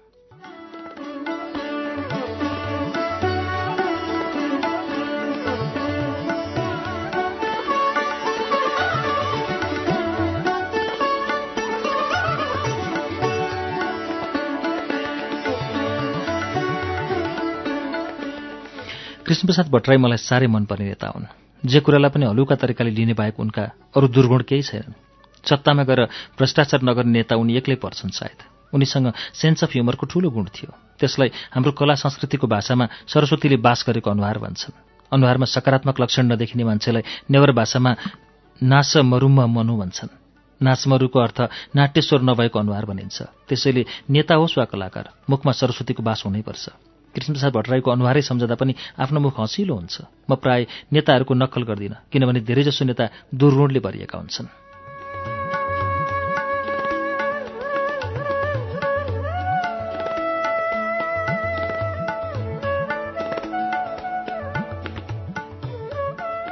कृष्णप्रसाद भट्टराईका चाहिँ दुर्गुण कम भएकाले उनको नक्कल गरौँ गरौँ लाग्यो। एकपटक काठमाडौँ मोडल अस्पताललाई एउटा एम्बुलेन्स विदेशबाट उपहार आयो। त्यसको भन्सार मिना गराउन मदन दाई र म तत्कालीन अर्थमन्त्री महेश आचार्य कहाँ गयौँ काम भएन। त्यसपछि प्रधानमन्त्री गिरिजाप्रसाद कोइराला कहाँ गयौँ त्यहाँबाट पनि काम भएन। अनि हामी कृष्णप्रसाद भट्टराईलाई एकपटक अनुरोध गरी हेरौँ न भनेर बिहान खुमलटार गयौँ। अमिता कपालीसँग मेरो नक्सालदेखिकै नाता छ? उनी नक्साल टोलकी छोरी हुन्। साथै कृष्णप्रसाद भट्टराईको सेवा गरेकोमा हामी उनलाई सम्मानले हेर्छौँ। हामीले अमितालाई भट्टराईसँग भेटाइदिन अनुरोध गरेपछि उनले केही क्षण कुर्न भनिन्। एकछिनपछि कृष्णप्रसाद भट्टराई गीताका मन्त्र जप्दै आए। भित्र अरू केही नलगाई पातलो धोती मात्र बेरेकाले सबै आकार प्रकार प्रष्ट देखिन्थ्यो। हामीले उठेर नमस्कार गऱ्यौँ हामीलाई देख्नासाथ उनी जङ्गिन थाले। तिमीहरू किन यहाँ? जाऊ गेट आउट वायातहरू बिहानैदेखि ढोकामा आउँछौ। लाज लाग्दैन? गेट आउट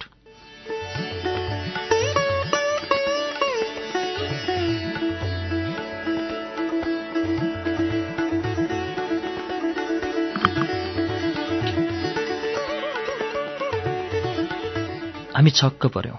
अमिता कपालीले भनिन् उहाँहरू त मदन कृष्ण र हरिवंश। तपाईँलाई भेट्न आउनुभएको। त्यसपछि बडो सम्हालेर भने ओहो माफ गर्नुहोला। मैले त तपाईँहरूलाई नेविसङ्घका विद्यार्थी ठानेको बस्नुहोस् बस्नुहोस्। कति कामले आउनुभयो? मेरो घर पवित्र पारेर। उनको स्वागतमा साँच्चीकै आत्मीयता झल्केको थियो। हामीले पनि भनिहाल्यौँ मोड अस्पतालले विदेशबाट एउटा एम्बुलेन्स गाडी उपहार पाएको छ। त्यसलाई भन्सार मिना गर्न हामी अर्थमन्त्री कहाँ गयौँ? प्रधानमन्त्री कहाँ पनि गयौँ? तर काम भएन। त्यसैले यहाँलाई अनुरोध गर्न आएका। उनले हामीमाथि पूर्ण विश्वास गर्दै भने ओहो तपाईँहरू त मान्छे जेन्युन हुनुहुन्छ। तपाईँहरूले त्यसको गलत प्रयोग गर्नुहुन्न मलाई थाहा छ। उनले अर्थमन्त्रीलाई फोन गरे मदन कृष्ण र हरिवंश आचार्यबाट गलत काम हुँदैन। मलाई अरू कुरो थाहा छैन तुरन्तै उहाँहरूको काम गरिदिनुहोस्। त्यसपछि हामीतिर फर्केर भने बरु एम्बुलेन्स कहिलेकाहीँ मलाई पनि चाहिन्छ। बुढो भइसकेँ अरूले पनि भन्देऊ भन्छन् त्यस्तो बेलामा म तपाईँहरूलाई दुःख दिन्छु।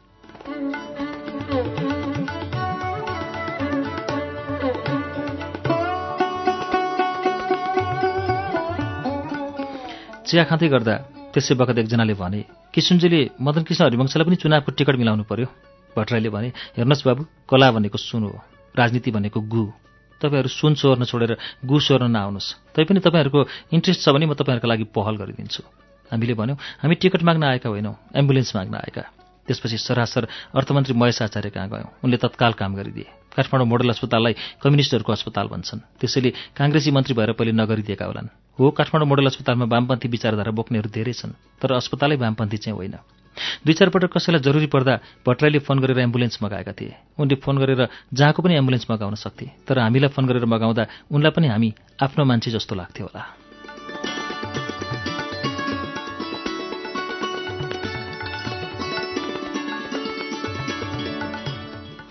मैले नेपाल बन्द प्रहसनमा कृष्णप्रसाद भट्टराईले नेपाल बन्द गरेको भूमिका निभाएको थिएँ। सो प्रहसन हेर्न कृष्णप्रसाद भट्टराई पनि आएका थिए। प्रहसन हेरेर खुसी हुँदै बधाई भनिदिनु भनेर गएछन् उनको नकल गर्न सजिलो पनि छ गरौँ गरौँ लाग्ने पनि छ। त्यसैले म नेपाल बन्दमा उनको भूमिकामा देखा परेँ समाचारपत्रले म रङ्गमञ्चको कृष्णप्रसाद भट्टराई र दर्शक दीर्घामा बसेर रङ्गमञ्चको आफूलाई हेरिरहेका कृष्णप्रसाद भट्टराई दुवैको फोटो छापेको थियो। पत्रिकामा दुईजना कृष्णप्रसाद भट्टराई देखिन्थे।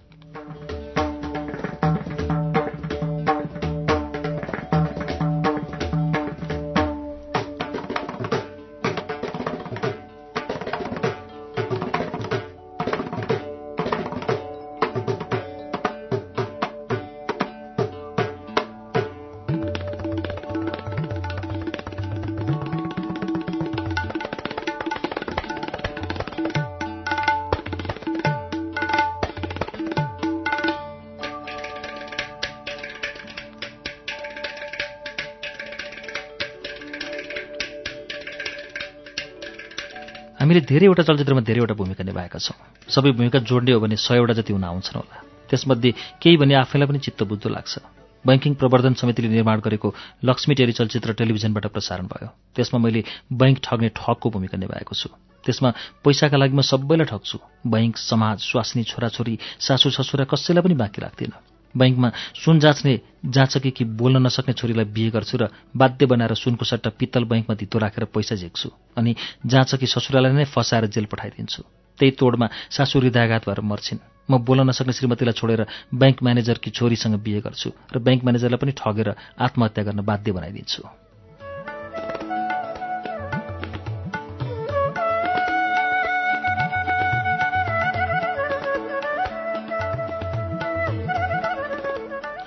ट्रक ड्राइभर फिल्मको सुटिङ भइरहेको थियो। नायक शिवश्रेष्ठ र म गुहेश्वरी मन्दिरको सिँढी चढ्दै थियौँ। एउटी अद्वैंसी महिलाले मलाई इँटको टुक्राले हानिन्। मैले छले। उनले फेरि ढुङ्गाले हानिन्। शिवश्रेष्ठले मलाई बचाउँदै लगे। अरूले किन ढुङ्गाले हिर्काएको भनेर सोद्धा उनले नेवारी भाषामा भनिन् थुक्क यो कुलङ्गारले बोल्न नसक्ने लाठीकेटीलाई कस्तो दुःख दिएको? त्यस्तो अन्याय पनि गर्नुहुन्छ? मैले पनि नेवारी भाषामै भने फिल्म र नाटकमा त जस्तो पनि गर्नुपर्छ। म त्यस्तो मान्छे कहाँ छु र? उनले रिसाउँदै भनिन् फिल्म भनेर हुन्छ। फिल्ममा पनि त्यस्तो अन्याय गर्न पाइन्छ। त्यहाँबाट त अरूले जोगाएर लिएर गए तर मलाई धेरै समयसम्म नमज्जा लागिरह्यो।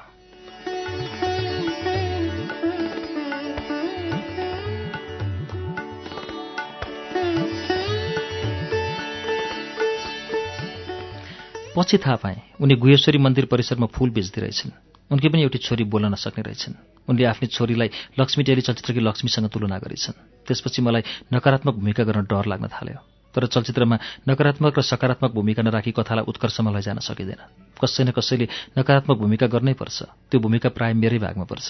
मान्छेहरू सोध्छन् तपाईँहरूलाई आफ्नो सबैभन्दा मनपर्ने चलचित्र कुन हो? आफूले गरेको सबैभन्दा चित्त बुझ्दो अभिनय केमा छ? सबै भिन्ना भिन्नै विषयवस्तु र भिन्ना भिन्नै चरित्र भएकाले यो राम्रो भन्यो भने अर्कोलाई अन्याय पर्छ। बाबुआमालाई कुन छोराछोरीको माया धेरै लाग्छ भनेर सोध्यो भने यो छोरा वा छोरीको भनेर जवाफ दिन गाह्रो भए जस्तै हामीले प्रदर्शनका गरेका टेलिचलचित्र र प्रहसनहरूका बाबुआमा हामी नै हौँ। त्यसैले हामीलाई पनि जवाफ दिन गाह्रो छ। रङ्गमञ्च टेलिचलचित्रमा धेरैवटा भूमिका निभाइयो। अब हिटलर र बुद्धको भूमिका गर्न पाए हुन्थ्यो। किनभने हिटलर युद्धका प्रतीक बुद्ध शान्तिका। तर फिल्म अङ्ग्रेजी भाषामा बनाउनु पाए हुन्थ्यो। हामीले अहिलेसम्म जति गऱ्यौँ नेपालीले मात्र बुझ्न पाए। अङ्ग्रेजी भाषामा गर्न पाए संसारका मान्छेले बुझ्ने थिए। हामीले पढ्दा पढाइको स्तर त्यति राम्रो भएन। अहिलेको पुस्तालाई बाबाआमाले धेरै खर्च गरेर महँगा महँगा स्कुलमा पढाएका छन्। उनीहरूको अङ्ग्रेजी भाषा राम्रो हुँदैछ। अबको विश्व धेरै खुम्चिसकेको छ। इन्टरनेट मोबाइल फेसबुकले संसारका सबै मान्छे नजिक भएका छन्। हामी पछिका कलाकार निर्देशकहरूले हाम्रो कला संस्कृतिलाई संसारमा चिनाउनु पर्नेछ त्यसबाट देशलाई पनि फाइदा हुन्छ। गर्न सक्यो भने मिलिनियर बन्ने सम्भावना पनि छ। हामी यहाँ मात्र सीमित भएर नबसौँ।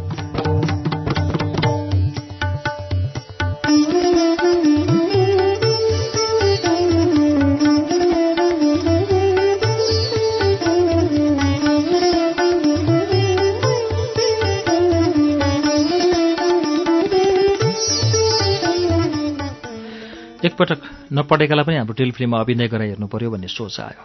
प्लान नेपालले निर्माण गरेको जन्मदर्ता सम्बन्धी सृष्टि टेलिफिल्ममा बालश्रम शोषणका दृश्यमा सडक बालकलाई नै अभिनय गराउनु पाए वास्तविकता झल्किन्थ्यो भनेर हामीले सडकमा पोलिथिनको झोलामा डेन्ट्राइट जुत्ता टाँस्ने सुलोसन हालेर सुँग्दै हिँड्ने करिब दस बाह्र वर्षको बालक उसको नाम बिर्से उसँग अन्तर्वार्ता लियो। अन्तर्वार्तामा उत्तीर्ण पनि भयो। दैनिक पाँच सय रुपियाँ पारिश्रमिक दिने ल्याउने पुर्याउने खाना खाजा आदिको व्यवस्था गर्ने शर्तमा उसँग सम्झौता भयो। सुटिङ सुरु भयो। केही बढी मेहनत गर्नु परे पनि त्यो बालकले राम्रै काम गर्यो। दुईटा सिन सुटिङ भइसकेका थिए। तीन बजीतिर त्यस बालकले हाम्रो प्रोडक्सन म्यानेजर कलाकार सुरेन्द्र केसीलाई अर्डर गरेछ। यदाई यता आउनुहोस् त। मलाई वाइवाई एक प्याकेट कोक एक बोतल अनि एक बट्टा पाँच सय पचपन्न चुरोट ल्याउनुहोस् त। सुरेन्द्र केसीले चाउचा र कोक मगाइदिएर भनेछन् पाँच सय पचपन्न चुरोट चाहिँ ल्याउन सक्दिनँ। बच्चालाई चुरोट खान दियो भनेर मलाई दाईहरूले गाली गर्नुहुन्छ। त्यो बालकले भनेछ चुरोट भएन भने म सुटिङ गर्न सक्दिनँ। म त जान्छु।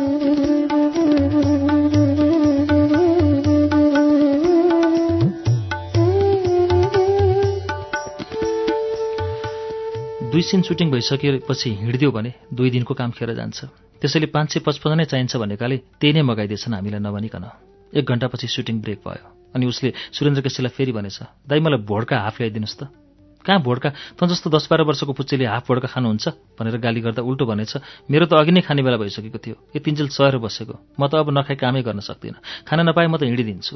सुरेन्द्र भाइले आएर हामीलाई दिउँसोदेखिका कुरा सुनाएर भने के गर्ने दाई? फुच्चे हिँडिदियो भने त काम बर्बाद हुन्छ। कुन नैतिकताले त्यो फुच्चेलाई भोड्का र चुरोट किनेर खान दिने?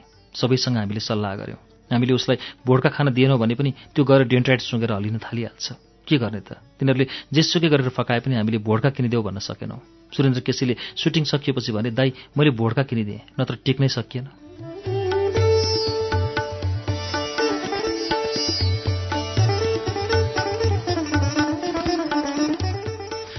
पहिले एक क्वार्टर मात्र दिएको रिसाएर ढोकामा पुगेछ। सुरेन्द्रले अर्को सिसी देखाएछन् अनि फर्केर आयो अरे। राति नौ बजीतिर सुटिङ सक्यौँ र उसलाई पुर्याउन गाडी मगायौँ। जाने बेलामा उसले भन्यो मलाई भोलि एघार बजीतिर मात्र लिन आउनु है। मैले सोधेँ किन? उसले भन्यो भोलि बिहान हाम्रो ग्याङ फाइट छ। फाइट सकेर आउँदा अभिर हुन्छ।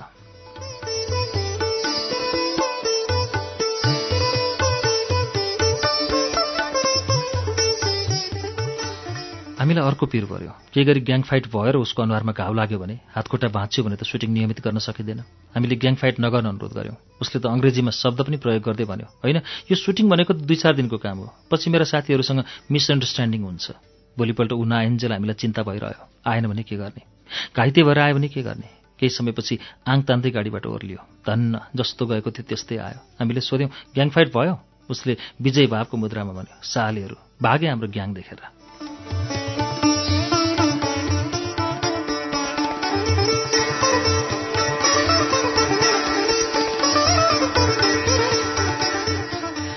त्यस दिन पनि उसको फरमाइस पाँच सय पचपन्न चुरोट र हाफ बोतल भोड्का थियो अरे। हामीले योसँग धेरै दिन काम गर्न सकिँदैन भनेर उसको रोल छोट्यायौँ र दुई दिनमै सकेर उसलाई भन्यौँ ल तिम्रो अब काम सकियो। भोलिदेखि नआए हुन्छ। उसले प्रश्न गर्यो चार दिनलाई भनेर बोलाएको होइन? हामीले भन्यौँ चार दिन भने पनि तिमीले छिटो काम गर्न सक्यौ। त्यसैले दुई दिनमै सकियो। उसले अझ झोकिएर भन्यो त्यसो भए पैसा चारै दिनको दिनुपर्छ। चारै दिनको पैसा दुई हजार दियौँ। अनि हामीले पनि भोड्का र चुरोटको कुरा झिकेर गाली गऱ्यौँ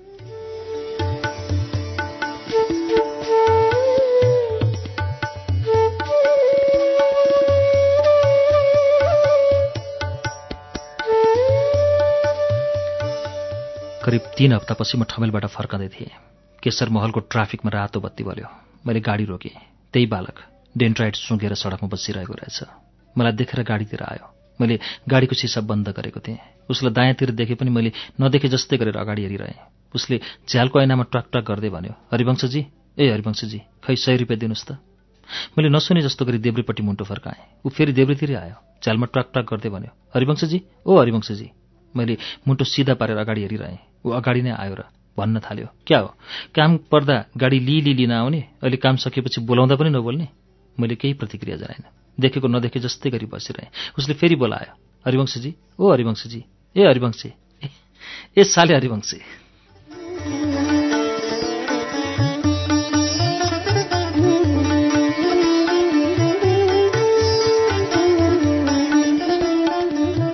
हरियो बत्ती बल्यो। मैले उसलाई नहेरी गाडी अगाडि बढाएँ। उसले मेरो मारुति जिप्सी गाडीमा भुवाक्क एक्ला तान्यो। हामीले सडक बालबालिकालाई टेलिफिल्ममा अभिनय गर्न बोलाउँदा सडकका यस्ता बालबालिकालाई जम्मा पारेर एउटा कलाकार टोली नै बनाउन पाए पनि हुन्थ्यो भन्ने कल्पना गरेका थियौँ। तर उसको क्रियाकलाप देख्दा एउटालाई त नियन्त्रण गर्न सकिँदो रहेनछ। धेरैलाई कलाकार बनाउनु त ज्यादै गाह्रो होला जस्तो लाग्यो। तैपनि कुनै दिन सकिएछ भने यी कलिला बालबालिकालाई कलाकार बनाउने धोको मनमा रहिरहेको छ।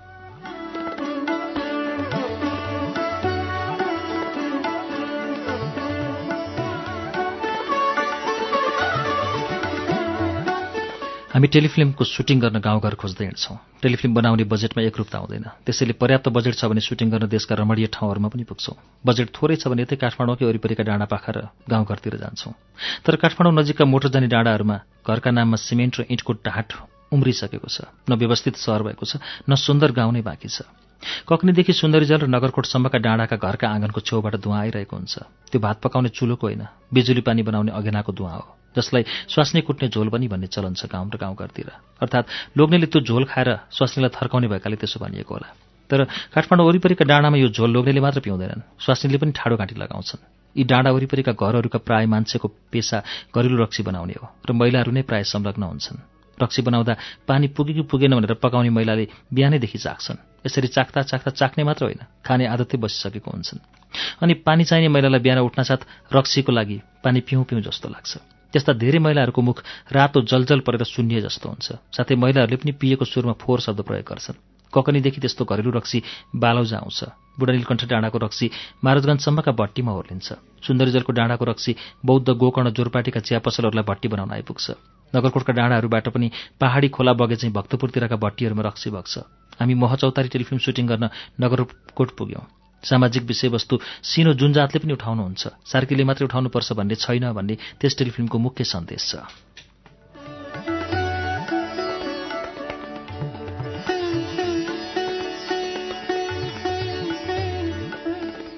हामीलाई एउटा मरेको गुरु देखाउनु थियो। हामीसँग एकजना भेटनरी डाक्टर पनि थिए। चार हजार रुपियाँ भाडा तिरेर नगरकोटकै एउटा भेटनरी डाक्टर पनि थिए। चार हजार रुपियाँ भाडा तिरेर नगरकोटकै एउटा घरबाट सुटिङका लागि गोरु ल्यायौँ गोरुलाई बेहोस पारेर मरेको जस्तै देखाउनु पर्ने थियो। डाक्टरले बेहोस बनाउने औषधि सिरिन्जमा राखेर गोरुलाई इन्जेक्सन दिए। सुटिङ गर्न क्यामेरा ठिक थियो तर गोरु बेहोसै भएन। डाक्टरले फेरि औषधि थपेर इन्जेक्सन दिए। गोरु सुतेको जस्तो भएको थियो। क्यामेरा खोल्न साथ जुरुक्कै उठ्यो। अब अरू इन्जेक्सन थप्न डाक्टरले मानेनन्। योभन्दा धेरै त दिनु हुँदैन। उनले छक्क पर्दै थपे। यत्रो औषधिले त यो गोरु सुत्नुपर्ने हो। किन सुतेन भन्ने कुरो एकैछिनमा पत्ता लाग्यो। जुन घरबाट गोरु भाडामा ल्याइएको थियो त्यो घरमा घरेलु रक्सी बन्ने भएकाले रक्सी बनाएको जाँडको कट गोरुलाई खुवाइने रहेछ। त्यसैले त्यो गोरु पनि जड्या रहेछ।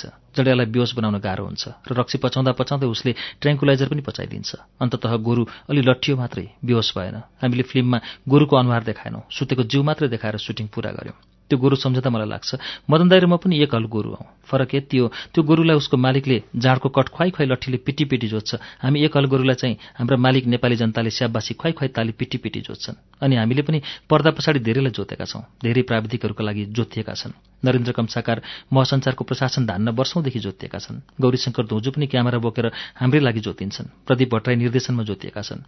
गणेश कण्डेल सम्पादनमा जोतिएका छन्। राजाराम पौडेल सावित्री शर्मा किरण केसी राजु भुजु सविता गुरुङ आदि साथीहरू हामी सँगसँगै पर्दा र रङ्गमञ्चमा जोतिन्छन्। एकपटक दरबारमा गीत गाउन वरिष्ठ सङ्गीतकार तथा गायकहरूलाई बोलाइएको रहेछ। साङ्गीतिक कार्यक्रम सकिएपछि रानी ऐश्वर्यले टिमलाई भनेर एक लाख रुपियाँ दिएछन्। एकजना वरिष्ठ सङ्गीतकारले पैसा कसैलाई दिएनछन् आफै राखेछन्। अरू गायक गायिकाले पैसा माग्दा भनेछन् यो पैसा त सरकारले तिमीलाई भनेर मलाई बक्सेको हो। गायक गायिकाले भनेछन् होइन टिमलाई दिएको सङ्गीतकारले जिद्दी गरेछन् होइन टिमलाई भनेर मलाई दिएको उनले पैसा कसैलाई दिएनछन् तर दर्शक तथा श्रोताले हामीलाई दिएको सफलता ती सङ्गीतकार चाहिँ हामी आफू मात्र लिँदैनौँ हामीसँगै जोतिने टिमसँग बाँच्छौँ।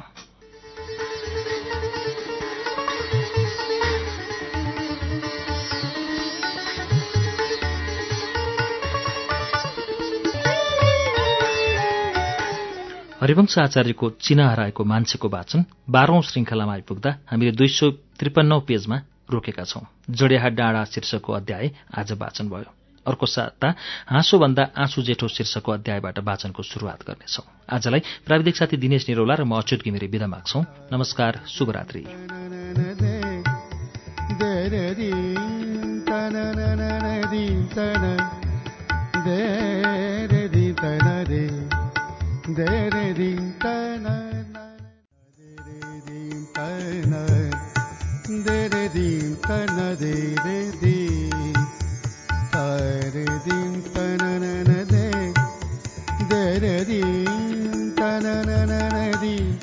नमस्कार। उज्यालो रेडियो नेटवर्कको कार्यक्रम श्रुति सम्वेकबाट प्राविधिक साथी सशेन्द्र गौतमसँगै म अच्युत घिमिरेको स्वागत छ।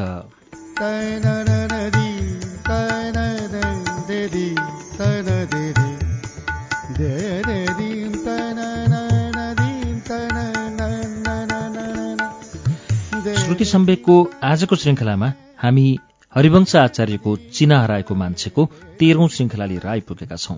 गएको साता हामीले यसको बाह्रौं श्रृङ्खला वाचन सुन्यौं। बाह्रौं श्रृङ्खलासम्म आइपुग्दा महचौतारीले टेलिफिल्म सुटिङ गर्दा नगरकोटमा भएको दृश्यतिर पुगेर हामीले सकाएका थियौं। जडेहा डाँडा भन्ने शीर्षक थियो त्यसको। डेन्ट्राइट र बाल कलाकार शीर्षक पनि हामीले गएको साता नै वाचन गरेर सुनायौं। प्रभाव र प्रहार जस्ता विभिन्न अध्यायहरू हामीले गएको साता सुनाएका थियौं। आज तेह्रौं श्रृङ्खलामा हामीले सुनाउनेमा हाँसोभन्दा आँसु जेठो शीर्षकको अध्याय छ र त्यसै गरी अरू अध्यायमा मीरा कहिल्यै बुढी हुन्नन् लगायतका समय भ्याएसम्मका अध्यायहरू सुनाउँछौं। सुरु गरौं। हरिवंश आचार्यको चिना हराएको मान्छे तेह्रौं श्रृङ्खला वाचन पृष्ठ दुई सय चौन्नबाट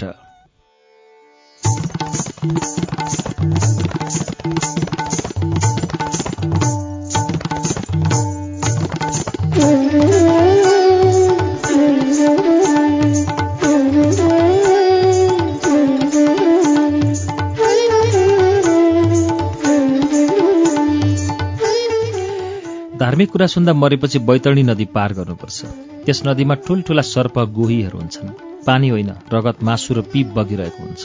त्यो नदी तरेर स्वर्ग जानुपर्छ। मरेपछि तर्ने बैतरणी नदी जिउँदैमा तर्ने कोसिस गर्दैछु। बैतरणी नदी तर्नु भनेको यही जीवनलाई पार लगाउनु हो। बैतरणी नदीमा हुने गोही सर्प भनेको सङ्घर्ष र चुनौती हुन्। अलिकति डगमगायो भने चुनौतीले निलिहाल्छ। रगत मासु पिप मलमूत्र भनेका जीवनमा आइलाग्ने घिनलाग्दा कुरा हुन् र यिनीहरूसँग बस्दै अगाडि बढ्नुपर्छ। प्रतीकात्मक रूपको बैतरणी नदी जिउँदैमा तरेर स्वर्ग जस्तो देश नेपालमा स्थापित हुन खोज्नु हो। म त्यही खोज्दछु। हामी त्यही खोज्दैछौँ।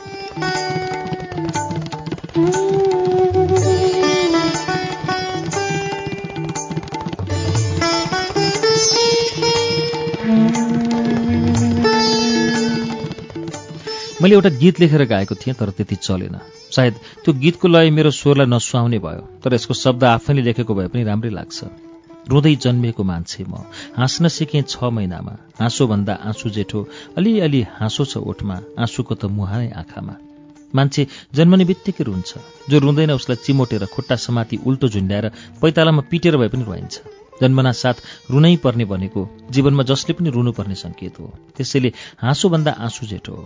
मलाई लाग्छ जसको पनि जीवनमा आँसुले हाँसोलाई जिति जितिहाल्छ गरिबलाई गरिबीले रुवाइरहेको छ धनीलाई धनले रुवाइरहेको छ। अपराधी मन भएकाहरू धेरै मान्छे मार्न पाइन भन्ने पिरले रुन्छन्। कोमल मन भएकाहरू कति धेरै मान्छे मर्दैछन् भनेर रुन्छन्।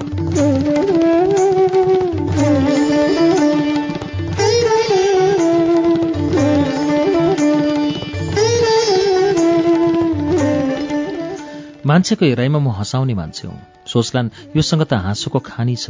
यो त रुँदै रुँदैन। तर म पनि जन्मना साथ रोएको थिएँ। धेरै बेरसम्म चिच्चाइ चिच्चाइ रोएको थिएँ होला। त्यसैले मसँग भएको हाँसोलाई आँसुले नराम्रोसँग जितेको छ। बाल्यकालमा आमा नमरुन् बुढेसकालमा स्वास्नी नमरुन् भन्छन्। तर म एघार वर्षको हुँदा मेरी आमा बित्नुभयो। त्रिपन्न वर्षको हुँदा मेरी मिरा। छोरा त्रिलोक र मोहित मिरालाई मामु भन्थे। म पनि उनलाई मामु नै भन्थेँ। मामु भन्दा मलाई उनी आमा जस्तै लाग्थ्यो। मिरा मेरो अभिभावक पनि थिइन्।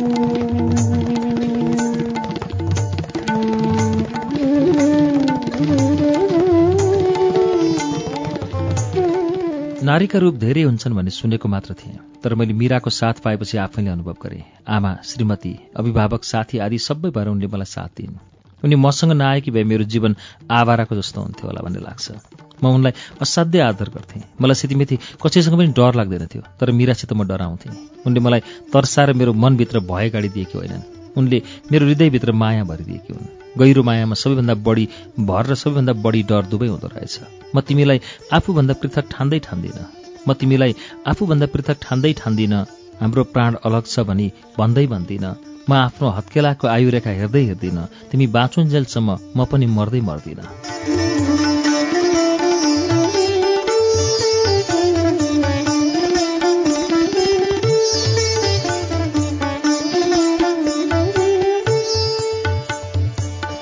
मैले यो गीत लेखेर मिरालाई सुनाएँ। उनी मेरो उग्रेको ट्राउजर सिलाउँदै थिइन्।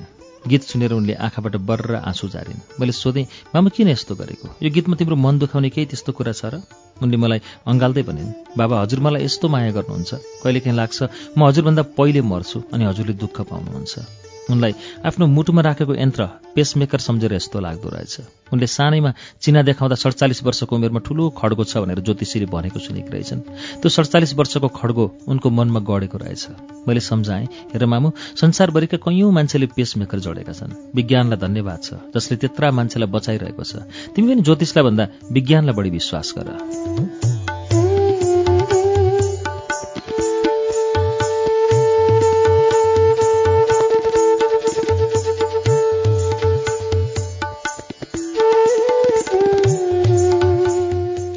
पेसमेकर छाती चिरेर भित्र खल्ती जस्तो बनाएर जडान गरेको हुन्छ। बाहिरबाट त्यस्तो केही देखिन्न। हेर्दा मिरा पनि सामान्य देखिन्थिन्। मिठो स्वरले एफएममा कार्यक्रम सञ्चालन गर्थिन्। सधैँ उनको आवाजको प्रशंसा सबैले गर्थे। उनले पनि आफ्नो छुट्टै चिनारी बनाएकी थिइन् तर स्वास्थ्यले दुःख दिइरहन्थ्यो। मिराको स्वभाव साह्रै तीक्ष्ण थियो। अरूलाई नगनाएको गन्ध उनको नाकले थाहा पाउँथ्यो। हामीलाई साधारण लाग्ने आवाज उनलाई ठूलो लाग्थ्यो। सानो दुःखमा पनि उनलाई रातभर निन्द्रा लाग्दैनथ्यो कहिलेकाहीँ राति सुतेको बेला उनको मुटु ढुक ढुक गरेको बाहिरै सुन्थेँ। म त्यो कुरा थाहा पाएर पनि उनलाई उठाएर भन्न सक्दिनथेँ किनभने मैले भनेपछि आफ्नै बिरामी मुटुसँग डराएर उनको ढुकढुकी झन् बढ्न सक्थ्यो। उनलाई म निधाउन सक् दिन्थेँ तर उनको मुटुको ढुकढुकी सुनेर मेरो पनि मुटु ढुक ढुक गर्थ्यो र रातभरि निधाउन सक्दिनथेँ।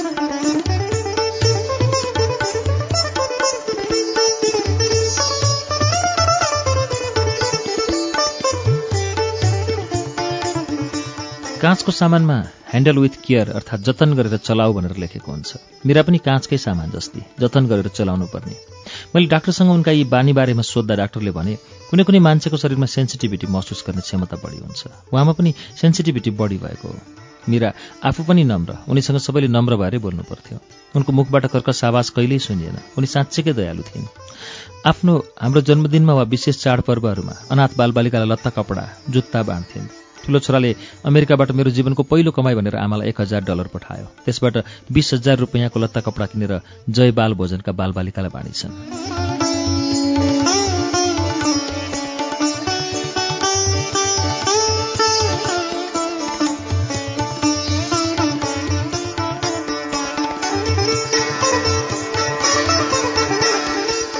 मिराले कसैसँग वाद विवाद गर्न रुचाइनन् कसैले जिद्दी गरे उनी आफू हारिदिन्थिन्। उनी कहिल्यै कठोर बोल्दिनथिन्। उनी मेरो जीवनको पिपलको छहारी हुन्। उनी आएपछि मेरो जीवनै शीतल भयो। म पहिले अलिक कठोर बोल्थेँ। उनको आगमनले म पनि नम्र हुँदै जान थालेँ।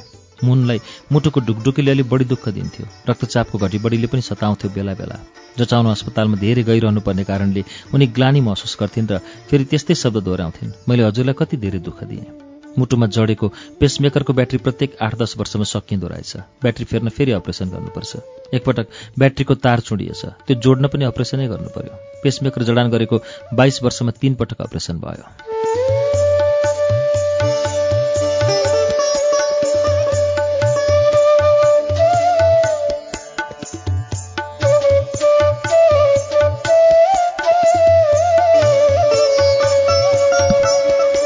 हाम्रो जिन्दगी काठमाडौँको सडक जस्तो भयो। टालटुल गर्यो चिल्लो बनायो फेरि अर्कोतिर उब्कन्छ। फेरि यता टाल्यो उतातिर उब्कन्छ। काठमाडौँको बाटो त कमिसन र हेलचेक्राइले गर्दा त्यस्तो हुन्छ। मिराको उपचारमा मैले न कमिसन खाएको छु न त डाक्टरले नै हेलचेक्राइ गरेका छन्। तर पनि किन यस्तो हुन्छ? पेसमेकर जिन्दगी राख्ने भाँडो भयो। प्राकृतिक शरीरमा सधैँ बोकेर हिँड्नुपर्ने घाँडो पनि भयो। मान्छे जतिसुकै धनी होस् वा गरिब जत्रोसुकै दाता होस् वा माग्ने जतिसुकै क्रूर होस् वा दयालु सबैको पहिलो घर एउटै हुन्छ पाठेघर। आफ्नै आमाको पाठेघर। पहिलो घरबाट निस्केपछिको घर भने फरक फरक हुन्छ। कोही महलमा जन्मन्छन् कोही झोपडीमा। कोही बगरमा जन्मन्छन् कोही सडकमा। समय आएपछि जतिसुकै शक्तिशाली मान्छे पनि यो संसारको घरमा बस्न नपाए जस्तै समय पुगेपछि जोसुकैले पनि आमाको पाठेघरमा बस्न पाउँदैन।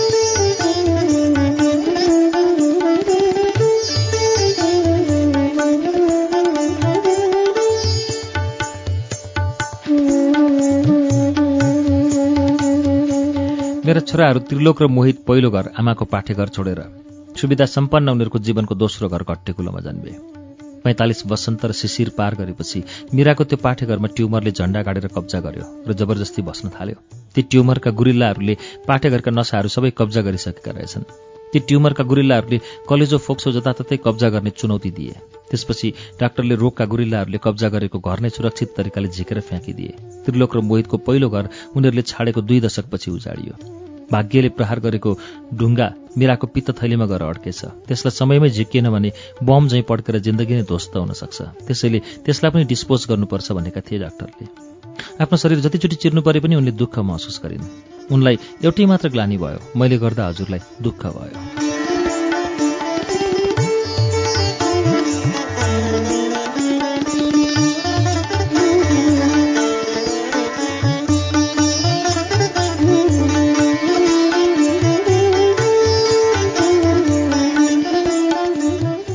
अस्पतालको क्याबिनमा कुरुवा सुत्ने ठाउँ सानो र साँगुरो हुन्छ। खुट्टा पुरा तन्काएर सुत्दा सानो खाटबाट बाहिर निस्कन्छ। यताउता चल्यो भने आफ्नो डुल जिउ ठुलो खसिएला भन्ने डर। मेरा भन्थिन् म चाहिँ पलङमा आनन्दसँग सुत्ने हजुर चाहिँ त्यस्तो साँगुरो ठाउँमा सुतेको म हेर्न सक्दिनँ। मामु तिमी मलाई यति माया गर्छौ। यसको बदलामा मैले तिमीलाई जति सेवा गरे पनि पुग्दैन।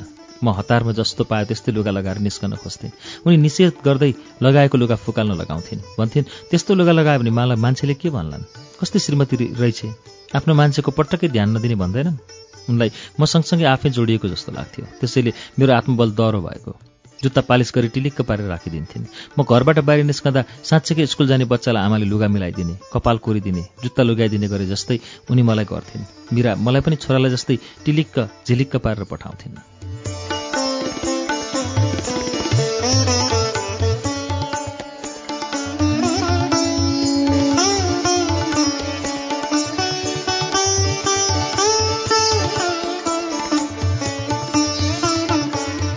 बाहिर जाँदा उनले चुम्बन गर्नै पर्थ्यो।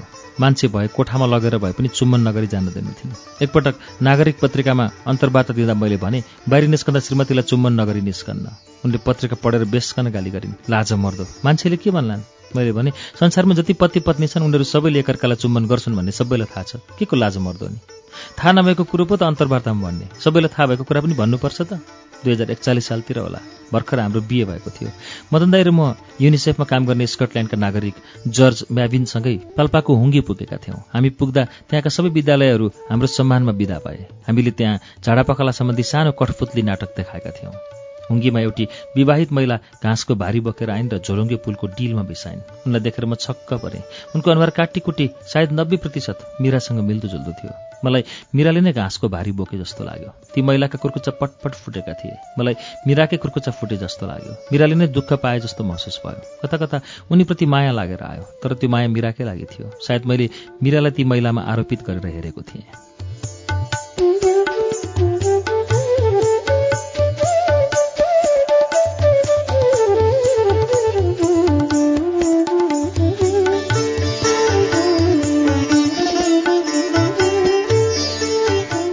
काठमाडौँ फर्केपछि मैले यो कुरा जस्ताको त्यस्तै मिरालाई सुनाएँ। तर उनी मेरो कुराले रुँदै रुँदै भन्न थालिन् हजुरलाई मेरो बाहेक अरू आइमाईको पनि माया लाग्दो रहेछ। मैले भने तिमी जस्तै देखेर पो माया लागेको त। त्यो मायामा तिमी नै गाँसिएकी थियौ। मेरो कुरा नपत्याएर होला उनी धेरै बेर रोइरहन्। मलाई सुटिङको सिलसिलामा वा हाम्रा कुनै फिल्म हेरेपछि केटीहरूले फोन गर्छन्। तर मलाई कुनै केटीले फोन गरेको मिरालाई मन पर्दैन थियो। कुनै केटीले मलाई राम्रो लाग्छ भनेको पनि उनलाई मन पर्दैन थियो। मैले साथीहरूसँग यो कुरा गर्दा उनीहरूले भने संसारका सबै आइमीहरूलाई आफ्नो लोग्नेको तारिफ अरू कुनै केटीले गर्यो भने मन पर्दैन अरे। मान्छे धेरै बेफुर्सदी भयो भने चाँडै बुढो हुँदो रहेछ। व्यस्त भयो भने दिन गएको पत्तै हुँदैन। म बाहन्न वर्षको हुँदा मिरा छयालिस पुग्न लागिन्। मिरालाई सन्चो भएन कि उनी भन्थिन् सडचालिस वर्षमा मेरो खड्गो छ। यो सडचालिस वर्षको खड्गोको भूतले मिरालाई कहिल्यै छोडेन।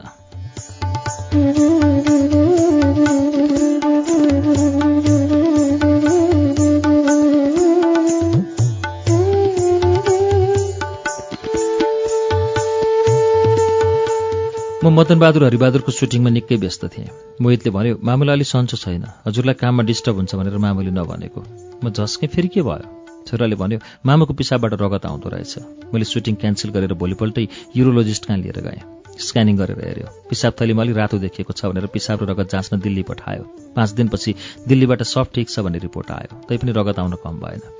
आनी छोइङ डोल्माले किडनीको रोगबाट आफ्नै आमाको मृत्यु भएकोले किडनी सम्बन्धी काम गर्ने आरोग्य फाउन्डेसन खोलेकी छन् हामी पनि त्यसका सदस्य छौँ। त्यस संस्थाका डाक्टर पुकारलाई सबै कुरा भने। उनले नेफ्रोलोजिस्ट डाक्टर रजनी हाडा कहाँ पठाए? रगत र पिसाब जाँच्न दिल्लीको डायग्नोसिस सेन्टरमा पठाइयो। क्यान्सर छ कि भनेर हेर्न दिल्लीबाट किडनीको बायोप्सी स्याम्पल मागियो। दशरथ रङ्गशालामा पार्किङ गरेको गाडीभित्र बसेर मलाई अँगाल्दै मिरा रोइन् मैले भने पिर नगर मामु म तिमीलाई संसारको जुनसुकै ठाउँमा लगेर भए पनि ओखति गराउँछु। किडनी फेर्नु पऱ्यो पनि म तिमीलाई आफ्नो एउटा किडनी दिएर बचाउँछु।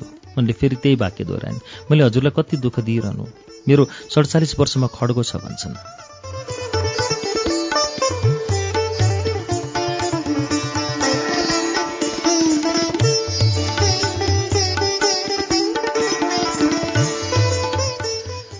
एक हप्तापछि दिल्लीबाट रिपोर्ट आयो। लिन आउनु भन्ने फोन आयो। मेरो मनमा ढ्याङ्ग्रो ठोक्न थाल्यो। निको हुने रोग हो कि होइन? मैले कसरी गाडी चलाएर चाबेलसम्म पुगेँ आफैलाई थाहा भएन। म त्यति आस्तिक त होइन तर समस्यामा देवी देवतालाई खुब गुहारेँ सात दिनभित्र मैले काठमाडौँमा भए जति देवी देवताको दर्शन गरेँ भाकल गरेँ। मलाई साढे सातको दशा लागेको छ पूजापाठ गर्नु भनेर शनिको मन्त्र मिराले नै सिकाइदिएकी थिइन्। बिहान हामी बसेको कोलोनीमा मर्निङ वाक गर्दा पनि म त्यही मन्त्र जप्दै एक घन्टा चक्कर लगाउँथेँ। त्यस दिन बायोप्सीको रिपोर्ट लिन जाँदा बाटोभरि देवी देवताका नाम लिँदै गाडी चलाएँ। रिपोर्ट हिँड्ने ठाउँमा खाम खोलेर हेरेँ केही पनि बुझिनँ।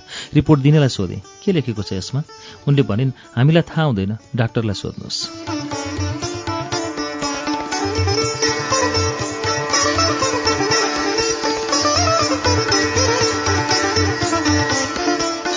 म फेरि देवी देवताका नाम लिँदै डाक्टर रजनीलाई भेट्न वीर अस्पताल पुगेर रिपोर्ट देखाएँ। मेरो मुख सुकेर प्याक प्याक भएको थियो। डाक्टरले लामो सास तान्दै भनिन् थ्याङ्क्स गड मलाई त क्यान्सर हो कि भन्ने डर लागेको थियो। क्युरेबल डिजिज रहेछ। यसलाई जिएन भास्कुलर डिजिज भन्छन्। कसैलाई दुईटाले नै ठिक हुन्छ कसैलाई चारवटासम्म इन्जेक्सन दिनुपर्छ। म देवी देवताहरूसँग कृतज्ञ भएँ। मैले मनमा नै साँच्चैकै देवी देवताहरू हुँदा रहेछन् क्यारे। अबदेखि म पनि पूर्ण रूपले आस्तिक हुन्छु। देवी देवता छन् भन् ठान्छु भने। नत्र म पहिले देवी देवता भनेको केही होइनन्। मेरो देवी देवता भनेका नेपाली जनता हुन्। यिनै देवी देवता रूपी नेपाली जनताले हामीलाई आशीर्वाद दिएर हामी यो स्थानमा पुग्यौँ जस्तो लाग्थ्यो।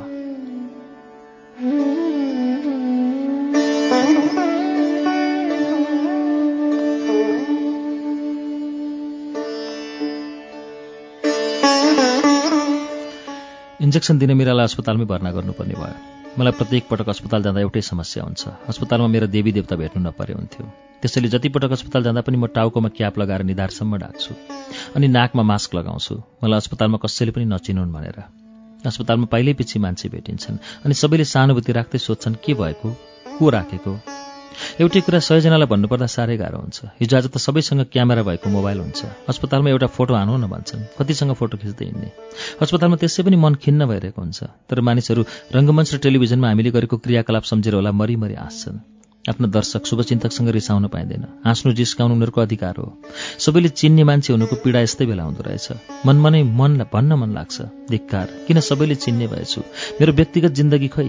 यस्तो बेला गुनासो गर्न मन लाग्छ। आफैसँग।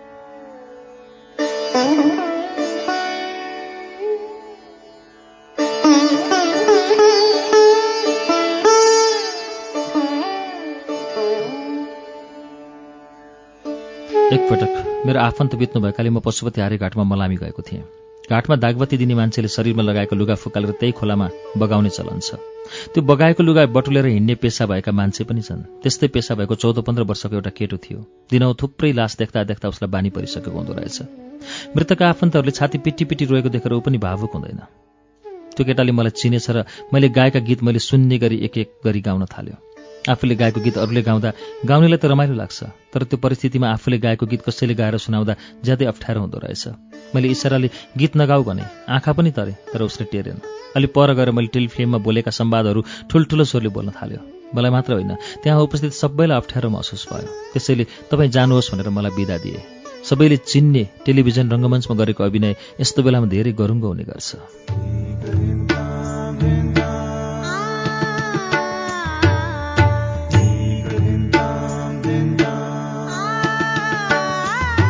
श्रुति सम्वेकमा अहिले तपाईँले सुन्नुभएको वाचन हरिवंश आचार्यको चिना हराएको मान्छेको वाचन हो। यसको बाँकी अंश वाचन लिएर केही बेरमा आउनेछौँ।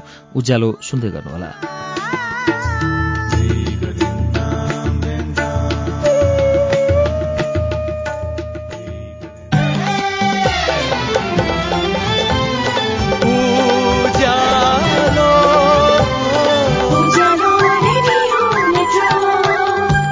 सीधा कुरा प्रश्न विचार। Ujyaalo radio network.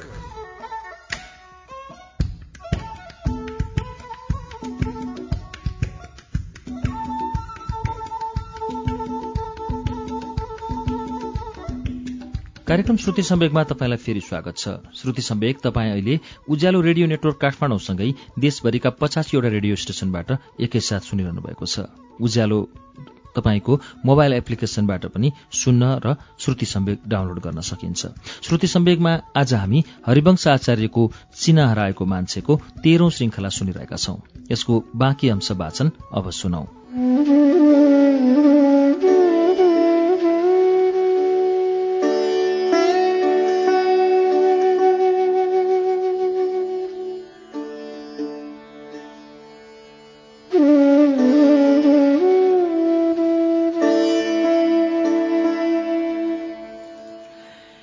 मीरालाई पहिलो डोज इन्जेक्सन दिएपछि हामी अस्पतालबाट डिस्चार्ज भएर घर आयौँ। दोस्रो डोज पन्ध्र दिनपछि दिनुपर्ने थियो। तर हाम्रो कार्यक्रम पहिले नै तय भइसकेको हुनाले मलेसिया जानै पर्थ्यो। मीरालाई ठिक नहुने रोग लागेको भए म कसरी जान्थेँ होला? कसरी त्यहाँ गएर कार्यक्रममा भाग लिन्थेँ होला? अब म ढुक्कले मलेसिया जान पाउने भएँ।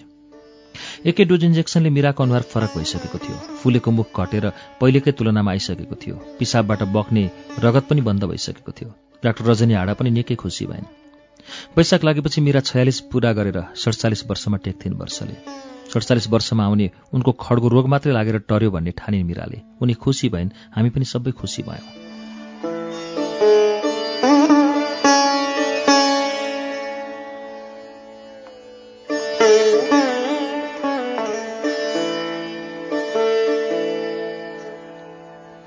म मलेसियाबाट फर्केर आउँदा दोस्रो डोजको इन्जेक्सन दिन। दुई दिन बाँकी थियो। दुई हजार अडसट्ठी वैशाख पाँच गते मोहित म र मिस मिरा बसेर कुरा गर्दै थियौँ। मिराले कफी बनाएर हामीलाई खुवाइन्। भान्सामा सहयोग गर्ने दिदी भात पकाउँदै थिइन्। खाना खाएर मोहित र म सँगै एउटै गाडीमा काममा जाने सोचिरहेका थियौँ। कफी खुवाएर मिरा अर्को कोठामा गइन्। दुई पटक हाछ्यौँ गरेछन्। त्यसपछि अचानक उनको बोली लरबरिन थालेछ। शरीरको दायाँ अङ्ग चल्न छाडेछ। मोहितले देखेर गरायो बुवा मामुलाई के भयो? म आत्तिएँ। फेरि के भयो मिरालाई? किन यस्तो दुःख दिएको होला हाम्रो भाग्यले? मोहितले गाडी स्टार्ट गर्यो। मैले मिरालाई बोकेर गाडीको पछाडि सिटमा राखेँ। उनको हात समाइरहेको थिएँ।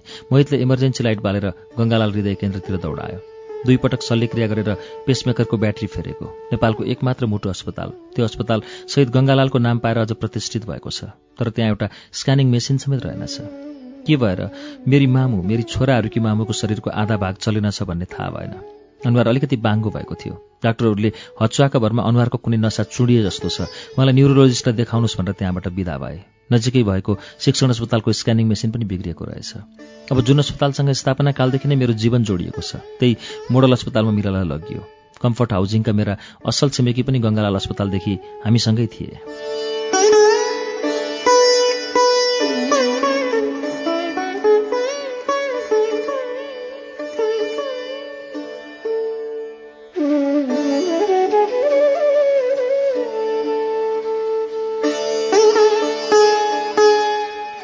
मोडल अस्पतालमा डाक्टर राजेश जोशीले मिराको स्क्यानिङ गराए। सबै आफन्तहरू मिराको मुख टुलु टुलु हेरिरहेका थिए। मोहित र म टोलाइरहेका थियौँ। सायद मोहित पनि आफ्नी मामुको स्वास्थ्य लाभको कामना गर्दै मैले जस्तै देवी देवताहरू पुकारिरहेको थियो। मैले डाक्टरलाई सोधेँ मिराको अवस्था कस्तो छ डाक्टर? डाक्टरले भने उहाँको ब्रेन हेमरेज भएको छ। दिमागको नसा चुडिएर रगत जमेको छ। यस्तो केसमा चौबिस घन्टाभित्र अर्को अट्याक पनि हुन सक्ने सम्भावना धेरै हुन्छ। हेरौँ अब लकको कुरा हो। यस्तो केसमा अमेरिकामा पनि शल्यक्रिया गर्यो भने दुई पर्सेन्ट मात्रै होप हुन्छ। टेलिभिजनहरूले ब्रेकिङ न्युज दिन थालेछन्। सञ्चारकर्मी मीरा आचार्य हरिवंश आचार्यकी पत्नी मोडल अस्पतालमा। उनको अवस्था गम्भीर। आफन्त इष्टमित्र हामीलाई मन पराउनेहरू मीराको स्वरका प्रशंसकहरूको अस्पतालमा भिड लाग्यो।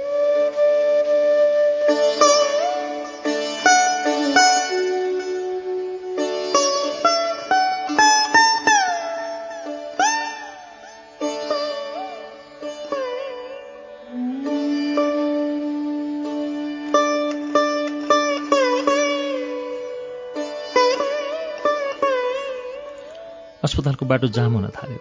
ट्राफिकले सिटी फुकेको अस्पतालको माथि तलासम्म सुनिन्थ्यो। म र मोहित आइसियु बाहिर स्तब्ध भएर बसेका थियौँ। ठुलो छोरो त्रिलोकलाई अमेरिकाबाट बोलाउन मदन दाईले फोन गरे। मेरो रक्तचाप धेरै बढेको थियो। डाक्टरले मलाई प्रेसर घटाउने र निद्रा लाग्ने औखति दिएर अस्पतालको क्याबिनमा सुताए। मेरो सहारा मोहित मसँगै बसिरहेको थियो। म राति उठ्दै आइसियुको ढोका बाहिर पुग्थेँ। राति बाह्र बजेपछि आइसियुको ढोका बन्द गरेँ। मलाई भने मेरो जिन्दगीकै ढोका बन्द भयो जस्तो लाग्यो।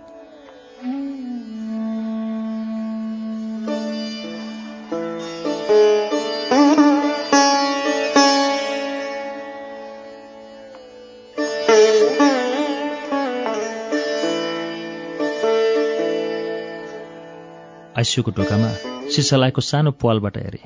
लाग्यो ज्योतिषीले भाग्य हेरे चाहिँ म आफ्नो अस्ताउँदो भाग्य हेरिरहेछु। आइसियूमा मेसिनहरू चलिरहेको देखेँ। मिरा सुतिरहेकी छिन्। थाहा छैन उनलाई कस्तो भइरहेको छ। बिहान छ बजे दुध लिएर म आइसियूभित्र छिरेँ। मिराको अनुहार बाङ्गिएको थिएन। हिजोको तुलनामा धेरै राम्रो भएछ। हात समाते। नचल्ने हातमा पनि बल अलिअलि आएको रहेछ। मैले उनको शिरमा हातले सुमसुमाउँदै भने मामु मेरा अति लजालु स्वभावकी उनी सत्ताइस वर्षको वैवाहिक जीवनमा कसैको अगाडि कहिले मसँग टाँसिएर बस्न आएनन् कसैको अगाडि उनले मलाई चुम्बन गरेकी थिएनन्। तर त्यस दिन उनले मेरो हात समातेर धेरै पटक चुम्बन गरिन्। धेरै पटक अस्पतालको बेडमा सुती सुती मेरो अनुहार हेरिरहन्।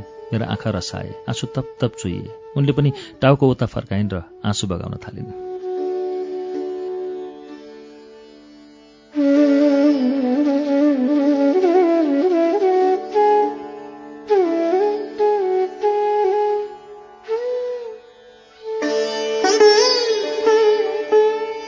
कान्ता दिदीलाई खबर गरिदिनु भनिन्।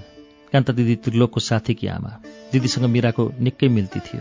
पहिले पहिले पनि मिरा अस्पताल भर्ना हुँदा बिरामी मिरा र म कुरुवालाई समेत खाना बनाएर कान्ता दिदी नै ल्याइदिन्थिन् मैले मिरालाई कतिको होस छ भनेर जाँच्नकै लागि कान्ता दिदीको नम्बर कति हो भनेर सोधेँ। उनले कण्ठै भनिन् बाङ्गिएको मुख पनि सिधा हुनु हातका औँला पनि अलिकति बल बढ्नु र होस पनि हुनुले ममा आश पलायो केही दिन अस्पताल राख्यो भने उनलाई ठिक हुन्छ अनि एक दुई महिना फिजियोथेरापी गरेपछि त पुरै ठिक हुन्छ भन्ने लाग्यो मलाई। मिरालाई हेर्न मोडल अस्पतालमा नभएका डाक्टरहरू पनि आएका थिए। डाक्टर सन्दुक रोहित तिलगङ्गा नगई आइसियू बाहिर दिनभरि बसिरहेका थिए।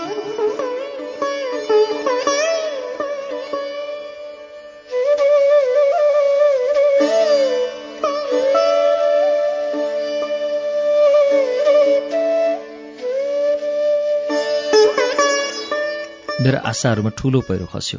बिहान नौ बजीतिर मिराको टाउको अचानक बेस्कन दुख्न थाल्यो। उनी मलाई नदुख्ने इन्जेक्सन दिनु भन्न थालिन्। पाँच मिनट अघि टेलिफोन नम्बर समेत कण्ठ थियो। अहिले होस हरायो।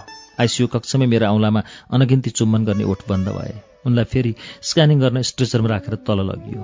म फाँसी दिन लागेको मान्छे जस्तै पछि पछि लागेँ। स्क्यानिङ हेरेर डाक्टर राजेशले भने no hope I am sorry तपाईँको ठुलो छोरा अमेरिकामा छ। उसलाई मुख देखाउने हो भने म भाउजूलाई भेन्टिलेटरमा राखिदिन्छु। मैले रुँदै भने उनलाई कतिको दुख्छ दुख्छ भने एक मिनट पनि नराख्नुहोस्। ब्रेन डेथ भइसक्यो। अब उहाँलाई केही थाहा हुँदैन।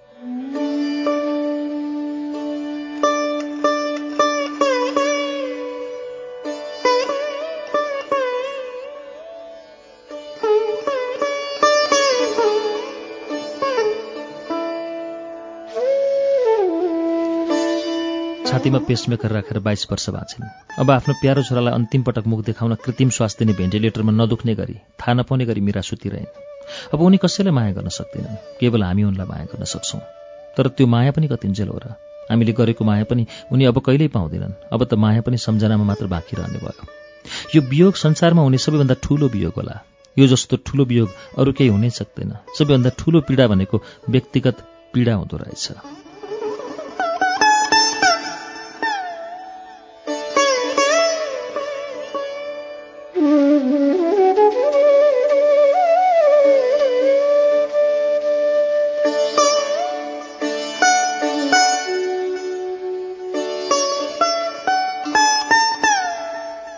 जुरुक्क उठ्छु आइसियूमा पुग्छु भेन्टिलेटरमा सुतिरहेकी मिराका खुट्टा समातेर फर्कन्छु फेरि जान्छु टाउको सुमसुमाएर फर्कन्छु कहिले जान्छु ओठमा औँला राखेर फर्कन्छु बौला भएको पनि होइन सध्य पनि होइन के भएँ भएँ म? क्याबिनमा मिराको भाइ मनोहर बसिरहेको थियो। एउटै दिदी दिदीको एउटै भाइ मनोहरको अनुहारमा हेर्दा मलाई ग्लानी भयो। मैले उसको आँखामा आँखा जुदाएर हेर्न सकिनँ। उसको एउटै दिदीलाई मैले बचाउन सकिनँ। कता कता आफू युद्ध अपराधी भएको भान भयो। आफ्नो अपराध स्वीकार गरेर आफैलाई आफैले मृत्युदण्डको सजाय दिन मन लाग्यो। मदन दाई मलाई सम्झाउँदै थिए तिमीले बचाउन धेरै कोसिस गर्यौ तर भगवान्ले गरेनन्। यसमा आफूलाई कुनै पक्षबाट दोष नदेऊ हरि।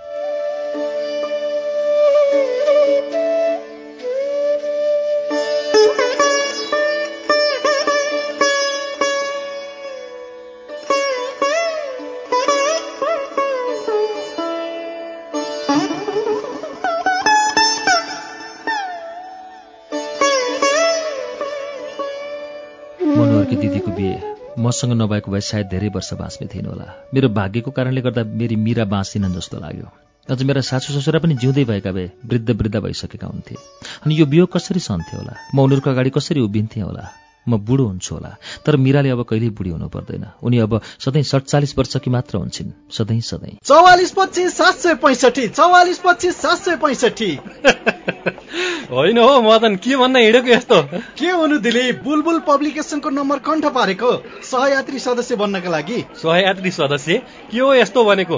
बुलबुल पब्लिकेसन नयाँ भएको र नयाँ लेखकहरूका लागि विशेष प्राथमिकता दिने हुनाले यो वर्ष एक हजार जनालाई सहयात्री सदस्य बनाउने रे। म पनि बन्नु पर्यो भनेर फोन नम्बर कण्ठ पारेको। चौवालिस पच्चिस सात सय पैँसठी चौवालिस पच्चिस सात सय पैँसठी।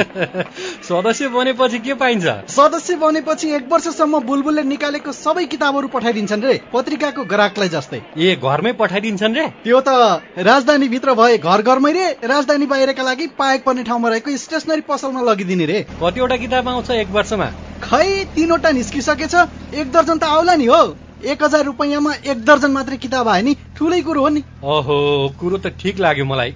लौ म पनि सहयात्री सदस्य बन्ने। भन त नम्बर कति रे बुलबुल पब्लिकेसनको? चौवालिस पच्चिस सात सय पैँसठी चौवालिस पच्चिस सात सय पैँसठी। बुलबुल पब्लिकेसन दिल्ली बजार काठमाडौँ। शून्य एक चौवालिस पच्चिस सात सय पैँसठी।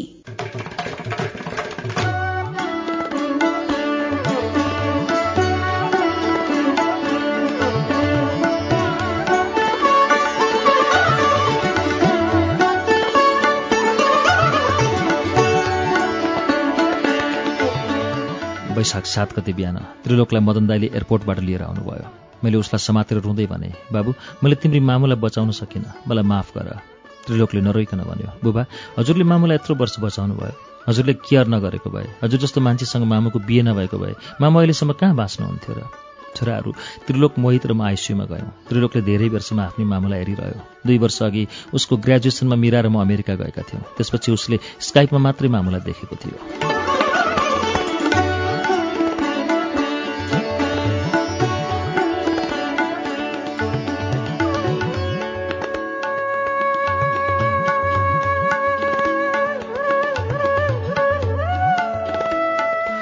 त्रिलोकले मामुलाई देख्यो तर कृत्रिम श्वास लिएर भेन्टिलेटरमा सुतिरहेकी मिराले उसलाई देखिनन्। डाक्टरले भेन्टिलेटरको कृत्रिम श्वासबाट छुटाउन हामीलाई बाहिर पठाए। दुई हजार चालिस माघ नौ गते सूर्यविनायक मन्दिरमा मदनदाई र यशोदा भाउजूलाई साक्षी राखेर मैले मिराको सिउँदोमा सिन्दुर हालेको थिएँ। छब्बिस वर्षपछि काठमाडौँ मोडल अस्पतालको आँगनमा थुप्रै टिभी च्यानलका क्यामेरा फोटोग्राफर र सयौं शुभचिन्तकलाई साक्षी राखेर स्ट्रेचरमा चिर निद्रामा सुतिरहेकी मिरालाई फेरि मैले सिन्दुर हालेँ।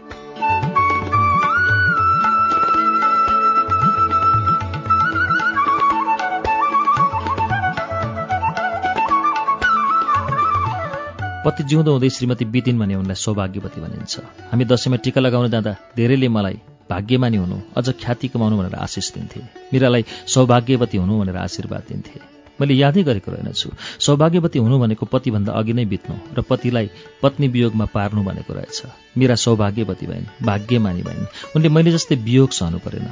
साथी ज्ञानेन्द्रलाल प्रधानले हामीलाई गाडीमा लिएर गए। गाडीमा म मदन दाई मोहित त्रिलोक र प्रदीप भट्टराई थियौँ।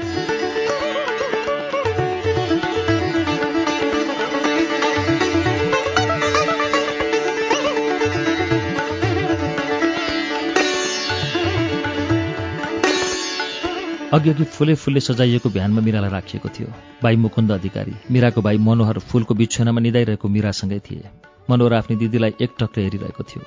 उसकी दुई वर्ष छोरी अनुज्ञा फुपू भनेपछि हुरुक्कै हुन्थिन्। उनले फुपू खै हाम्रो घरमा फुपू किन नआएको? फुपूको घरमा जाउँ भन्ने अनेक प्रश्न गर्लिन् अब के जवाफ दिने भनेर ऊ सोचिरहेको थियो होला।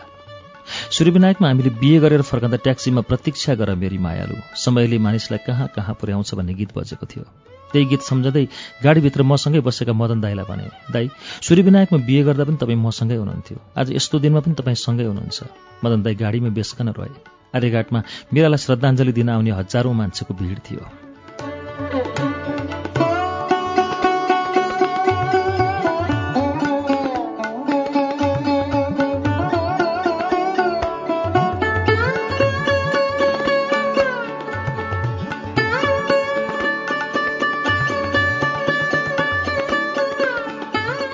ज्ञानेन्द्रलाल प्रधानले चिता फुलै फुलै सजाउन लगाएका रहेछन्। लाउड स्पिकरमा भजन बजिरहेको थियो। हामीले पहिले नै आँखा दान गरिसकेकाले आर्यघाटमै मिराको आँखाको नानी झिकियो।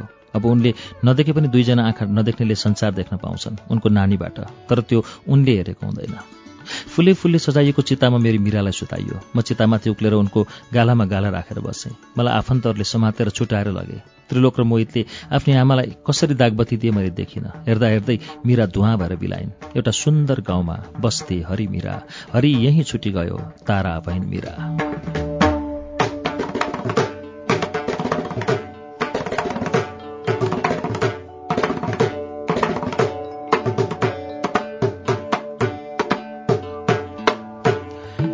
मिरा मलाई भन्थिन् हजुर श्रीमान चाहिँ मेरो मात्रै हुनु तर मान्छे चाहिँ सबैको हुनु।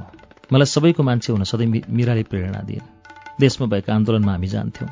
उनले कहिले नजानुस् भनिनन्। राति घरमा पुलिस आएर समातेर लाँदाखेरि पनि जाडो होला भनेर बाक्लो लुगा लगाएर जानुस् भन्थिन्। तर पुलिसले समात्ने काममा नजानुस् नगर्नुहोस् कहिले भनिनन्। त्यसैले होला उनको अन्त्येष्टिमा श्रद्धाञ्जली दिन हजारौँ मान्छे आएका। तेह्र दिनसम्म नेताहरू लगायत सर्वसाधारण समेत गरी दिनको एघार सय बराबर मान्छे घरमा आउँथे। सायद म श्रीमान चाहिँ मिराको मात्र थिएँ तर मान्छे सबैको भएको रहेछु।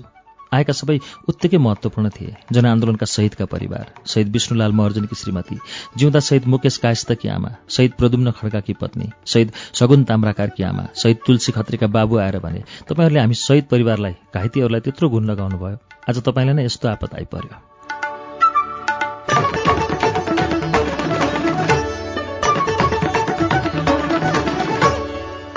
मिराले घरलाई घर बनाइदिएर गइन्। घर इँटा ढुङ्गाको जोडाइले मात्र बन्दैन। माया ममता वात्सल्य आनन्द सबै थोक मिसिएर बनेको हुन्छ। आफू कता गइन् कता? कहाँ बिलाइन् कहाँ? अब घरका भित्ता खाट ऐना थाल कचौरा सबैमा उनको याद मात्रै छ। यो यादले जीवन कसरी चलाउने हो सोच्नै सक्दिनँ। दैनिक धेरै मान्छे समवेदना प्रकट गर्न आउँथे। त्यत्रा मान्छेलाई दस बाह्र दिनसम्म व्यवस्थापन गर्न कम गाह्रो थिएन। कम्फर्ट हाउजिङका मेरा असल छिमेकी रामेश्वर केसी मनोज शर्मा सन्तोष गौतम उनका परिवार कर्मचारी श्रीप्रसाद यादव र अरू छिमेकी इष्टमित्रले गरेको सहयोग म कहिल्यै बिर्सने छैन। नचिन्ने त रोए अरे चिन्नेलाई के भो होला?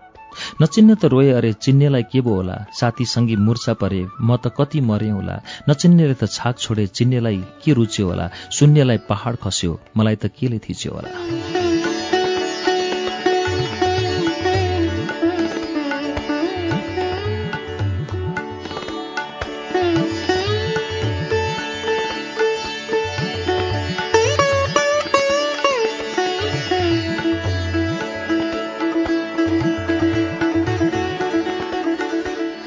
कस्तो जिन्दगी कस्तो हुँदो रहेछ? पलङमा गएर आँखा चिम्लेपछि एकै मिनटमा भुसुक्क निदाउने मान्छे म। अब त निन्द्रा भन्ने कस्तो हुन्छ जस्तो लाग्न थाल्यो। निदाउन पनि निदाउँछु तर छिनछिनमा झस्केर बिउजन्छु मैले भगवान्लाई जहिले पनि जगेडा शक्तिको रूपमा हेरेँ। कुनै बेला आपत विपद पऱ्यो भने त्यो जगेडा शक्तिलाई गुहार थिएँ। मलाई कहिले समस्या टरी पनि हाल्थ्यो कहिले टर्दैन थियो कहिले भगवान् छन् जस्तो पनि लाग्छ कहिले छैनन् जस्तो पनि लाग्छ। मिरा बिरामी पर्दा मैले त्यो जगेडा शक्ति खुब प्रयोग गर्न खोजेँ खुब गुहारेँ। तर आएनन् हेरेनन्। अब मलाई भगवान् छैनन् भन्ने लागेको छ। यदि रहेछन् भने पनि भगवान्हरू शोषक रहेछन्। हामीलाई रैती मान्ने उनीहरू जमिनदार रहेछन्। हामी कमैया देख्ने। मलाई भगवान्सँग साह्रै रिस उठ्यो। मैले भगवान्सँग बदला लिने पनि कल्पना गरेँ।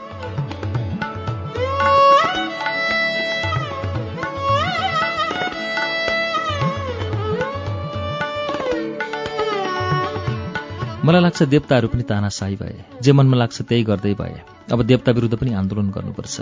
देवताहरू पनि अब परिवर्तन हुनुपर्छ। प्राणीको भावना नबुझ्ने अहिलेका सबै देवताहरू अवकाश हुनुपर्छ। अहिलेका यमराजको त तुरुन्तै मृत्यु हुनुपर्छ। यिनीहरूको कार्यकाल राम्रो भएन। पापीहरूलाई मात्र फलिफाप भयो। तस्कर काला बजारिया भ्रष्टाचारीको मात्र राज भयो। देवताहरू यिनीहरूसँगै बिकेका छन्। मान्छेले राम्रा राम्रा मन्दिर बनाइदिएका छन् थुप्रोको थुप्रो भेटी चढाइदिएका छन् लाखौँ हजारौँ वर्षदेखि यी देवताहरू सत्तामा बसेका छन्। त्यसैले यिनीहरूमा उन्माद चढेको छ। माया ममता दया करुणा भन्ने यिनीहरूमा केही छैन। अब यी देवताहरूलाई परिवर्तन गर्नुपर्छ। युवा र स्वच्छ छवि भएका देवताहरू खोज्नुपर्छ। यदि प्राणी भगवान्को सृष्टि हो भने मीरा भगवान्ले गरेको उत्कृष्ट सृष्टि हुन्। कुनै पनि चित्रकारले एउटा राम्रो चित्र बनायो भने त्यो चित्र हेर्दै उसले गर्व गर्छ। तर भगवान्ले आफूले गरेको उत्कृष्ट सृजनालाई आफैले हेला गरे। माया र जतन गरेनन्। दुःख दिएर रुवाए। नष्ट गरे।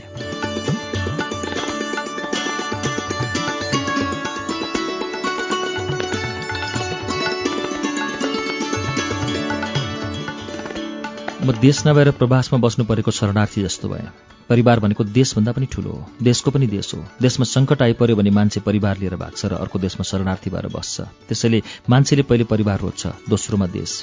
मिरा मेरा लागि देशको पनि देश हुन् नेपालको पनि नेपाल हुन्। नेपालमा हाम्रा विशेष गरी दुईटा अनुहार छन् एउटा आर्यन र अर्को मङ्गोलियन।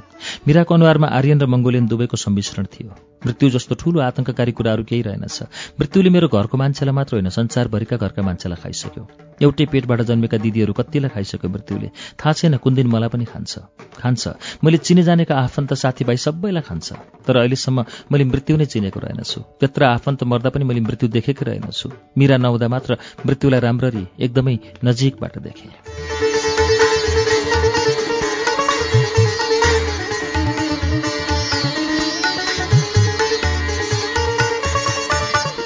श्रुति सम्वेकमा अहिले तपाईँले सुन्नुभएको वाचन हरिवंश आचार्यको चिना हराएको मान्छेको वाचन हो यसको सौभाग्यवती भन्ने अध्यायको वाचनमा छौँ हामी र यसको आधा आधीमा आएर आजको लागि श्रुति सम्वेकको समय सकिएको छ अर्को साता चिना हराएको मान्छेको चौधौं श्रृङ्खलामा योभन्दा अघिको वाचन सुनाउनेछु तबसम्मको लागि प्राविधिक साथी सशेन्द्र गौतम र म अच्युत घिमिरे विदा चाहन्छौ नमस्कार शुभरात्रि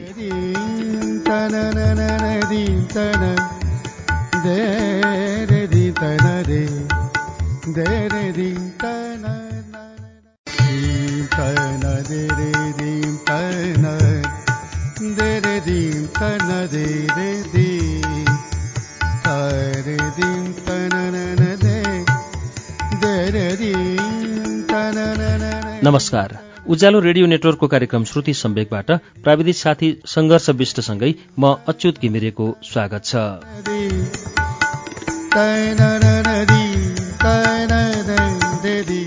श्रुति सम्वेकको आजको श्रृङ्खलामा हामी हरिवंश आचार्यको चिना हराएको मान्छे लिएर आइपुगेका छौं।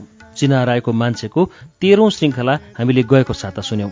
तेह्रौं श्रृङ्खलासम्म पुग्दा हरिवंश आचार्यकी श्रीमती मीरा आचार्यको निधन भएको छ। अब उहाँको आत्मकथा अगाडि कसरी बढ्छ? सुनौ हरिवंश आचार्यको आत्मकथा चिना हराएको मान्छेको चौधौं श्रृङ्खला पृष्ठ दुई सय त्रिहत्तरबाट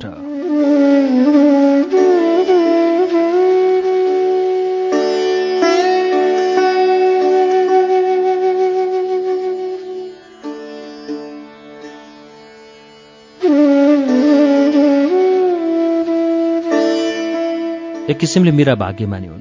मैले उनको वियोग सहेँ तर मेरो वियोग उनले सहनु परेन। परेको भए कसरी सहन्थिन् होला? कमसेकम पति वियोगमा छटपटाउनु त परेन। यति गाह्रो यति गाह्रो साह्रै गाह्रो रहेछ। म पहिले मर्या भए त तिमीलाई प्यारी औडा हुने रहेछ। फलामको छातीमा त यस्तो पोल्दो रहेछ। तिम्रो जस्तो फुलको मन त सबै डढ्ने रहेछ। यति गाह्रो यति गाह्रो चट्याङ लाग्ने रहेछ। म पहिले मर्या भए त तिमीलाई प्यारी बज्र खस्ने रहेछ। ढुङ्गाको मूर्तिलाई त फुटाइदिँदो रहेछ। तिमी दिल भएकीलाई त सुकाइदिने रहेछ। यति गाह्रो यति गाह्रो बाढी आउँदो रहेछ। म पहिले मर्या भए त तिमीलाई प्यारी बगाउने रहेछ। म जस्तो आगोलाई त जलाउँदो रहेछ। तिमी जस्ती शीतललाई त उमाल्ने नै रहेछ।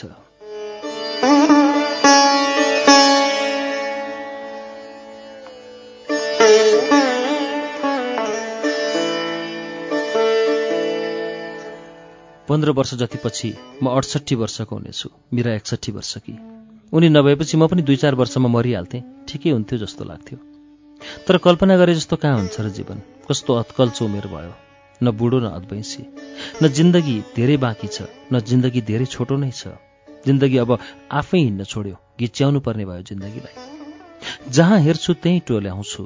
छैनौ भन्ने थाहा छ तै पनि बोलाउँछु। सब थोक दुरुस्तै छन्। तिमी मात्र छैनौ। हामी सबै यहीँ छौँ तिमी मात्र भएनौ। जहाँ आँखा बसाउँछु त्यहीँ आँसु खसाउँछु। आउन्नौ भन्ने थाहा छ तै पनि कराउँछु। सधैँ आउँछ नयाँ दिन त्यो दिन आउन्न। अब तिमीलाई भेट्न कहिल्यै पनि पाउन्न। जहाँ खुट्टा टेक्छु त्यही नै अडिन्छु। उठ्नै नसक्ने भई त्यही नै गाडिन्छु। पाउन्न भन्ने थाहा छ तै पनि चिच्याउँछु। मन नलागी नलागी जिन्दगी घिच्याउँछु।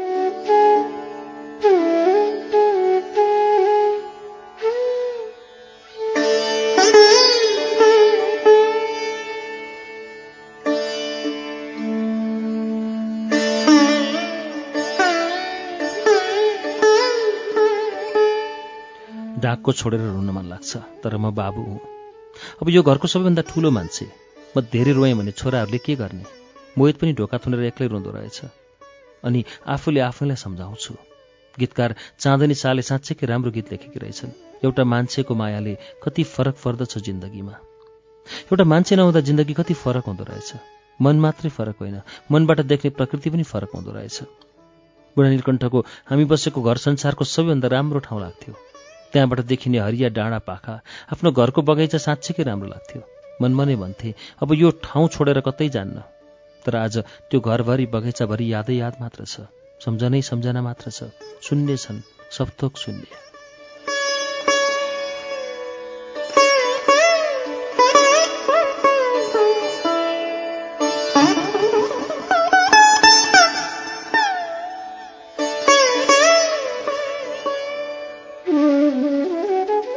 रङ पनि खुइलिए जस्तो। बगैँचामा फुल्ने फुलहरूको रङ पनि उडे जस्तो। मैले मात्र होइन घर बगैँचा त्यहाँ आइरहने चराचुरुङ्गी पनि मेरालाई खोजिरहेछन्। आरु फुल्या छ हाँगै झुल्या छ त्यो फुल तिमीलाई खोज्दै झ्यालमै पुग्या छ असार लाग्या छ फुल फुल्या छ त्यो असारे फुलले पनि झ्यालमै हेर्या छ हामी फल्दा हामी फुल्दा कस्तो खुसी हुने। यसपालि त झ्यालबाट नि च्याउनै नहुने। जुरेली र गौँथलीले के के कुरा सोध्छन्? घरको वरिपरि उड्दै तिमीलाई खोज्छन्। हामीले गीत गाउँदा तिमी कति खुसी हुने। हिजो आज हाम्रो गीत सुन्नै नआउने। बगैँचाका फूल हामी सबै दुब्लाएका। तिमीले टेक्ने दुबो पनि पिरले ओइलाएका। किन तिमीले यसरी हामीलाई भुलेको? मन परेन कि तिमीलाई हामी फुलेको?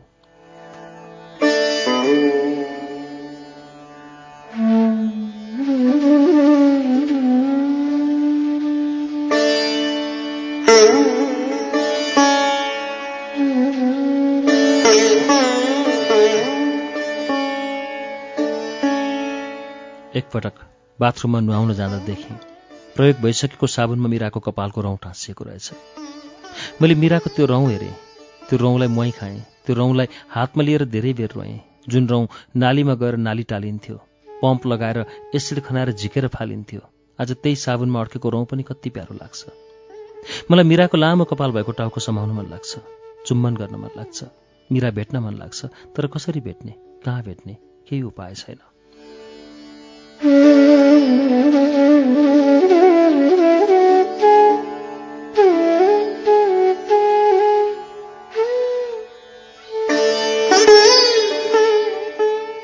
दराज खोल्छु। उनका साडी स्वेटर ह्याङ्गरमा झुन्डिएका छन्। चोलाहरू थपक्क पट्टिएर बसेका छन्। मलाई दराजभित्रै छिरेर मिराका साडीहरू ओढेर बस्न मन लाग्छ। आँखा चिम्म गर्छु। एक एक साडी लगाएकी मिरासँग हिँडेको डुलेको याद आउँछ। ब्लाउजहरू लिन्छु र चुम्बन गर्छु। एकपल्ट मात्र लगाएर नधोएको ब्लाउजबाट आउने मिराको मन्द मन्द पसिनाको गन्ध आउँदा मिरा पाए जस्तै हुन्छ। साडी चोलाहरूलाई मिरा भनेर बोलाउँछु मामु भनेर बोलाउँछु तर कोही बोल्दैन। केवल म बोलिरहेको हुन्छु। जताततै यादै याद छरिएका छन्। यी यादहरूमा बसिरहन मलाई गाह्रो हुन्छ।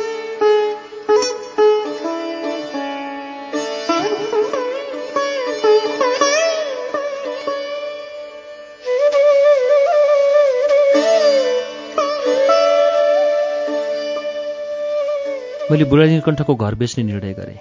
मलाई दुःख पर्दा अत्यन्त सहानुभूति राख्ने मेरा असल छिमेकीहरू रामेश्वर केसी दिदी तारा केसी मनोज शर्मा अन्जु शर्मा सन्तोष रविना गौतम नरेन्द्र श्रेष्ठ सुमन श्रेष्ठ सबैको चित्त दुखाएर म घर बगैँचा चराचुरुङ्गी सबै छोडेर बसाइ सरेँ। अहिले न बगैँचा छ न मिरा। न चराचुरुङ्गी छन् न त्यो मनोरम वातावरण। मिराको याद मात्र बाँकी छ। नयाँ ठाउँ नयाँ देश जाँदा मिरा पनि सँगै जान्थिन्। फेरि दोहोऱ्याएर त्यो देश जाँदा मिरा जान्नथिन् घर हेर्नुपर्छ खर्च पनि धेरै लाग्छ भनेर। उनले हामीसँग झन्डै आधा पृथ्वी घुमेकी छन्।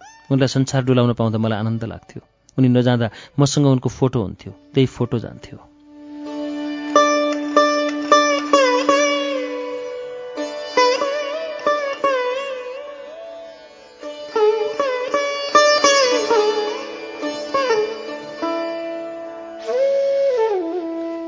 तर मिरा नभएपछि म उनको फोटो हेर्नै नसक्ने भएँ। फोटो हेरेर औडा हुन्छ। आफू पनि मर्न मन लाग्छ। पत्र पत्रिकाहरूमा हत्या भएका समाचार दिनहुँ देखिन्छन्।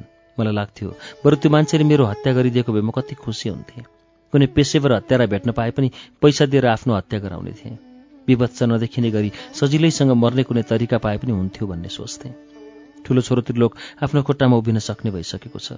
उसले जीवनसाथी पनि रोजिसकेको छ। तर कान्छो मोहित एक्लो छ। कुनै पेसा अँगालिसकेको पनि छैन। म मरिदिएँ भने उसको मनमा कति नराम्रो असर पर्ला भनी डराउँथेँ।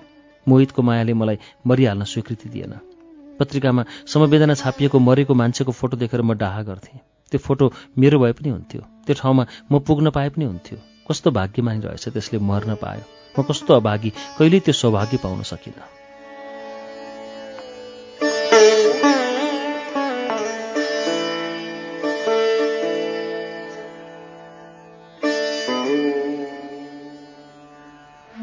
Doctor Saroj Dhital doctor Bharat Pradhan doctor Suman श्रेष्ठले मेरो भेट साइकेट्रिक डाक्टर कपिलसँग गराइदिए। कोठामा डाक्टर कपिल र म एक घन्टासँगै बस्यौँ। उनले मसँग धेरै कुरा सोधे। मैले उनीसँग मिराको फोटो हेर्न नसकेको कुरा पनि भने। उनले भने हेर्नुपर्छ। जबरजस्ती भए पनि हेर्ने बानी गर्नुहोस्। अनि ती फोटोहरू हेरेर उहाँसँग बिताएका राम्रा दिनहरू राम्रा क्षणहरू याद गर्नुहोस्। घरका भित्ताहरूमा मिराको फोटो राख्न थालेँ रुँदै रुँदै हेर्न थालेँ। धेरै दिन एउटै फोटो हेर्दा त्यो फोटो हेर्ने बानी लाग्दो रहेछ। नयाँ फोटो हेऱ्यो भने पीडा हुन्छ। पीडा भए पनि एल्बमहरू पल्टाएर हेर्छु अनि पुराना दिनहरूमा डुब्छु र फेरि आधा संसार मिरासँग डुल्न थाल्छु। कहाँ पुगेनम कहाँ डुलेनम? कहाँ पुगेनम कहाँ डुलेनम? कहाँ उडेनम कहाँ तरेनम? हेर्छु म अहिले फोटाहरूमा। कहिले जिस्किदिन्थ्यौ कहिले ठुस्किदिन्थ्यौ घर बगैँचा अनि चोटाहरूमा। फुलसँगै बसी खिचेका फोटा तिमी फुल हौ कि फुल फुल हो? चरा आउने गरी खिचेका फोटा तिमी चरा हौ कि चरा चरा हो? कहाँ मरिएन कहाँ बाँचिएन कहाँ परिएन कहाँ झरिएन? हेर्छु म अहिले फोटाहरूमा कहिले उफ्रिदिन्छौ कहिले कुदिदिन्छौ टल्पलिन्छन् आँखाहरूमा।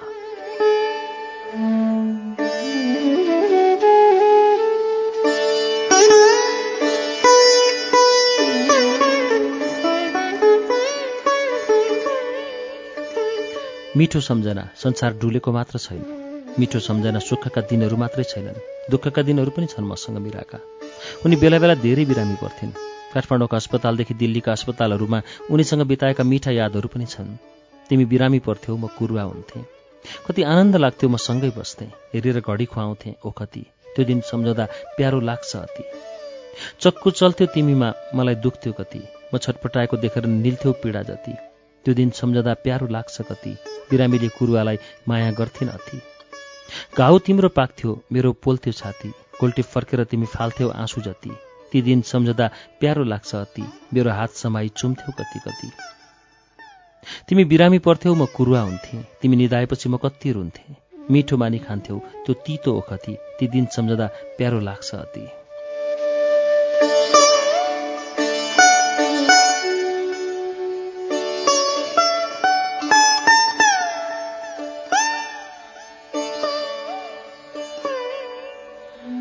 कतिपय मान्छेको अरूको कुरा नकाटी खाएको नपच्ने अरूको पीडा नदेखि निद्रा नलाग्ने अरूलाई टेकेर आफूमाथि उक्लनु पर्ने बानी हुँदो रहेछ। मिराको सम्झनामा म रोएको देखेर ओखति गर्न ब्याङ्कक लगेन दिल्ली लगेन भेलोर लगेन। अहिले रोएर के गर्ने भनेर कुरा काटेको पनि थाहा पाएँ। त्यत्रो वर्ष मिरा बिरामी पर्दा आफूले केही कमी गरे जस्तो लाग्दैन। देशमा उपचार भइ नै रहेको थियो। काठमाडौँमा उपचार सम्भव नभएको बेला दिल्लीमा पनि उपचार गराएकै हो। अचानक मस्तिष्कघात भयो। केही गर्ने मौकै पाइएन। ब्याङ्कक भेलोर दिल्ली लग्दैमा मान्छेलाई केही नहुने भए त्यहाँका अस्पतालमा उपचार गराउने कोही पनि मर्दैन थियो होला। सबै अमर हुन्थ्यो होला।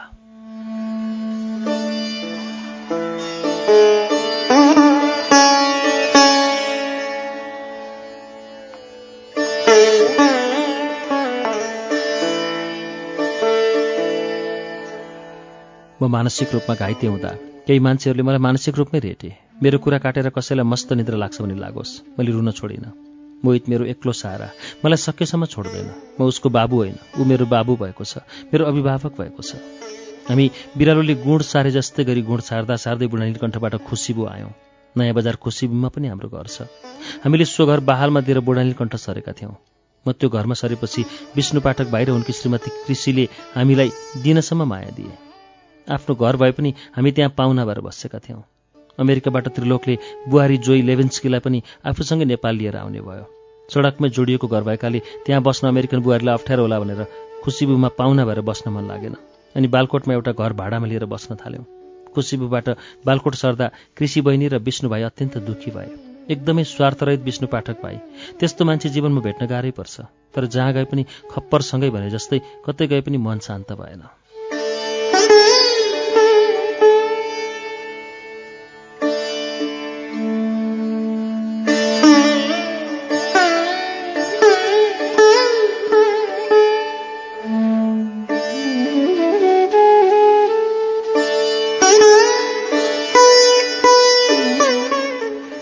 पर्यटन व्यवसायी मेरा भान्जा शिव ढकाललाई मैले सोधेँ मोहितलाई कुनै काममा लगाइदिन सकिन्छ भान्जा बाबु? उनले भने मोहितको जिम्मा मेरो भयो मामा हामी दुई भएर ब्रिक्स क्याफे चलाउँछौँ। मोहितलाई पनि शिव भान्जाले क्याफेमा सहकर्मीका रूपमा सहभागी बनाए। ऊ व्यस्त हुन थालेपछि मेरो मन ढुक्क भयो। भान्जा भान्जी भगवान् हुन् भन्छन्। मेरो भान्जा शिव पनि साँच्चैकै भगवान् भएर आए। छोरो त्रिलोक पनि अमेरिकाको राम्रो जागिर छोडेर बुहारी जोहीसँगै नेपाल आयो। तिमीले मलाई त्यस्तो राम्रो काम छोडेर किन नेपाल आएको भनेर सोद्धा म हजुरलाई मद्दत गर्न आएको। यस्तो बेलामा नआए कहिले आउने त भन्यो। उनीहरू आउँदा एउटी अमेरिकी छोरी घरमा आए जस्तो लाग्यो। जोईलाई नेपाली परम्परा अनुसार बिहे गरेर बुहारी बनाई आउने इच्छा थियो मिराको। त्यो इच्छा अब म एक्लैले पुरा गर्नुपर्नेछ। तर उताको चर्चको विधि चाहिँ पुरा भइसकेको छ। जोई यो घरकी बुहारी भइसकेकी छिन्।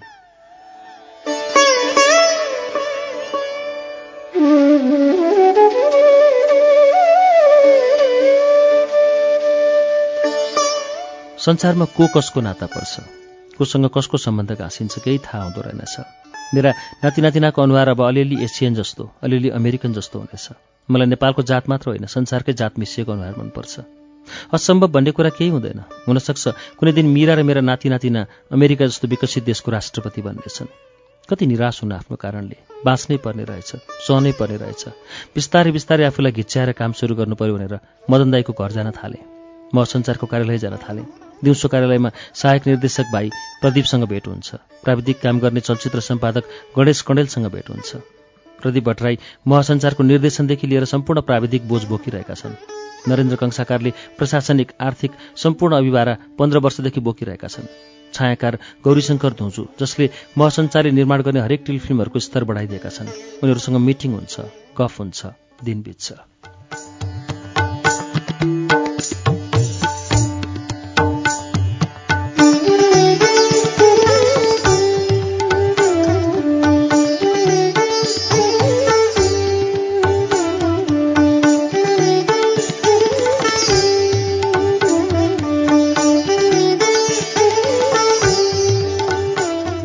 ब्रिक्स क्याफेमा मिहिनेत गर्दैछ। क्याफेको व्यापार साँझ परेपछि बढ्छ। ऊ आउँदा रात बुढो भइसकेको हुन्छ। नेपालमा रात पर्दा अमेरिकामा दिन हुन्छ। नेपालमै बसेर अमेरिकी कम्पनीमा सफ्टवेयरको काम गर्ने भएकाले राति पनि त्रिलोक ल्यापटप र फोनमै व्यस्त भइरहेको हुन्छ। अलिअलि समय बच्यो भने पत्नी जोइलाई पनि दिनुपर्छ। म एक्लै कोठामा धुमधुम्ती बस्छु। अब घरमा निर्जीव वस्तुहरू मेरा साथी भए। भित्ता दराज तकियाहरूसँग एकहोरो कति कुरा गर्ने। जति कुरा गरे पनि जवाफ आउँदैन। उनीहरूको जवाफ पनि आफैले दिनुपर्ने हुन्छ। मैले निदाउन कहिल्यै ट्याब्लेट खानु पर्दैन थियो। ओछ्यानमा ढल्नासाथ निद्राले स्वागत गरिहाल्थ्यो। अब निद्रा लाग्ने औषधि पनि मेरो साथी भएको छ। एक्लै लट्ठिएपछि मिरा खाटको देब्रेपट्टि सुत्थिन् भन्दै उनले ओड्ने सिरक फिजाउँछु। तकियामा एउटा कपडाको डल्लो राख्छु र त्यही डल्लोलाई पनि सिरकले छोप्छु। मिराको शरीर जस्तो बनाउँछु अनि मिरा पनि मसँगै सुतिरहेकी छन् भनेर कल्पना गरेर निधाउँछु।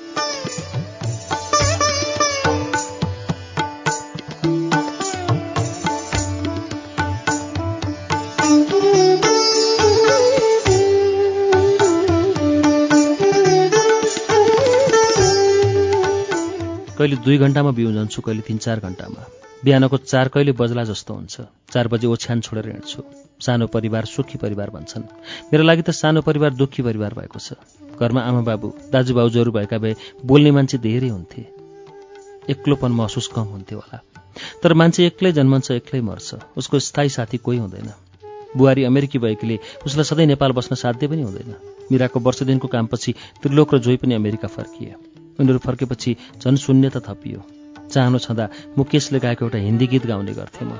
चल अकेला चल अकेला चल अकेला हजारौँ मिल लम्बे रास्ते।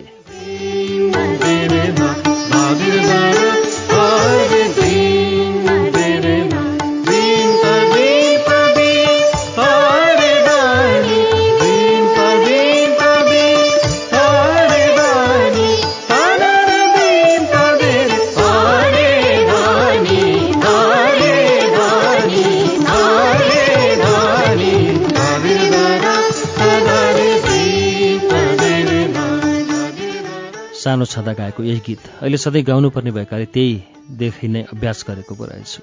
अचेल मलाई कसै कहाँ जान मन नलाग्ने कसैसँग बोल्न नपरे हुन्थ्यो जस्तो लाग्ने कुनै जमघट वा समारोहमा जान मन नलाग्ने कोही हाले पनि जमिरहेको जमघटमा गएपछि एकाएक नरमाइलो हुने जमघटमा सबैको जोडी देख्दा त्यहाँ मेरो आँखाले पनि अनायासै मिरालाई खोज्ने गर्न थाले जसले गर्दा मलाई त्यहीँ मुर्छा पर्छु जस्तो हुन लाग्यो। साथीहरूलाई पिर छ मलाई डिप्रेसन होला भन्ने। कहिले राजु भुजुले बोलाउँछ साँझमा ज्योति भुजुले हरिदाई आउनुभयो भनेर मिठो मिठो खुवाउँछिन्। कुनै साँझ गौरीशङ्कर धोजु कुनै साँझ नरेन्द्र कंसाकार कुनै साँझ शिव भान्जाको घर गयो। बुहारी सोभिताले बनाएको मिठो खाना खाएर फर्कियो।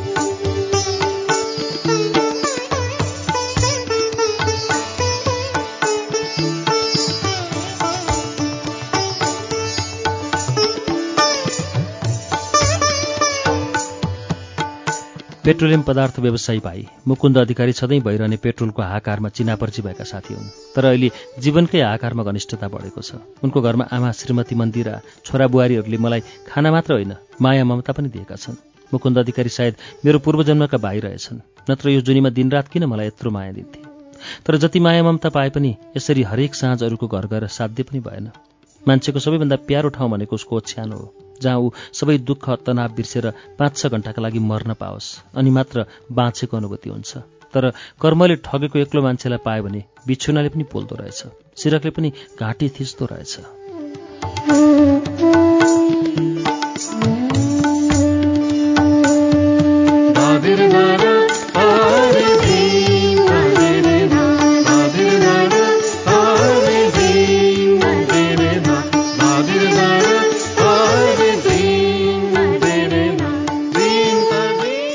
फेरि एउटा अर्को दुःख थपियो म संसारलाई दुलीखेल अस्पतालका संस्थापक डाक्टर रामकण्ठले महजोडीलाई निरोगी राख्नु पर्यो भनेर स्वास्थ्य परीक्षण गर्न हामीलाई अस्पतालमा बोलाए।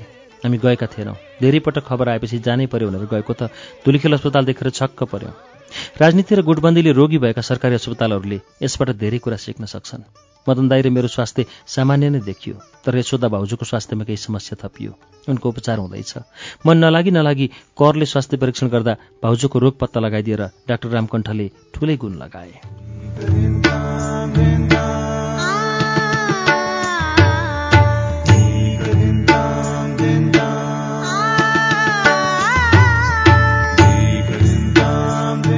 कार्यक्रम श्रुति सम्वेकमा अहिले हामीले सुनेको वाचन हरिवंश आचार्यको आत्मकथा चिना हराएको मान्छेको दिन के हो रात के हो अध्यायको वाचन हो। यसको अर्को अध्याय लिएर केही बेरमा आउनेछौँ। उज्यालो सुन्दै गर्नुहोला।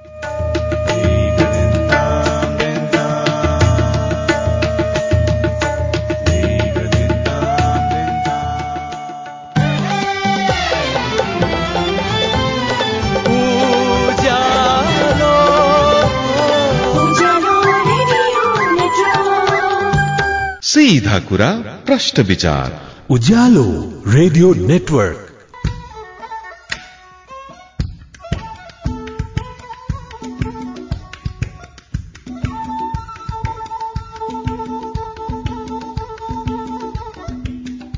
कार्यक्रम श्रुति सम्वेकमा तपाईँलाई फेरि स्वागत छ। श्रुति सम्वेक तपाईँ अहिले उज्यालो रेडियो नेटवर्क काठमाडौँसँगै देशभरिका विभिन्न एफएम स्टेशनहरूबाट एकैसाथ सुनिरहनु भएको छ। श्रुति सम्वेकमा हामी आज हरिवंश आचार्यको आत्मकथा चिना हराएको मान्छेको चौधौं श्रृङ्खला वाचन सुनिरहेका छौं। यसको बाँकी अंश वाचन अब सुनौ।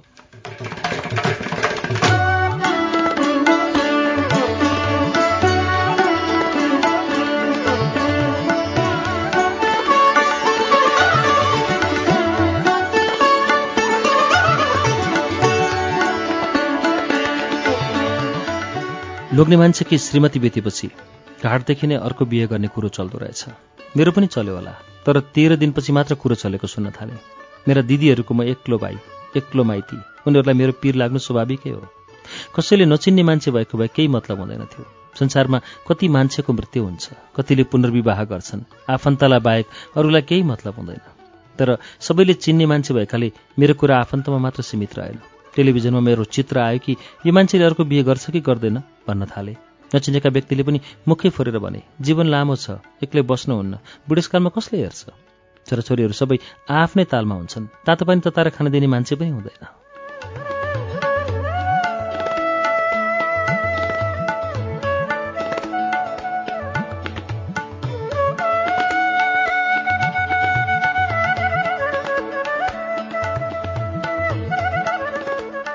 डिपार्टमेन्टल स्टोरमा म तरकारी दाल तेल बेसार किन्दै थिएँ। एउटा नचिनेको मान्छेले आएर भन्यो भान्साको सामान तपाईँ कति किन्नुहुन्छ? तपाईँले गर्ने काम अर्कै हो। साथी खोज्नुहोस् एउटा अनि तपाईँ आफ्नै काम गर्न थाल्नुहोस्। एउटा साथीले भन्यो हामी जस्तो भएको भए यसो बाहिरतिर लपसप गरेर पनि हिँडे हुन्थ्यो। तिमीलाई त सबैले चिन्छन् के गर्छौ? मदन दाई जो मेरो साथी मात्र होइन मभन्दा सात आठ वर्ष जेठो भएकाले उनलाई दाई भनेर सम्बोधन गर्छु। उनीहरू अहिले मेरा अभिभावक बनेका छन्। मदन दाई र यशोदा भाउजू मेरा लागि साँच्चीकै आदरणीय छन्। एक दिन मदन दाईले भने अब तिमीले आफ्नो लागि सोच्नुपर्छ। हाम्रो कामका लागि पनि सोच्नुपर्छ। तिमी यसरी झोक्राइरह्यो भने डिप्रेसन हुन्छ। म संसारलाई पनि घाटा हुन्छ। हामीले काम गर्न सकेनौँ भने देशलाई पनि घाटा हुन्छ। त्रिपन्न वर्ष पुग्यौ। जीवन अझै लामो छ तिम्रो गीता भन्छ मान्छे मरे पनि आत्मा मर्दैन। आत्माले देखिरहेको हुन्छ। मिरा मलाई भन्ने गर्थिन् हजुर श्रीमान चाहिँ मेरो मात्र हुनु। मान्छे सबैको हुनु।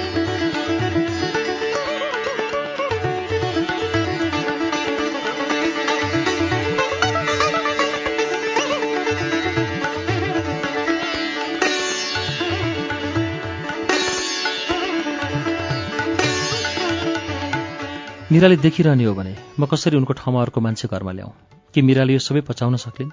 यदि मिराको आत्मा छ भने उनी देखिरहेकी छन्। उनी पक्कै पनि मलाई भेट्न कुनै न कुनै तरिकाले आउँछिन्। म यसरी रोएको देखेर उनी पक्कै हावा भएर पनि मेरो छातीमा छुन आउँछिन् होला। म अँध्यारो कोठामा घन्टौँ एक्लै बस्छु। घन्टौँ बस्दा पनि मिराका चुरा बजेको सुनिँदैन। पाइला चाल्दा सराक सुरुक गरेको सुनिँदैन। ढोका खोलेको लगाएको केही पनि सुनिँदैन। कतैबाट केही सङ्केतसम्म आउँदैन। मलाई लाग्छ। उनको आत्मा भनेको मै हुँ जसलाई उनी आत्मैदेखि माया गर्थिन्। जीवन त पानीको फोका रहेछ। पानीको फोका उठ्छ फुट्छ अनि पानीमै बिलाउँछ। हावाको झोका जस्तो पनि रहेछ जीवन। एउटा झोका आउँछ अनि हावामै बिलाउँछ।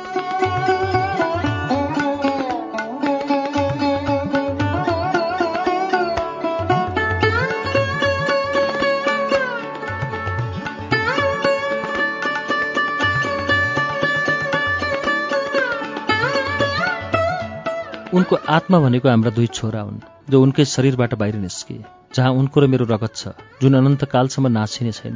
किनभने हाम्रा नाति नातिना हुनेछन्। तिनले पनि फेरि हाम्रा पनाति पनातिना जन्माउनेछन्। यो क्रम सृष्टि रहेसम्म चलिरहन्छ। हेरिरह्यो भने छोराहरूको आधा अनुहार मिरासँग आधा मेरो अनुहारसँग मिल्छ। छोराहरू आधा म जस्तो आधा मिरा जस्तो भएकाले मिरा र मेरो पनि अनुहार मिल्छ। भनिन्छ धेरै वर्षपछि लोग्ने स्वास्नीको अनुहार मिल्न थाल्छ। छोराछोरीका कारण। अमेरिकामा बसेको र त्यहाँको संस्कार देखेको हुनाले ठुलो छोराको सोचाइ अलिक फरक छ।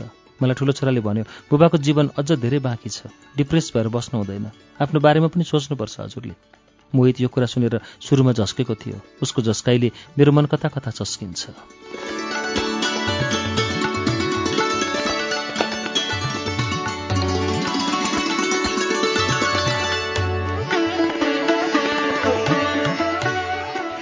मिराको आगमनपछि मैले कहिले पनि आफ्नो बारेमा सोचिनँ र सोच्नु पनि परेन। मिरा नै सोच्थिन्। त्रिपन्न वर्षमा विवाह। सुन्दैमा पनि गाह्रो लाग्छ। यो उमेरमा गर्ने विवाहलाई सम्झौता भने हुन्छ होला। जीवनसाथीको सम्झौता। मैले गरेको जीवनसाथीको सम्झौताले मेरा छोराहरू जीवनभर नठगिउन् जसमा मैले मिराको प्रतिरूप देखेको छु। मिरासँग मेरो जीवनका स्वर्ण दिनहरू बिते। ती दिनहरूमा म जवान थिएँ।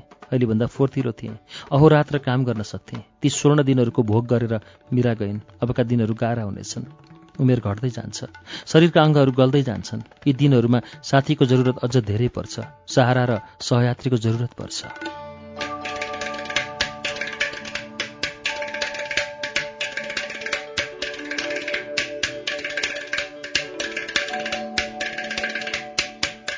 मेरा आफन्तहरू मेरो विवाह गर्न खोजिरहेका थिए। म सम्झौता गर्न खोजिरहेको थिएँ। आफन्तहरू मिरासँग अलिअलि नमिलेको जात पनि परम्परागत विवाह गरेर मिलाउन खोज्दै थिए। म अझ फरक जात र फरक परिस्थितिसँग सम्झौता गर्न खोज्दै थिएँ। मेरा आफन्तहरू म विधुर भए पनि केटी कन्या होस् म बिटुलो भए पनि केटी चोखी होस् चाडपर्व रीतिरिवाज पितृ सबैलाई राम्रो होस् भन्ने चाहन्थे। म शरीर बलात्कारमा परेको पीडित भए पनि मन चोखो होस् तर पीडा दिने नहोस्। चाडपर्व रीतिरिवाज पितृकर्म शुद्ध मनले जसले गरे पनि हुन्छ भन्ने सोच्दै थिएँ। धेरैतिरबाट कुरा आउन थाल्यो। म एक सय रुपियाँमा किन्न पाइने चिट्ठा जस्तै भएँ पर्यो कि करोडपति।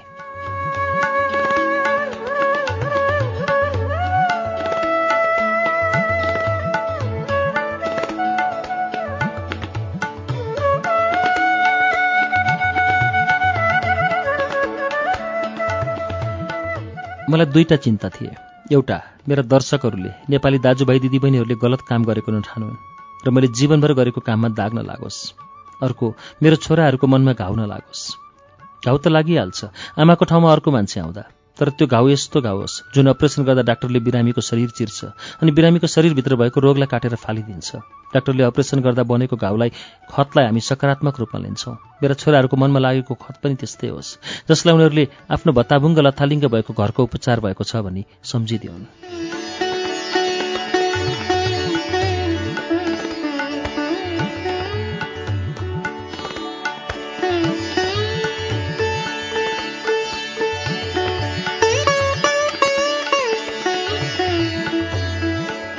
मदन दाई र भाउजूसँग मैले सल्लाह गरेँ। उनीहरूले पनि तिमीले गर्ने पुनर्विवाह अरूको भन्दा फरक हुनुपर्छ भने। रमिला पाठकका पति एघार वर्ष अघि बितेका थिए। उनी एघार वर्षदेखि माइतीको संरक्षणमा आमा बाबु दाजुभाइ भतिजा भतिजी छोरासँग बसेकी हुनाले आफूलाई एकर महिला भन्न रुचाउन्नन् उनले छोरालाई हुर्काइन् बढाइन् शिक्षित बनाइन्। अब उनले पनि आफ्नो भविष्यबारे सोच्न पाउनुपर्छ। आमा बाबु दाजुभाइ दिदी छोरा सबैले उनलाई पुनर्विवाह गर्न प्रोत्साहन गरे। एक्लो भएर छटपटाएर हिँडेको बाबुलाई जीवनसाथी खोजिदिन त छोराहरूलाई गाह्रो हुन्छ। गाह्रो भए पनि बाबु एक्लो भएको देखेर राजी भए। हामी आमाप्रति तपाईँले आफ्नो कर्तव्य पूरा गर्नुभयो। अब जीवनसाथीसँग बस्नुहोस् भन्न सक्ने छोरा कति महान होलान्। सोचाइ कति फरक छ। रमिलाको सिउँदोमा मैले पुनः सिन्दुर भरेँ। उनले जिन्दगीमा भोगेका घटना यत्रो वर्षसम्म सहेको पीडा उनले गरेको कर्तव्यका अगाडि गर्दन झुकाएर उनको हातबाट माला थापे।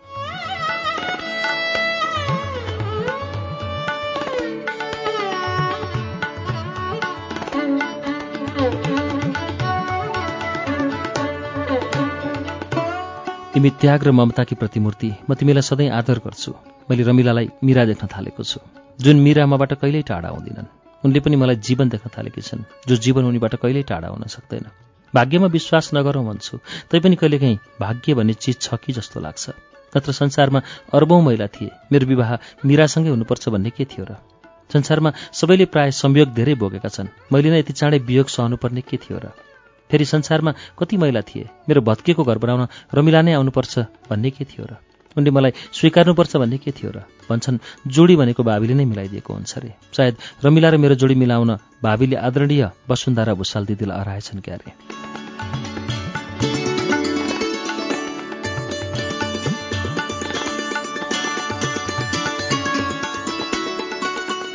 वसुन्धरा दिदीलाई मैले दुई हजार तेत्तिस सालदेखि नै चिन्ने मौका पाएको थिएँ। राष्ट्रिय नाचघरमा काम गर्दा नै म उनको घरमा आउने जाने गर्थेँ। उनका श्रीमान चेतनारायण भूषाललाई भिनाजु भन्छु। उनका छोराछोरी मलाई मामा भनेर सम्बोधन गर्छन्। वसुन्धरा दिदी मेरो सुख दुःखकी दिदी हुन्। म मिराको वियोगमा टोलाएको देखेर उनले तिमी एक्लै नबस्छ भनिन् र केही महिनापछि मेरा लागि रमिला मागिदिन्। रमिलाले मलाई पर्दामा देखेकी थिइन्। मैले उनलाई बिहे गर्नु चार महिना अघि मात्र देखेको थिएँ र बोलेको पनि थिएँ। उनले मलाई स्वीकार गरिन्। मैले पनि उनलाई स्वीकार गरेँ।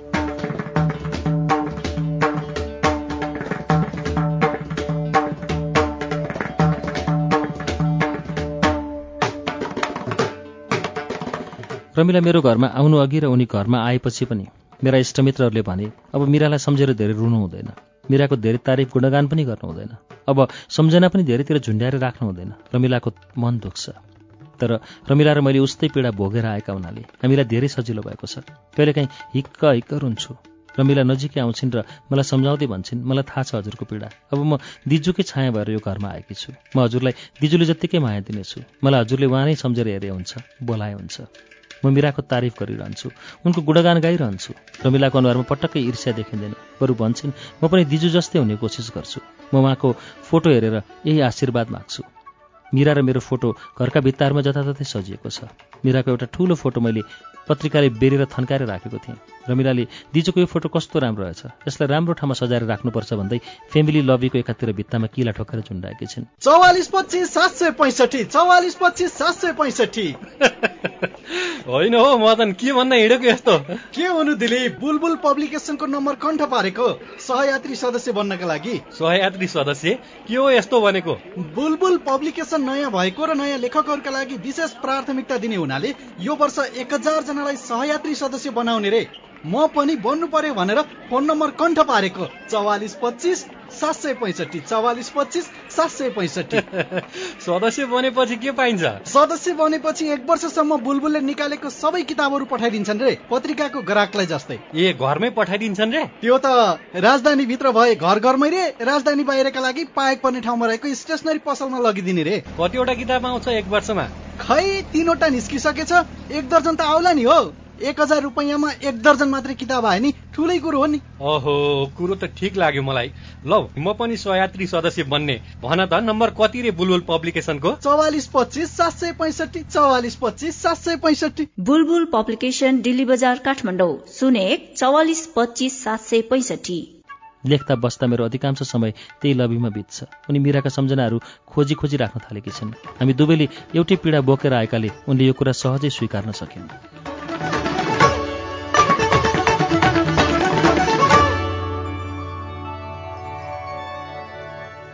एउटी अविवाहित कन्या केटी मैले घरमा भित्राएको भए यी कुराहरू सजिलै स्वीकार्न गाह्रो हुन्थ्यो होला। विगतका सम्झना मनबाट जबरजस्ती हटाउन खोजेर सकिँदै सकिँदैन। ती अतीतलाई केही कम गर्न मात्र सकिन्छ। रमिलाले मलाई मिरा भनेर सम्झेर रुने स्वतन्त्रता दिएकी छन्। मैले पनि उनलाई विगत सम्झेर रुने स्वतन्त्रता दिएको छु। तर उनी मलाई सम्झाउँदै भन्छन् म पहिले खुब रोएँ। आँसु मात्र आयो। तर उनी फर्केर कहिल्यै आएनन्। जीवनको सबैभन्दा भयानक सत्य मृत्यु रहेछ।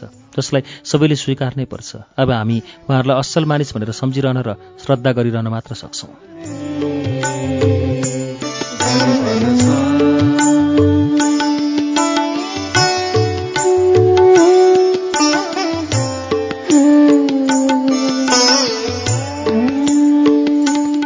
उनको भावनामा मेरो विगत र मिरासँगको प्रेमप्रति न ईर्ष्या छ न डाहा। मेरो धमिलिएको मनलाई उनी सधैँ हिउँको सफा र कञ्चन नदी बनाउन चाहन्छन्। एउटा निजी घरको कोठामा पन्ध्र मिनटको सिन्दुर पोते समारोहमा रमिला दुलै र म दुला भएर खिचेको फोटोमा हामी त्यति प्रफुल्ल देखिँदैनौँ। फोटो हेर्दा दुवैको अनुहारमा परिस्थिति पोखिएको छ। मान्छे एकपटक दुलादुलाई हुन त लजाउँछन् भने हामीले दुईपटक दुलादुलाई हुनु पर्यो। मान्छेले उमेरमा बिहे गर्दा त भविष्यप्रति चिन्तित देखिन्छन् भने हामीले उमेर ढल्कन सुरु भइसकेपछि पुनर्विवाह गर्नु पर्यो। यो पन्ध्र मिनटको छोटो समारोह भयो भने दुईजनाको जीवन गाँसिएको समारोह हो। रमिला सबै थोक त्यागेर मेरो जीवनमा प्रवेश गरेकी छन्। मैले आफ्नो हृदयको भित्तामा उनलाई सजाएको छु आफ्नो घरको इज्जत दिएको छु।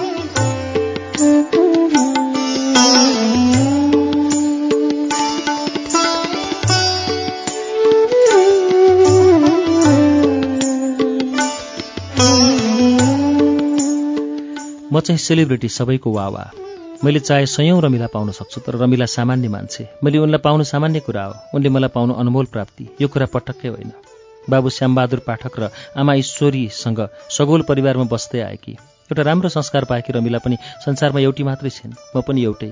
रमिला मैले भाग्यले प्राप्त गरेको दोस्रो जीवनसाथी हुन्। उनी दुलही म दुला भएर खिचेको फोटो दिनेश श्रेष्ठ र गौरीशङ्कर दोजुले दुईटा बनाएर उपहार ल्याइदिए। मैले एउटा बैठक कोठा र अर्को बेडरुममा राख्ने विचार गरेँ। रमिलाले बेडरुममा मिरा र मेरो फोटोसँगै हामी दुईको फोटो राख्दै भनिन्। अहिले फोटो बेडरुममा मात्रै राखौँ बैठक कोठामा पछि राखौँला। म भर्खर यो घरमा आएकी छु। छोराहरूलाई पनि बानी परोस्। मैले छोराहरूको मन पनि जित्नुपर्छ। उनीहरूले भित्री मनबाट आमा भनेर अवश्य स्वीकार्नेछन्। त्यसपछि यो फोटो बैठकमा राखौँला नि है?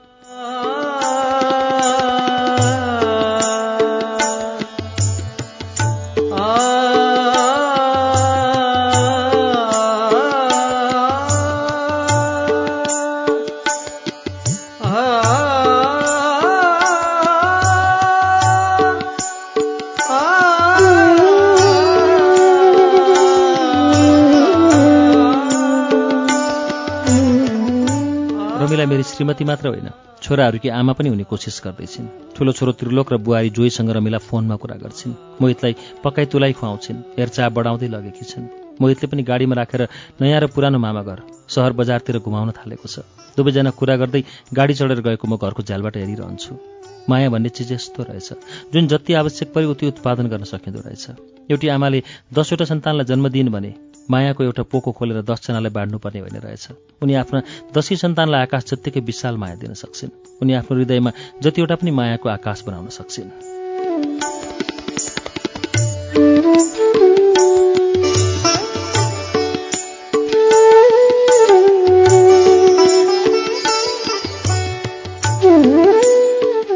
मैले मिरालाई दिएको माया कटौती गरेर रमिलालाई दिनुपर्ने होइन रहेछ। मिरालाई मैले दिएको माया जतिको तत्ति नै छ। बरु अझ बढेको होला घटेको छैन। रमिलालाई दिने नयाँ माया हृदयबाट उत्पादन हुन थालेको छ। मैले एउटा चलचित्रमा गीत लेखेको थिएँ। माया तिम्रो कति छ कति छ। हिमालमा हिउँ परे जति छ। हरेक मान्छेको मनमा मायाको पनि कारखाना छ र घृणाको पनि। ईर्ष्या द्वेष लोभको पनि कारखाना छ जुन असीमित उत्पादन हुन सक्छ। केवल हृदयमा भएको मायाको कारखाना सञ्चालन गर्ने कि घृणाको कारखाना त्यो आफ्नो सोचाइमा भर पर्छ।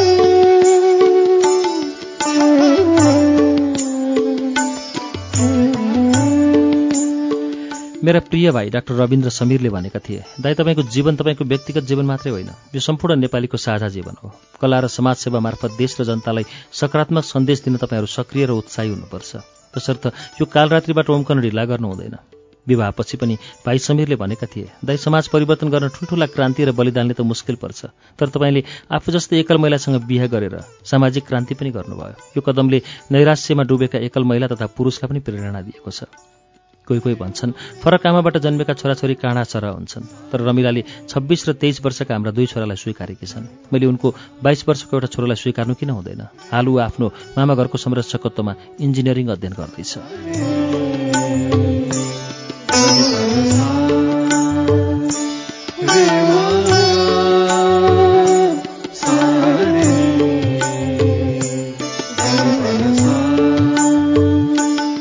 छोराहरूको अनुहार हेर्दा कता कता? म बाबु भएर पनि स्वार्थी त भइन भन्ने लाग्छ। छोरा हो मलाई माफ गर है भनौँ भनौँ लाग्छ।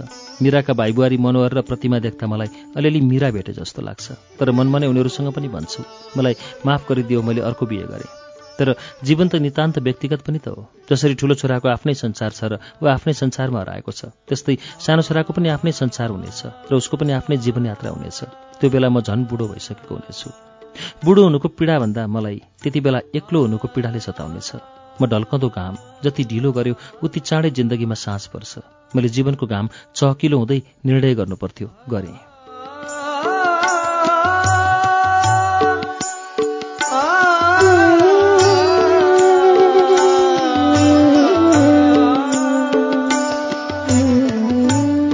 माथिल्लो गराको पानी तल्लो गरामा झर्छ तर तल्लो गराको पानी माथिल्लो गरामा उक्लँदैन भने जस्तै छोराहरूको पनि माया उनीहरूको श्रीमती उनीहरूकै छोराछोरीतिर बग्छ होला। माथिल्लो गरामा उनीहरूको माया उक्लन गाह्रो हुन सक्छ।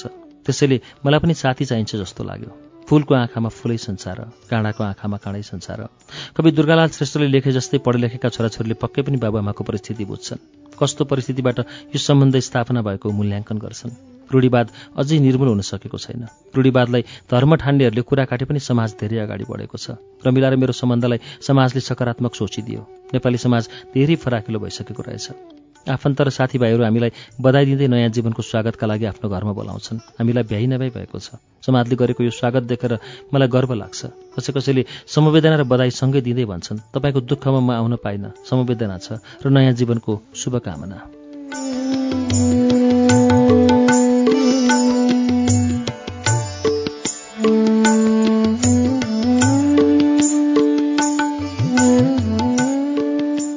त्यसै गरी एकपटक संवेदना र बधाई ग्रहण गर्दा कता कता मेरो मनमा ग्रहण लाग्छ।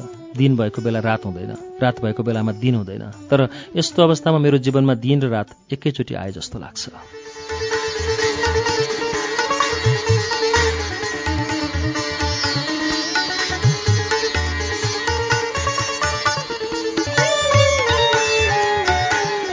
श्रुति सम्वेकमा अहिले हामीले सुनेको वाचन हरिवंश आचार्यको आत्मकथा चिना हराएको मान्छेको चौधौं श्रृङ्खलाको वाचन हो। र यसमा हामीले मीरा र रमिला शीर्षकको अध्याय वाचन गर्दा गर्दै समय सकिएको मलाई सङ्केत गर्नुभयो सङ्घर्ष विष्टले। अब आजको लागि हामीले चिना हराएको मान्छेको वाचन रोकेका छौँ मात्रै होइन अब केही पेजहरू मात्रै बाँकी छन् यसबाट वाचन हुनको लागि। अर्को साता एकदमै थोरै समय यसको वाचन गर्नेछौँ र लेखक हरिवंश आचार्यको समय मिल्न सक्यो भने उहाँलाई अर्को हप्ता म लिएर आउनेछु र उहाँको समय मिल्न सकेन भने हामी तपाईँलाई फेसबुकबाट प्रश्नहरू दिनेछौँ र यो पुस्तकबारे तपाईँले दिनुभएको उत्तर नै म आउँदो साताको श्रुति सम्वेकमा प्रस्तुत गर्नेछु। आउँदो साता यसको पन्ध्रौं श्रृङ्खला अर्थात् अन्तिम श्रृङ्खला रहनेछ।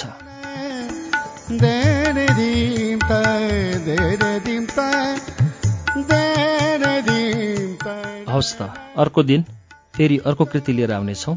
तबसम्मको लागि प्राविधिक साथी सङ्घर्ष विष्ट र म अच्युत घिमिरे बिदा चाहन्छौ। नमस्कार शुभरात्री।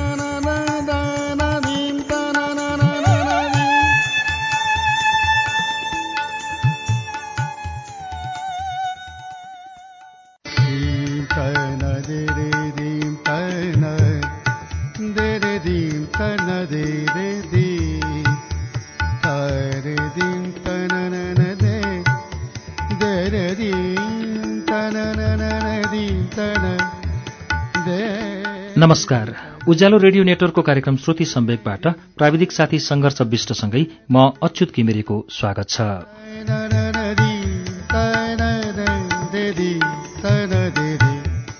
श्रुति सम्वेकको आजको श्रृङ्खलामा हामी हरिवंश आचार्यको आत्मकथा चिना हराएको मान्छेको अन्तिम श्रृङ्खला अर्थात् पन्ध्रौं श्रृङ्खला लिएर आइपुगेका छौं। हामीले गएको चौध सातादेखि तपाईँलाई चिना हराएको मान्छेको वाचन सुनाइरहेका छौं। आज पन्ध्रौं श्रृङ्खलामा यसको वाचन गर्न रहेको केही पृष्ठहरू वाचन गर्छौं र त्यसपछि यसका लेखक कलाकार हरिवंश आचार्यसँग कुराकानी गर्छौं। सुरुमा सुनौ गएको साता हामीले वाचन गर्दा गर्दै छोडेको दुई सय त्रियानब्बेौं पृष्ठदेखिको वाचन।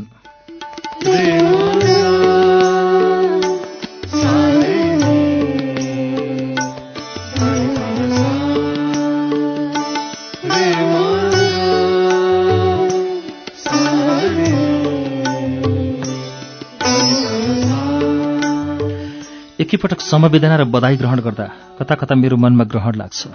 दिन भएको बेला रात हुँदैन रात भएको बेलामा दिन हुँदैन। तर यस्तो अवस्थामा मेरो जीवनमा दिन र रात एकैचोटि आए जस्तो लाग्छ।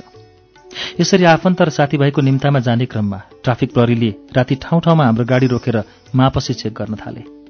पहिले पहिले मलाई देखेपछि जानुहोस् भन्थे। हिजो आज मापसी मेसिन नजिकै ल्याएर मलाई फुक्न लगाउँछन् तर आँखा भने रमिलातिर हुन्छ।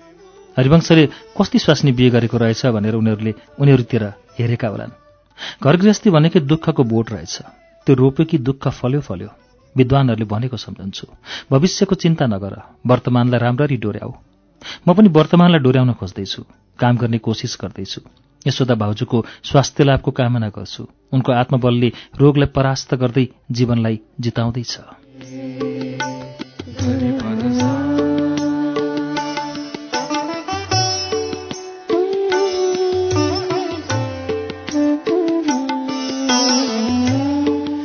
मदन दाईसँग मित्रताको डोरी अझ बलियो बाट्ने कोसिस गर्दैछु। हाम्रो मित्रताको डोरीका कच्चा पदार्थ बाबियो जुट प्लास्टिक आदि केही होइनन्। काम हो। काम गरेरै बाट्नुपर्छ। नेपालको एउटा असल काम गर्ने जोडी थियो भनेर सबैले सम्झिरहन् भनेर नै हामी सहकार्य गर्छौं। एक दिन भाइ डाक्टर समीरले मेरो ब्लड प्रेसर जाँच्दै भने दाई रमिला भाउजू आएपछि तपाईँको अनुहारमा फेरि तेज आएको छ। अझ लेख्नुहोस् काम गर्नुहोस्। तपाईँहरूले धेरै काम गर्नुपर्छ। कहिलेकाहीँ मनमा त्यसै त्रास उत्पन्न हुन्छ। मैले एकपटक जीवनसाथीको वियोग भोगिसकेको छु। रमिलाले पनि भोगिसकिन्। अब रमिला र मेरो एकैपटक त मृत्यु अवश्य पनि हुँदैन होला। अघि पछि त हुनै पर्ने रहेछ। फेरि एकपटक दुईजनामा एकजनाको जीवनमा वियोगको पीडा दोहोरिएला। कति गाह्रो होला फेरि त्यो दिन। अब भावीले के गरिदिन्छ थाहा छैन। मर्नु त अवश्य छ। जन्मेपछि को के हुन्छ को कहाँ पुग्छ पक्का हुँदैन। तर उसले मर्नुपर्छ भन्ने चाहिँ पक्का छ।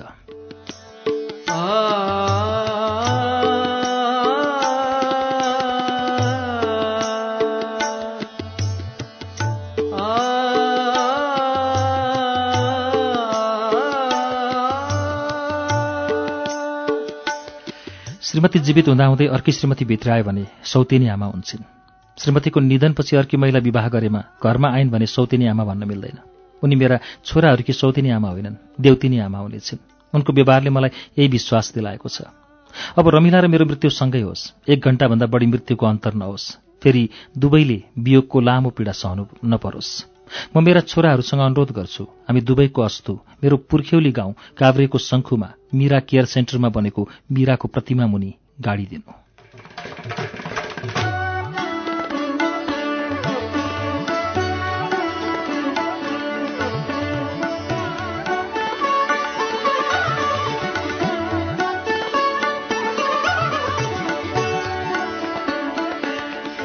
एन्टेना फाउन्डेसन र सेभ द चिल्ड्रेन भन्ने संस्थाले मैले जे भोगे नामक टेलिभिजन कार्यक्रम गर्ने निर्णय भयो प्रेसमा प्रस्तुताको भूमिका मैले गर्नुपर्ने प्रस्ताव आयो।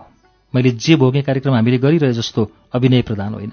वास्तविकतामा आधारित यस कार्यक्रममा नेपालका विकट ठाउँमा बालबालिकाले भोगेका कथा व्यथालाई टेलिभिजनबाट देखाउनु पर्ने र मैले बालबालिकाले भोगेका कथालाई अन्तर्वार्ताका माध्यमबाट प्रस्तुत गर्नुपर्ने भयो। विजय कुमार पाण्डे इन्द्रलोहनी भूषण दालले प्रस्तुत गरेका कार्यक्रमहरू हेरेर प्रभावित भएको छु। त्यसैले म कहिलेकाहीँ साथीहरूको जमघटमा विजय कुमार पाण्डेको नक्कल पनि गर्थेँ।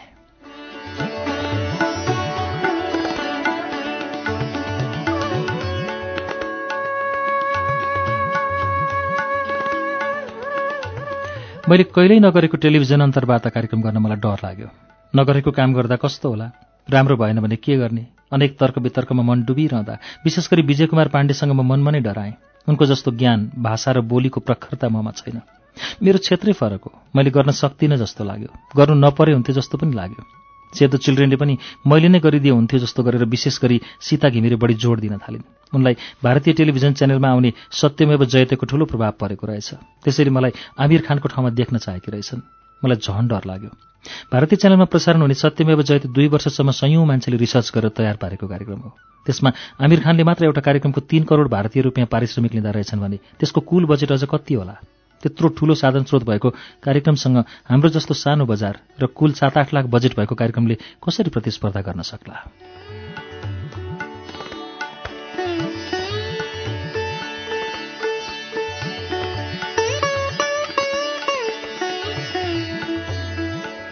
हाम्रो कार्यक्रम प्रसारण भएपछि दर्शकले आमिरले सञ्चालन गरेको सत्यमेव जयतेसँगै मैले जे भोगे कार्यक्रमलाई दाँजेर हेर्छन् नै।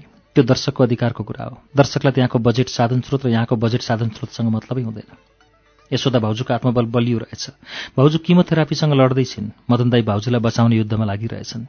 मिराको वियोगपछि मैले करिब डेढ वर्ष कुनै कार्यक्रम गर्न सकिनँ। मदन दाई अहिले भाउजूको उपचारमा व्यस्त छन्। त्यसैले दुई वर्ष जति भयो महसञ्चारले उल्लेख्य काम गर्न सकेको छैन।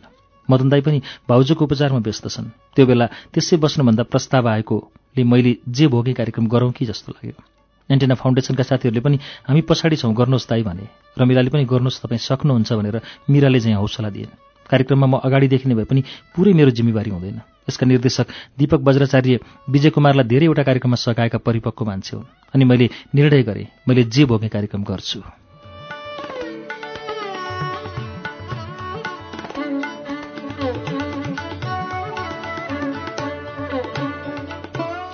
कति नानीहरू पन्छी हुन् पखेटा छैन।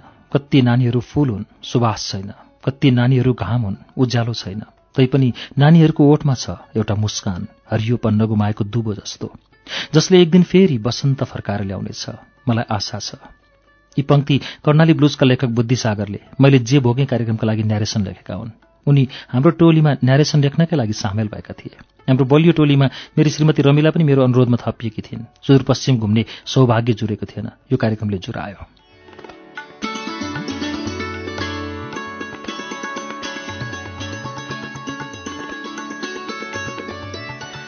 सधैँ मान्छेलाई हँसाउने गरिन्थ्यो। यसपालि आफै रुन गइयो। द्वन्द्वको परिणाम कुपोषण गरिबी अभाव असुरक्षा आदिमा चुर्लुममा डुबेर लथालिङ्ग जिन्दगी बाँचेका नानीहरूका सुन्नै नसकिने कथाहरू नजिकबाट देखेर खप्नै गाह्रो भयो। ती भोग्नेहरूलाई कस्तो भयो होला? बुद्धिसागरकै न्यारेसनको लेखाइ जस्तै सुन्न पनि गाह्रो सुनाउन पनि गाह्रो सुनेर पत्याउन पनि गाह्रो कथा। बाबुले छोरीलाई बलात्कार गरेर जन्मेकी नानीको कथा मितबाले बलात्कार गरेर जन्मेकी अर्की नानीको कथा एचआइभी संक्रमणबाट आमा बाबु दुवै गुमाएका नाबालिका बहिनी नाबालक दाई नै अभिभावक भएको कथा। जति बच्चा जन्मे पनि कुपोषणले खाएका आमाहरूको कथा बस खसेर एउटै गाउँका थुप्रै टोहरा टोहरीहरू भएको कथा छाउपडीका कथा।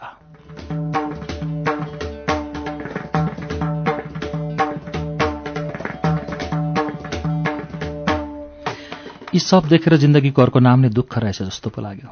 जतासुकै दुःख त्यो ठाउँ दुःखै दुःखको राजधानी जस्तो।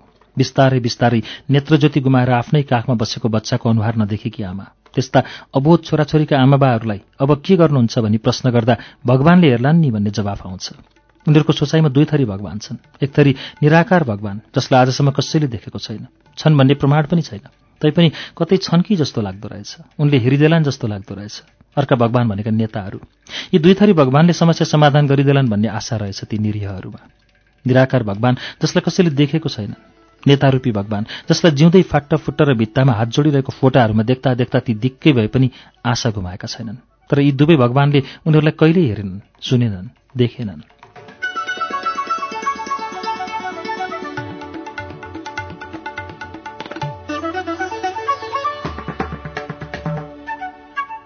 दुर्गम गाउँहरूमा रोजगारीका अवसर कतै छैनन्। एक दुई रोपनी जमिनमा कुटो कोदालो गर्यो जीवन चलायो। सरकारले केही गर्नु परेको छैन। कति ठाउँमा त सरकारको उपस्थितिको आभास पनि हुँदैन। रोजगारीका लागि निर्विकल्प देश भारत भएको छ। त्यहाँका बाबुआमाहरू आफ्ना छोराछोरी जन्मनासाथ भारत काम गर्न गएको सपना देख्न बाध्य छन्। यो नै उनीहरूको सबैभन्दा सुन्दर सपना रहेछ। सुन्ने गरिन्छ नेपालमा पश्चिमबाट घाम उदाउन सक्छ। यसको मतलब हो प्रकृतिले दिएको अतुलनीय वरदान प्राकृतिक स्रोतलाई उपभोग गर्न सकियो भने नेपालमा राति पनि बिजुली बत्ती बालेर काम गर्न सकिन्छ। भारतलाई गाली गरेर आफूलाई राष्ट्रवादी ठाने नेताहरूले प्रकृतिले दिएको वरदानको सदुपयोग गरेर नेपालीलाई भारतको गल्ली गल्लीमा ढोका ढकटकाएर काम खोज्न जानुपर्ने बाध्यताबाट खोइ बचाउन सकेका। बरु उनीहरू युवाहरूलाई विदेशी बाध्य बनाएर बाल र वृद्ध वृद्धालाई मात्र शासन गर्न खोज्दैछन्। यी युवाहरूलाई विदेशीनबाट बचाउनु पो राष्ट्रवाद। तराईको अपराध जताततै गुइठा बलेर धुवाँले छोपिएको छ। जंगल फाँडिएर चारकोसे झाडी मरूभूमि जस्तो नाङ्गो हुन लागेको छ। देश अन्धकारमा डुबेको देख्दा कर्णाली नदी सुत्केरी आमाले बच्चालाई दुच्चु सानो नपाएर गानिए जस्तै भएकी छन्। देश अन्धकार देख्दा कर्णालीको छातीमा असहज पीडा हुन्छ।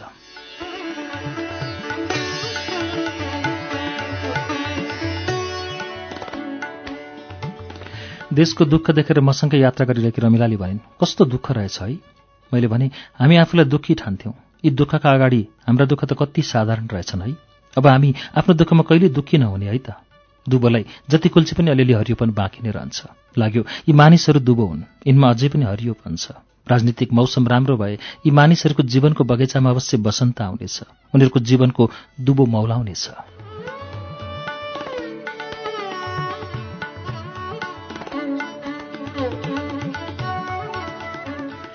एकपटक अमेरिकाको कनेक्टिकट राज्यमा हाम्रो कार्यक्रम हेरेर तारानाथ शर्माले गमलङ्ग अँगालो मारेर भने भाइ तिमी यो देशमा जन्मेको भए कहाँ पुग्ने थियौ?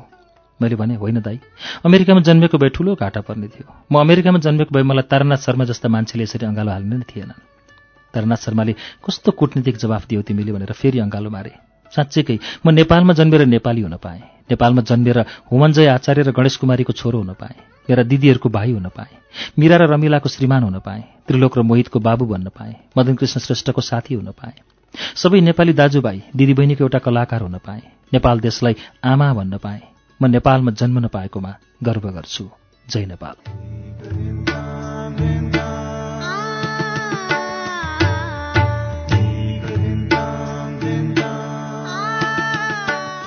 म नेपालमा जन्म नपाएकोमा गर्व गर्छु। जय नेपाल। यो अन्तिम वाक्य हो। हरिवंश आचार्यको चिना रायको मान्छेभित्र सङ्ग्रहित र दुई सय उनान्सयौं पृष्ठमा आएर हामीले आज यो पुस्तकको वाचन अब पूरा गरेको छौं। आज पन्ध्रौं श्रृङ्खला अब वाचन पूरा भए पनि मैले लेखकसँगको कुराकानी ल्याउँछु भनेर पूर्ववत बताए अनुसार आज मैले लेखकसँगको कुराकानी पनि ल्याएको छु। आजै साँझ म चिना रायको मान्छे र उहाँको अरू व्यक्तित्व र पेसाबारे छलफल गर्ने गरी हरिवंश आचार्यको निवास नयाँ बजार पुगेको थिएँ। उहाँसँगको कुराकानी यसरी सुरु भयो। सबभन्दा पहिला त कार्यक्रम श्रुति समेतमा स्वागत छ। धन्यवाद छ धेरै धेरै। किताब लेख्नुभएको त धेरै समय भइसक्यो तर रेडियोमा हामीले पढिरहँदा चाहिँ अहिले हालसालैको जस्तो कुरा भइरहन्छ। यो विषयमा पनि तपाईँसँग अरूहरूले यो- यी कुराहरू त गरे होला। कलाकारिता र लेखन क्षेत्रमा फरक के के कलाकारिता भन्ने एउटा भिन्दै शब्द हो। तर हामीले कलाकारिता चाहिँ अरूको फिल्ममा अरूको ड्रामामा अरूको प्रहसनमा खेल्नुभन्दा हामी आफै नै त्यसलाई सृजना गर्छौँ। र सृजना गरि गरिसकेपछि सबभन्दा पहिले लेखिन्छ। कागजमा लेखिन्छ। स्क्रिप्ट बनाइन्छ अनि त्यसलाई स्क्रिप्टलाई परिमार्जित गरिन्छ फेरि अनि फेरि मान्छेलाई सुनाइन्छ फिडब्याक बुझिन्छ अनि फेरि लेखिन्छ पहिलो काम हाम्रो लेख्ने नै हो अनि त्यसपछि दोस्रो काम भनेको अनि हामीले त्यसलाई मञ्चन गर्ने हो सुटिङ गर्ने हो त्यो कारणले कलाकारहरू चाहिँ खालि अरूले कम्पोज गरेको ड्रामा फिल्म टेली चलचित्रमा खेल्ने पनि कलाकारहरू हुनुहुन्छ। तर हाम्रो देशमा चाहिँ अब यो मार्केट ठुलो नभएर हो कि धेरै जसो सबै आफैले गर्नुपर्छ। विदेशमा चाहिँ स्क्रिप्ट राइटर भन्ने भिन्दै हुन्छ। अनि कन्सेप्ट राइटर भन्ने भिन्दै हुन्छ फेरि। अनि त्यसपछि डाइरेक्टर भिन्दै हुन्छ कलाकार भिन्दै हुन्छ होइन? तर हाम्रो देशमा चाहिँ एउटा मार्केट सानो भएको फाइदा हो यो हामीलाई। यो सबै काम हामीले आफूले गर्नुपर्छ। र सबै काम सिक्ने अलिअलि सिक्ने मौका पाछौँ। र हामी चाहिँ कलाकार पनि अब हुन्छौँ। तर सबभन्दा पहिले चाहिँ अब हामी सृजना पनि गर्छौँ। त्यो कारणले अब हामीलाई चाहिँ हाम्रो मेरो परिचय चाहिँ त्यो जस्तो लाग्छ मलाई। तपाईँले चिना हराएको मान्छे आफैले लेख्नुभयो कि छैन लेख्नु कसरी लेख्नु त्यो बाहिर अब मान्छेले जे पनि भन्छन् होइन।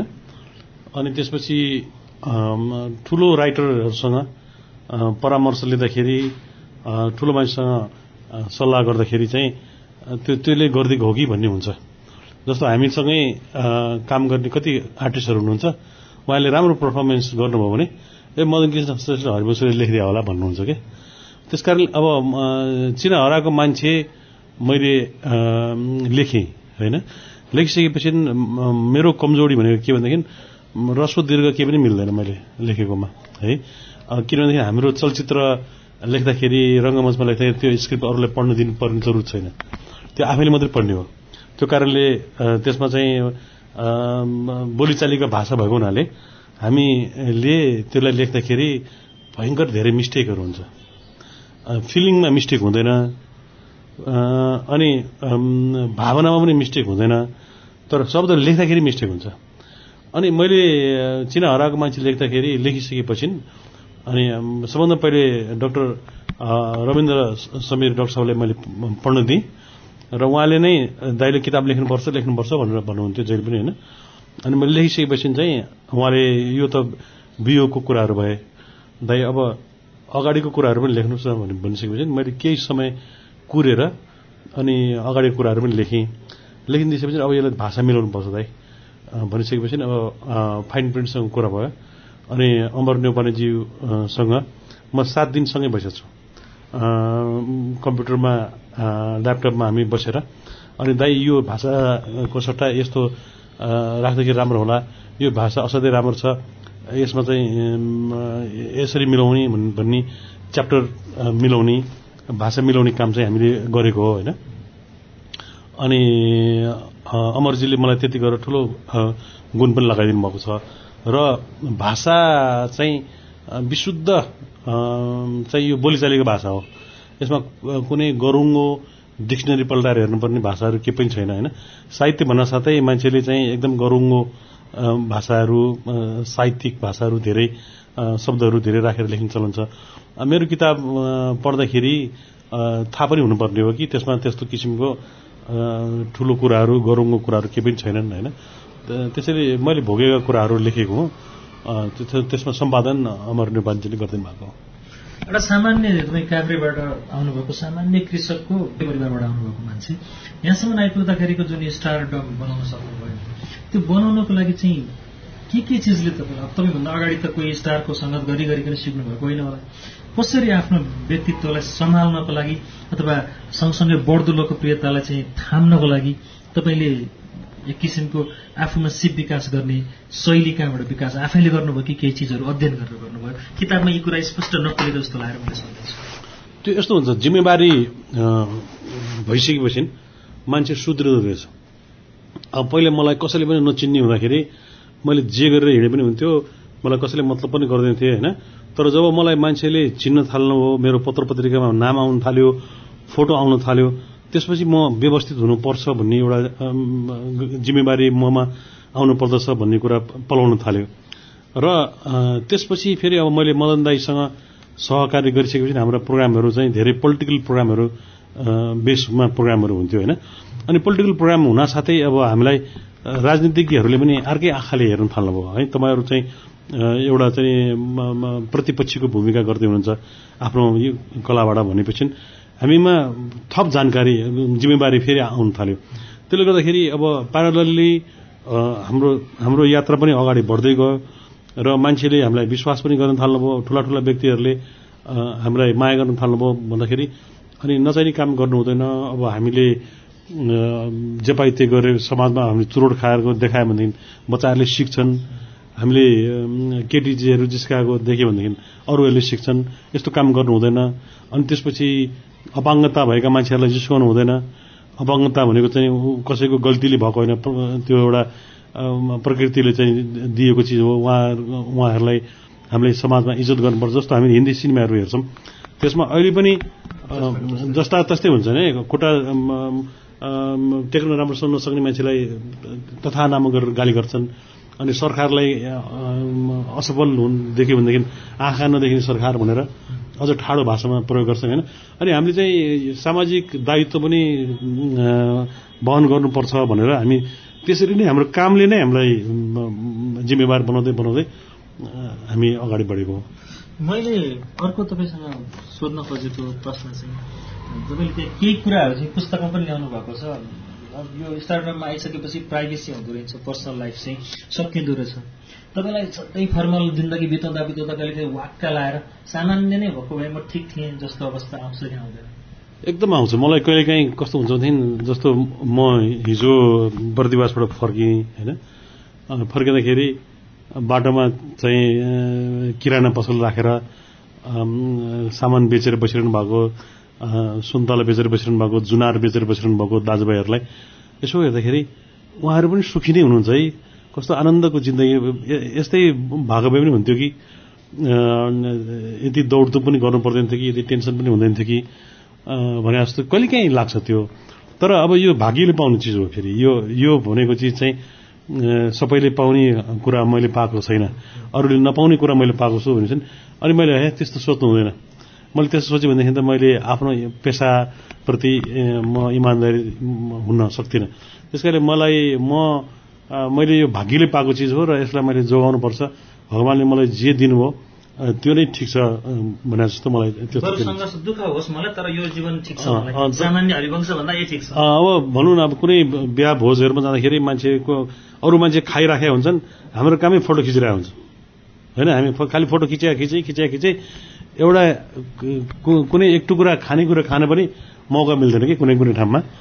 अनि मनमा नै दिक्क पनि लागिरहेको हुन्छ। एउटै मान्छेले दसचोटि पनि फोटो खिच्छन् फेरि होइन? अनि मनमा दिक्क लाग्छ तर मनमा त्यति बेला फेरि अर्को मनले के भन्छ भने यो त्यो सबैले पाउँदैन नि। यत्र मान्छे छन् यो भोजमा आएको। किन अरूसँग फोटो खिचेन त हामीसँग मात्रै फोटो किन खिचे? यो पनि माया हो एउटा। यो सबै मान्छेको घर घरमा हाम्रो फोटो हुन्छ। सबै मान्छेले चाहिँ फेसबुकमा हाम्रो फोटो राख्छन्। भनेपछि उहाँहरूले गर्नुभएको श्रद्धा हो यो। त्यस कारणले यो चिजमा हामी रिसाउनु पाइँदैन भनेर मनमा नै फेरि करेक्सन गर्छौँ गर्छौँ होइन। तर यो पेसामा लागिसकेपछि रिसाउनु चाहिँ पाइँदैन हेर्नुहोस्। पटक्कै रिसाउनु पाइँदैन। किनभनेदेखि दर्शक भनेको इनोसेन्ट हुन्छ। उहाँहरूले हामीमाथि जे काम पनि गर्ने उहाँहरूको अधिकार हो। त्यो मन पराएरै गरेको भनेपछि त्यसको मतलब तथा नाम गर्नु हुँदैन। हामीलाई मन दुख्ने कुराहरू गर्नु हुँदैन। अब हामीलाई अब माया नै गरिरहनु भएको हुन्छ। त्यस कारणले यो चिज चाहिँ हामीले हामीले वरदानै पाएको हौँ भन्ने फिल गर्नुपर्छ हामीले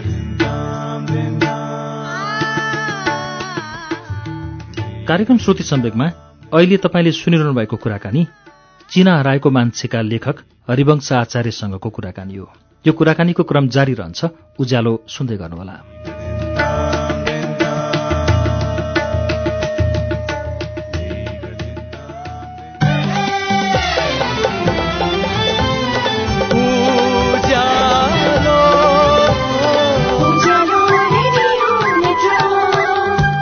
सीधा कुरा प्रश्न विचार। Ujyalo radio network.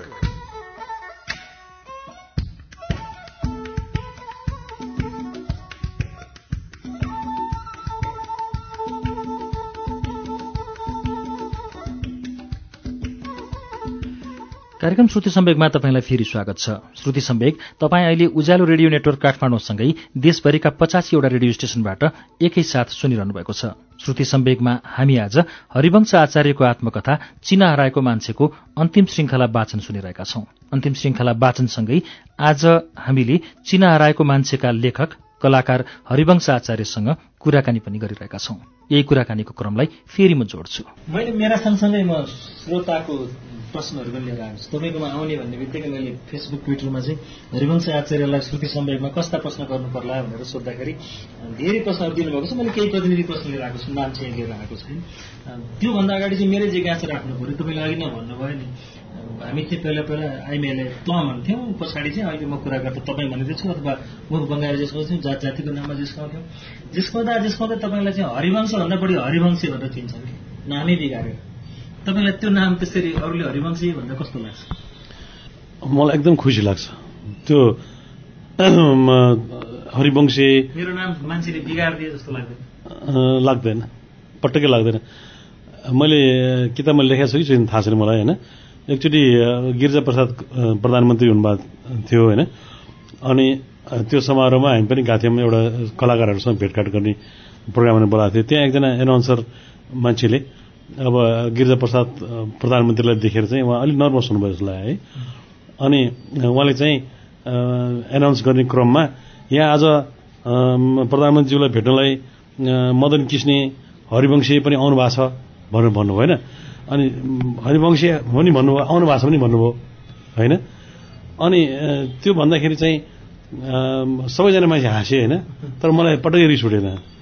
अनि पछि मलाई बोल्ने क्रममा बोलाइयो फेरि। अनि मैले चाहिँ भने उहाँले चाहिँ हामीलाई श्रीलङ्काबाट आएको मान्छे भन्ठानु हो कि क्या हो? श्रीलङ्कामा मात्रै जयतुङ्गे अ, कुमारा नाइके भनेर बोलाउँछन् होइन? हामी चाहिँ नेपाली नै हो। मेरो नाम चाहिँ यो हो भनेर मैले भने त्यसपछि झन् मान्छे ताली पिटेर हाँसे होइन? र अब ठुल्ठुलो मान्छेले त हेपेर हरिवंशे भने भने होला नि भनौँ न। हेप्नु पनि पाइन्छ। अब आफूलाई मन परेको मान्छेलाई हेप्नु पनि चेप्नु पनि जे तर पनि माया मैले अहिले सोधेको हरिवंश चाहिँ मायावाला हो। किनभने कतिपय ठाउँमा कुरा गर्दा बच्चाले आउँछ हरिवंशी अङ्कल नमस्ते भन्छ होइन। त्यो बच्चाले त मलाई हेपे होइन नि। उसले त मेरो नामै हरिवंशी भन् भन्ने अ, ठान्यो होला। मदन किस्ने भने कम भन्छन् मान्छेले होइन? हरिवंशी भन्दाखेरि चाहिँ धेरै मान्छेले भन्छन् होइन? तर त्यो भन्न सजिलो पनि भएको होला। अथवा मैले टेलिभिजनमाहरूमा नाटकहरूमा निभाउने चरित्र हुन्छ नि अलिक बढी नेगेटिभ चरित्र म मैले उल्फट्याङ चरित्र गरेर हुन्छ होइन। अनि उल्फट्याङ मान्छेलाई अलिक हेर्नै पर्छ भन्ने पनि हुनसक्छ। त्यस कारणले पनि मेरो नाममा से बढी थपियो थपेको जस्तो लाग्छ मलाई। मैले मलाई सोध्न पठाउनु भएको श्रोताको प्रश्नमा चाहिँ एउटा एउटा त मैले सोधेँ पनि अघि अर्को चाहिँ यो आत्मकथा चुनाव आएको मान्छे लेख्न तपाईँलाई कहाँबाट प्रेरणा आयो भनेर सोध्नु भएको छ धेरैले? अब आत्मकथा भन्दा पनि मैले चाहिँ कस्तो भने मेरो जब मेरो श्रीमती अ, लाई मैले गुमाउनु पर्यो नि त्यो बेलामा मैले चाहिँ अब मेरो मनमा धेरै पीडाहरू उत्पन्न हुन्छन् हुन्थे होइन। अनि त्यसलाई चाहिँ मैले अब अरूलाई सुनाउनु भन्दा अरूलाई चाहिँ कस्तो भने एउटा कोही मान्छे अ, को मृत्यु हुन्छ। हामीले संवेदना हेर्छौँ चिनेकै मान्छे भए पनि नि एकछिन ओहो बिचरा कठैबाट है भन्छौँ भन्छु तर एकछिनपछि मैले त्यसलाई बिर्सिन्छु। त्यो चिज ए फलाना मान्छे बित्नु भएछ है भन्यो कठै गरे सिद्धियो क्या। अब त्यो जो मान्छे बितेको छ नि त्यसको परिवारले मात्रै त्यो चिजलाई जीवनभरि नै त्यसलाई टोकिराखेको हुन्छ कि त्यसलाई त्यसले त्यो घाउ चराइराखेको हुन्छ। त्यस कारणले आफूलाई परेको पीर छ नि अरूलाई सेयर गर्नु बेकार हुन्छ। अरूलाई सेयर गर्दाखेरि ए मलाई नै सेयर गर्छन् कति मान्छेले। यस्तो भयो यस्तो भयो मेरो यस्तो बित्यो भन्छ। एकछिन सम्झिन्छु बिचरा कठै भनिन्छ होइन? तर एकछिनपछि आफ्नो काममा लागिन्छ वास्तव हुँदैन क्या त्यो। अनि त्यसरी मैले मेरो पीडा अब कसलाई सुनाउनु त? मैले मलाई मेरो मनमा लागेको पीडाहरू पोख्न मन लाग्थ्यो क्या मलाई। अनि त्यसैले मैले चाहिँ अनि कापीमा पोख्न थालेँ। कापीमा लेख्न थालेँ मैले। अनि त्यो मैले किताब निकाल्छु भन्ने हिसाबले पनि होइन। अनि कापीमा लेख्न थालेँ। लेखिसकेपछि त्यो मलाई कापीलाई मैले मेरो पीडा सुनाउन थालेँ। त्यसपछि त्यो मसी चाहिँ मेरो आँसु भयो होइन? अनि आँसु मसीले मैले लेख्न थालेँ। लेख्दा लेख्दै लेख्दै लेख्दै अलिअलि लेखिरहेको मान्छे भएको हुनाले अनि त्यो वियोगका कुराहरू मैले पहिले लेखेँ। त्यसले गर्दाखेरि मलाई लेख्दै रुँदै गर्ने एउटा साथी पाएँ मैले कापी होइन? अनि त्यो चिज मैले लेखिसकेपछि अनि हाम्रो डाक्टर साहबले मैले डाक्टर रविन्द्र सबिरलाई चाहिँ उहाँले चाहिँ मलाई दाई किताब लेख्नु पऱ्यो किताब लेख्नु पऱ्यो भन्नुहुन्थ्यो। अनि मैले यसरी लेखेको छु। यो एक्चुली पढिदिनुहोस् न डाक्टर साहब भनेर मैले उहाँलाई दिएँ। दिइसकेपछि नै उहाँले चाहिँ पढ्नुभयो त्यसलाई। यो यो- मलाई असाध्यै राम्रो लाग्यो। दाई यो यो चिजले एकदमै छोयो मलाई। तर दाईसँग चाहिँ यो मात्रै एक्सपेक्ट गर्दैनन्। अनि दाईको पहिले बाल्यकाल कसरी बित्यो तपाईँ कसरी हुनुभयो यो वियोगको कुरा भन्दा अगाडिको कुराहरू तपाईँले त्यो पनि लेख्नुपर्छ भन्नुभयो। अनि मलाई त्यो लेख्न टाइम लाग्यो नि अनि छ महिना जति मैले लेखिनँ त्यो कुरा। छ महिना जति मैले बियोकै कुराहरू लेखेँ बियोको कुरा धेरै थिए अझ मैले धेरै पछि छापिनँ सबै होइन। अनि त्यस छ महिना जति पछि अनि मैले कुनै रचना गर्नुपर्ने होइन कुनै विषयवस्तु खोज्नुपर्ने होइन। जीवनमा भोगेको कुराहरूलाई मैले नोट गर्न थालेँ। अनि मैले यस्तो भएको थियो यस्तो भएको थियो नोट गर्दै गर्दै गर्दै लिएर गएँ। अनि त्यसपछि अनि त्यसलाई फेरि लेख्न थालेँ मैले। लेखेर चाहिँ अनि कुरा कम्प्लिट गरिसकेपछि मैले डाक्टर साहबलाई फेरि पढ्न दिएँ। अनि उहाँले चाहिँ ल एकदमै अब राम्रो भयो। अनि यो चिज छुट्या छ यो चिज लेख्नुहोस्। यो चिज यस्तो किसिमको घटनाहरू अझ दाइले बढाउनुहोस् भन्ने कुराहरू मलाई सजेस्ट गर्नुभयो। अनि त्यही अनुसार मैले लेख्दै लेख्दै अनि किताबको रूप लियो त्यसले। तपाईँको अगाडि अहिले मैले कुरा गरिरहँदा अथवा नरहँदाखेरि पनि लेखनमा भैरव बरियाल र अनि यो प्रस्तुतिमा जुन हामीले प्यारोडी अथवा प्रहसन अथवा चलचित्र जे भनौँ श्रव्य दृश्यपट्टिलाई मदन कृष्ण र हरिवंशको जोडीले जुन देन गरेको छ त्यो चाहिँ उच्चतम लेभलमा नेपालीहरू माझ पुगेको हो। तर यसलाई हामीले अन्तर्राष्ट्रियकरण गर्नलाई तपाईँहरूले पनि यसलाई अङ्ग्रेजी स्क्रिप्टमा ढाल्ने अथवा अङ्ग्रेजी विज्ञहरूसँग सल्लाह गरेर अलिकति अन्तर्राष्ट्रिय बनाउने कोसिस गर्नुभयो या भएन? गर्नुभएको भए राम्रो हुन्थ्यो कि? एक्चुली हामीले एउटा रिमोट कन्ट्रोल हुने अ, देखाएको थियौँ। अनि त्यसलाई चाहिँ हामीले इङ्ग्लिस भाषामा ट्रान्सलेट पनि गरेर राखेका छौँ। र मदन दाई र मैले इङ्ग्लिसमै चाहिँ त्यो ड्रामालाई मञ्चन गर्ने कि भनेर पनि हामीले सोचेको थियौँ। र त्यो सोच्दा सोच्दै अब ममा एउटा अब अलिकति परि पारिवारिक एउटा चाहिँ दुःखद घटना आइलाग्यो। त्यसपछि अब अहिले मदन दाईलाई पनि अलिकति भाउजू अलि आराम छैन त्यतापट्टि ध्यान दिनु परेको छ त्यो कारणले गर्दाखेरि हामीले त्यसलाई मञ्चन गर्नलाई अहिले सकिरहेको छैनौँ होइन। तर अब कतिपय स्क्रिप्टहरू मिल्छ। कतिपय मिल्दैन क्या? जस्तो हामीले यमोलोक भन्ने देखायौँ होइन? यमोलोकमा त्यसको चाहिँ सिम्बोलिकल्ली हामीले सूर्यबहादुर थापाको गभर्मेन्ट हुँदाखेरि सूर्य चाहिँ त्यति माथि हुन्छ। त्यति माथि पुग्नु सक्दो रहेछ भने भन्ने कुरा लेखेका छौँ। त्यो नेपाली समाजले लेख्छ बुझ्छन्। तर अब त्यसलाई अङ्ग्रेजीमा उल्था गर्दाखेरि त्यो मान्छे त्यो के भने के भने जस्तो हुन्छ है? अब जस्तो अब विज्ञापन भन्ने ड्रामा जुन हामीले तिन सय छयत्तरपल्ट हामीले प्रदर्शन गऱ्यौँ र त्यसलाई हामीले पछि भिडियोमा पनि रेकर्ड गरेर सिनेमा हलमा पनि देखायौँ त्यसलाई इङ्ग्लिसमा ट्रान्सलेट गर्न मिल्छ। र त्यो त्यस्तो गर्न पाए हुन्थ्यो भन्ने त्यो इङ्ग्लिसमा ट्रान्सलेट गर्न मिल्ने स्क्रिप्टहरू हामीले छानेर राखिसकेका छौँ। तर ठ्याक्कै मान्छे भेट्न सकेका छैनौँ त्यस्तो अवसर पायो भनेदेखि चाहिँ त्यो त्यो चाहिँ त्यो अवसरको खोजीमा छौँ। जस्तो अब चिना हराएको मान्छे छ नि इङ्ग्लिसमा अनुवाद गर्यो भने त्यो नेपाली पाठकहरू पनि छन्। कति अब टेन प्लस टू गर्नेहरू आजकलको चाहिँ मोडर्न स्कुलमा पढ्ने बच्चाहरूलाई नेपालीभन्दा इङ्ग्लिस पढ्न सजिलो लाग्छ। उनीहरू पनि एउटा पाठक हुन सक्छन् इ- इङ्ग्लिसमा छाप्यो भने। तर अमेरिकनले पढ्यो भनेदेखि त्यो चिना हराएको मान्छे चाहिँ मलाई चिन्ने चिन्नेलाई मात्रै त्यसको रमाइलो हुन्छ। तर अमेरिकन बेलायत क्यानाडियनले त मलाई चिन्दैन। त्यस कारणले त्यो चिज चाहिँ ठिकै ठिकै मात्रै हुन्छ। मलाई आशा लागिरहेछ कि मैले अहिले जुन एउटा अर्को एउटा उपन्यास मैले लेखिरहेको छु त्यो चाहिँ हिन्दीमा इङ्ग्लिसमा ट्रान्सलेट गर्नु पाए हुन्थ्यो। किन उपन्यास त सबैले बुझ्छन् नि। होइन? त्यसमा नेपालको परिवेशका कुराहरू धेरै छन्।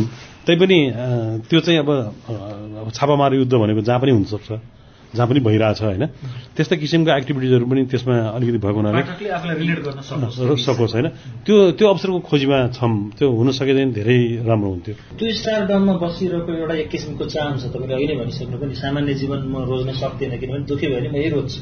मलाई यसमा यति भाग्यवान ठानिरहेको छु म आफूलाई भन्नुहुन्छ। बिस्तारै ग्रेजुअली बुढो हुँदै हुनुहुन्छ तपाईँ।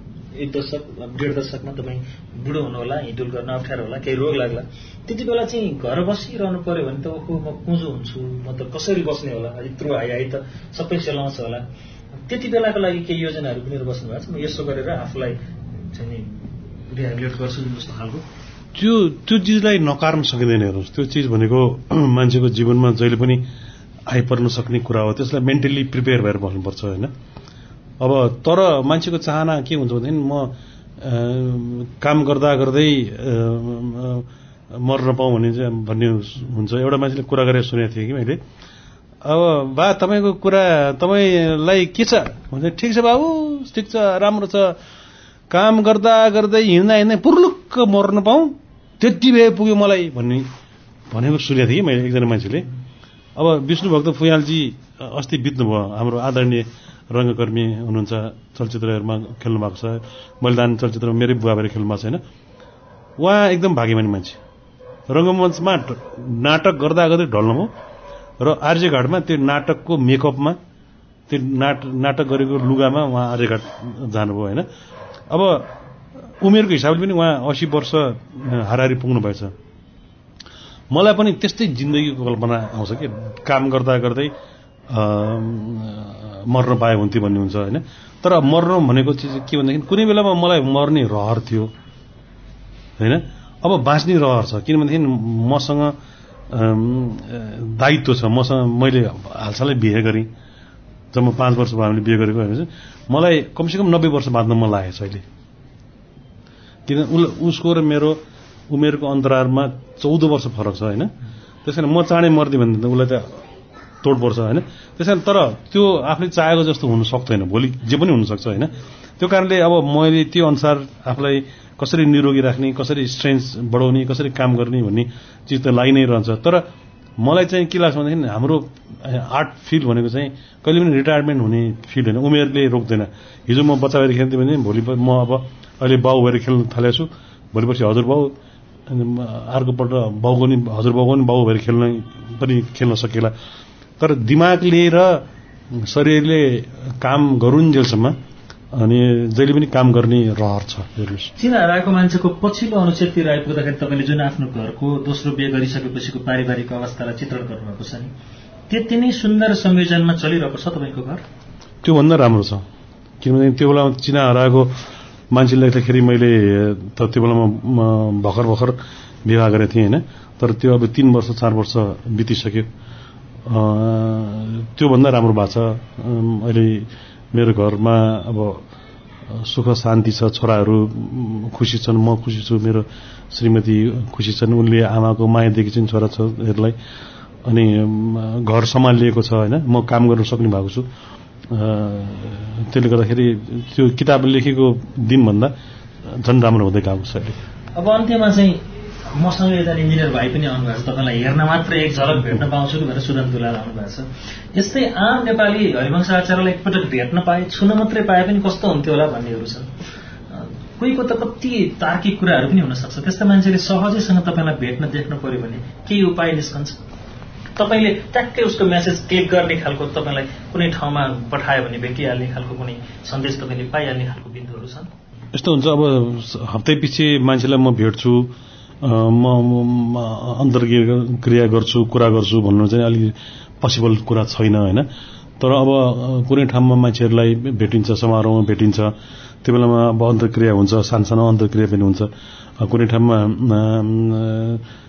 जाँदाखेरि मान्छेहरू मासमा मान्छे भेटिन्छ कुरा गरिन्छ होइन? अब जस्तो कुनै कुनै माध्यमबाट अब आज अनि हाम्रो दुलाल भाइ इन्जिनियर साहब आउनुभयो होइन? उहाँसँग तपाईँको माध्यमबाट आउनुभयो उहाँसँग कुरा गर्नु गर्ने सौभाग्य मिल्यो। तर अब कतिपय मान्छे आउँछन् अब काम हुँदैन। म तपाईँसँग एकचोटि भेट्न चाहन्छु भने चाहिँ यसो भेट्यो कुरा गऱ्यो होइन। अब पारिवारिक समस्याहरूको तपाईँले सुझाइदिनुहोस् यसो गरिदिनुहोस् यसो भन्ने अब त्यो मेरो पोसिबलै छैन कि त्यो मैले गर्नै सक्ने पनि कुरा होइन। कसैलाई चाहिँ अब मलाई मेरो घरमा बिरा बिरामी छ मलाई दुई लाख रुपियाँ चाहियो भन्ने मान्छे पनि आउँछन् होइन? म कति नै धनी मान्छे पनि भन्न प- अब नेपालको आर्टिस्टहरूसँग दुई लाख रुपियाँ तुरुन्तै दिन सक्ने क्षमता हुँदैन हेर्नुहोस् होइन। त्यस कारण अब सबैसँग भेटेर सबैलाई कुरा गर्ने भनेको त्यो इम्पोसिबल कुरा हो। अनि पोसिबल हुन्छ अब क- कुनै न कुनै मान्छेहरूले अब मेल लेख्नुहुन्छ अनि कज लेख्नुहुन्छ एसएमएस फोनबाट एसएमएस गर्नुहुन्छ कज लेख्नुहुन्छ कजमा पनि स्क्यानिङ गर्छु म। अब त्यो अब एकदमै राम्रै राम्रै कज हो कि भने कतिपय मान्छे एकदम ठग मान्छे आउँछन् फेरि। त्यो आँखाले थाहा हुन्छ कि यो मलाई ठगाउन आएको भनेर। होइन? अब घरको परिवारको समस्या छ यसो छ उसो भनेर मुखबाट ठासो रसी गरेर आउँछ। होइन? अनि त्यस्तो मान्छेसँग अब भेट्नुभन्दा नभेट्नु नै राम्रो हुन्छ। अनि क स्क्यानिङ त गर्नै पर्छ हेर्नुहोस् है। तर हामी त्यस्तो मान्छेले अब स्टार भन्छ नि जस्तो वरिपरि सुरक्षा घेरा राखेर हिँड्छ नि भारतीय कलाकारहरू होइन? उनीहरूलाई थ्रेड पनि छ उनीहरूसँग धेरै पैसा छ उनीहरूलाई किडन्याप गर्ला पनि डर भयो उनीहरूलाई मार्ला पनि डर भयो होइन? अब हामीसँग त्यस्तो थ्रेड छैन हेर्नुहोस् होइन? हामीसँग त्यो धेरै पैसा पनि हुँदैन। त्यो कारणले गर्दाखेरि हामी खुलम खुल्ला रूपमा हिँड्छौँ बाटामा पनि भेट्न आउँछ। म कहिले कुचु किनेर आएर हुन्छु कहिले साग किनेर आएर हुन्छु होइन? अनि मान्छे भेटिरहेको हुन्छु कुरा गरेर राखेको हुन्छु त्यो त्यस्तो ठुलो गाह्रो कुरा होइन जस्तो लाग्छ मलाई। र मलाई कस्तो लाग्छ भने म कुनै ठुलो स्टार्डम भएको स्टार पनि मैले जिन्दगीमा आफूले आफूलाई कहिले पनि सोचिनँ। म सानो ग्रास लेभलमै बसेर त्यसलाई नै मेन्टेन गर्न पाए हुन्थ्यो भन्ने लाग्छ मलाई। हस् धेरै धेरै धन्यवाद तपाईँलाई। हस् धन्यवाद छ हस्।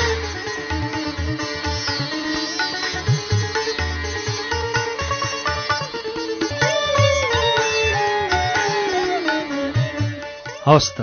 हरिवंश आचार्यसँगको यो कुराकानी सँगसँगै चिना रायको मान्छेको पन्ध्रौं श्रृङ्खला पूरा गरेर आज हामीले श्रुति सम्वेगमा चिना रायको मान्छे बिट मार्दैछौं। अर्को साता अर्को कुनै कृति लिएर आउनेछौं। चिना रायको मान्छे श्रुति सम्वेगमा वाचन गरेको तपाईँलाई कस्तो लाग्यो? केही प्रतिक्रिया छन् भने हामीलाई तपाईँले सल्लाह सुझाव वा प्रतिक्रिया दिनुहोला। हाम्रो ठेगाना SHRUTI Shruti at UNN dot com dot NP रहेको छ। हरेक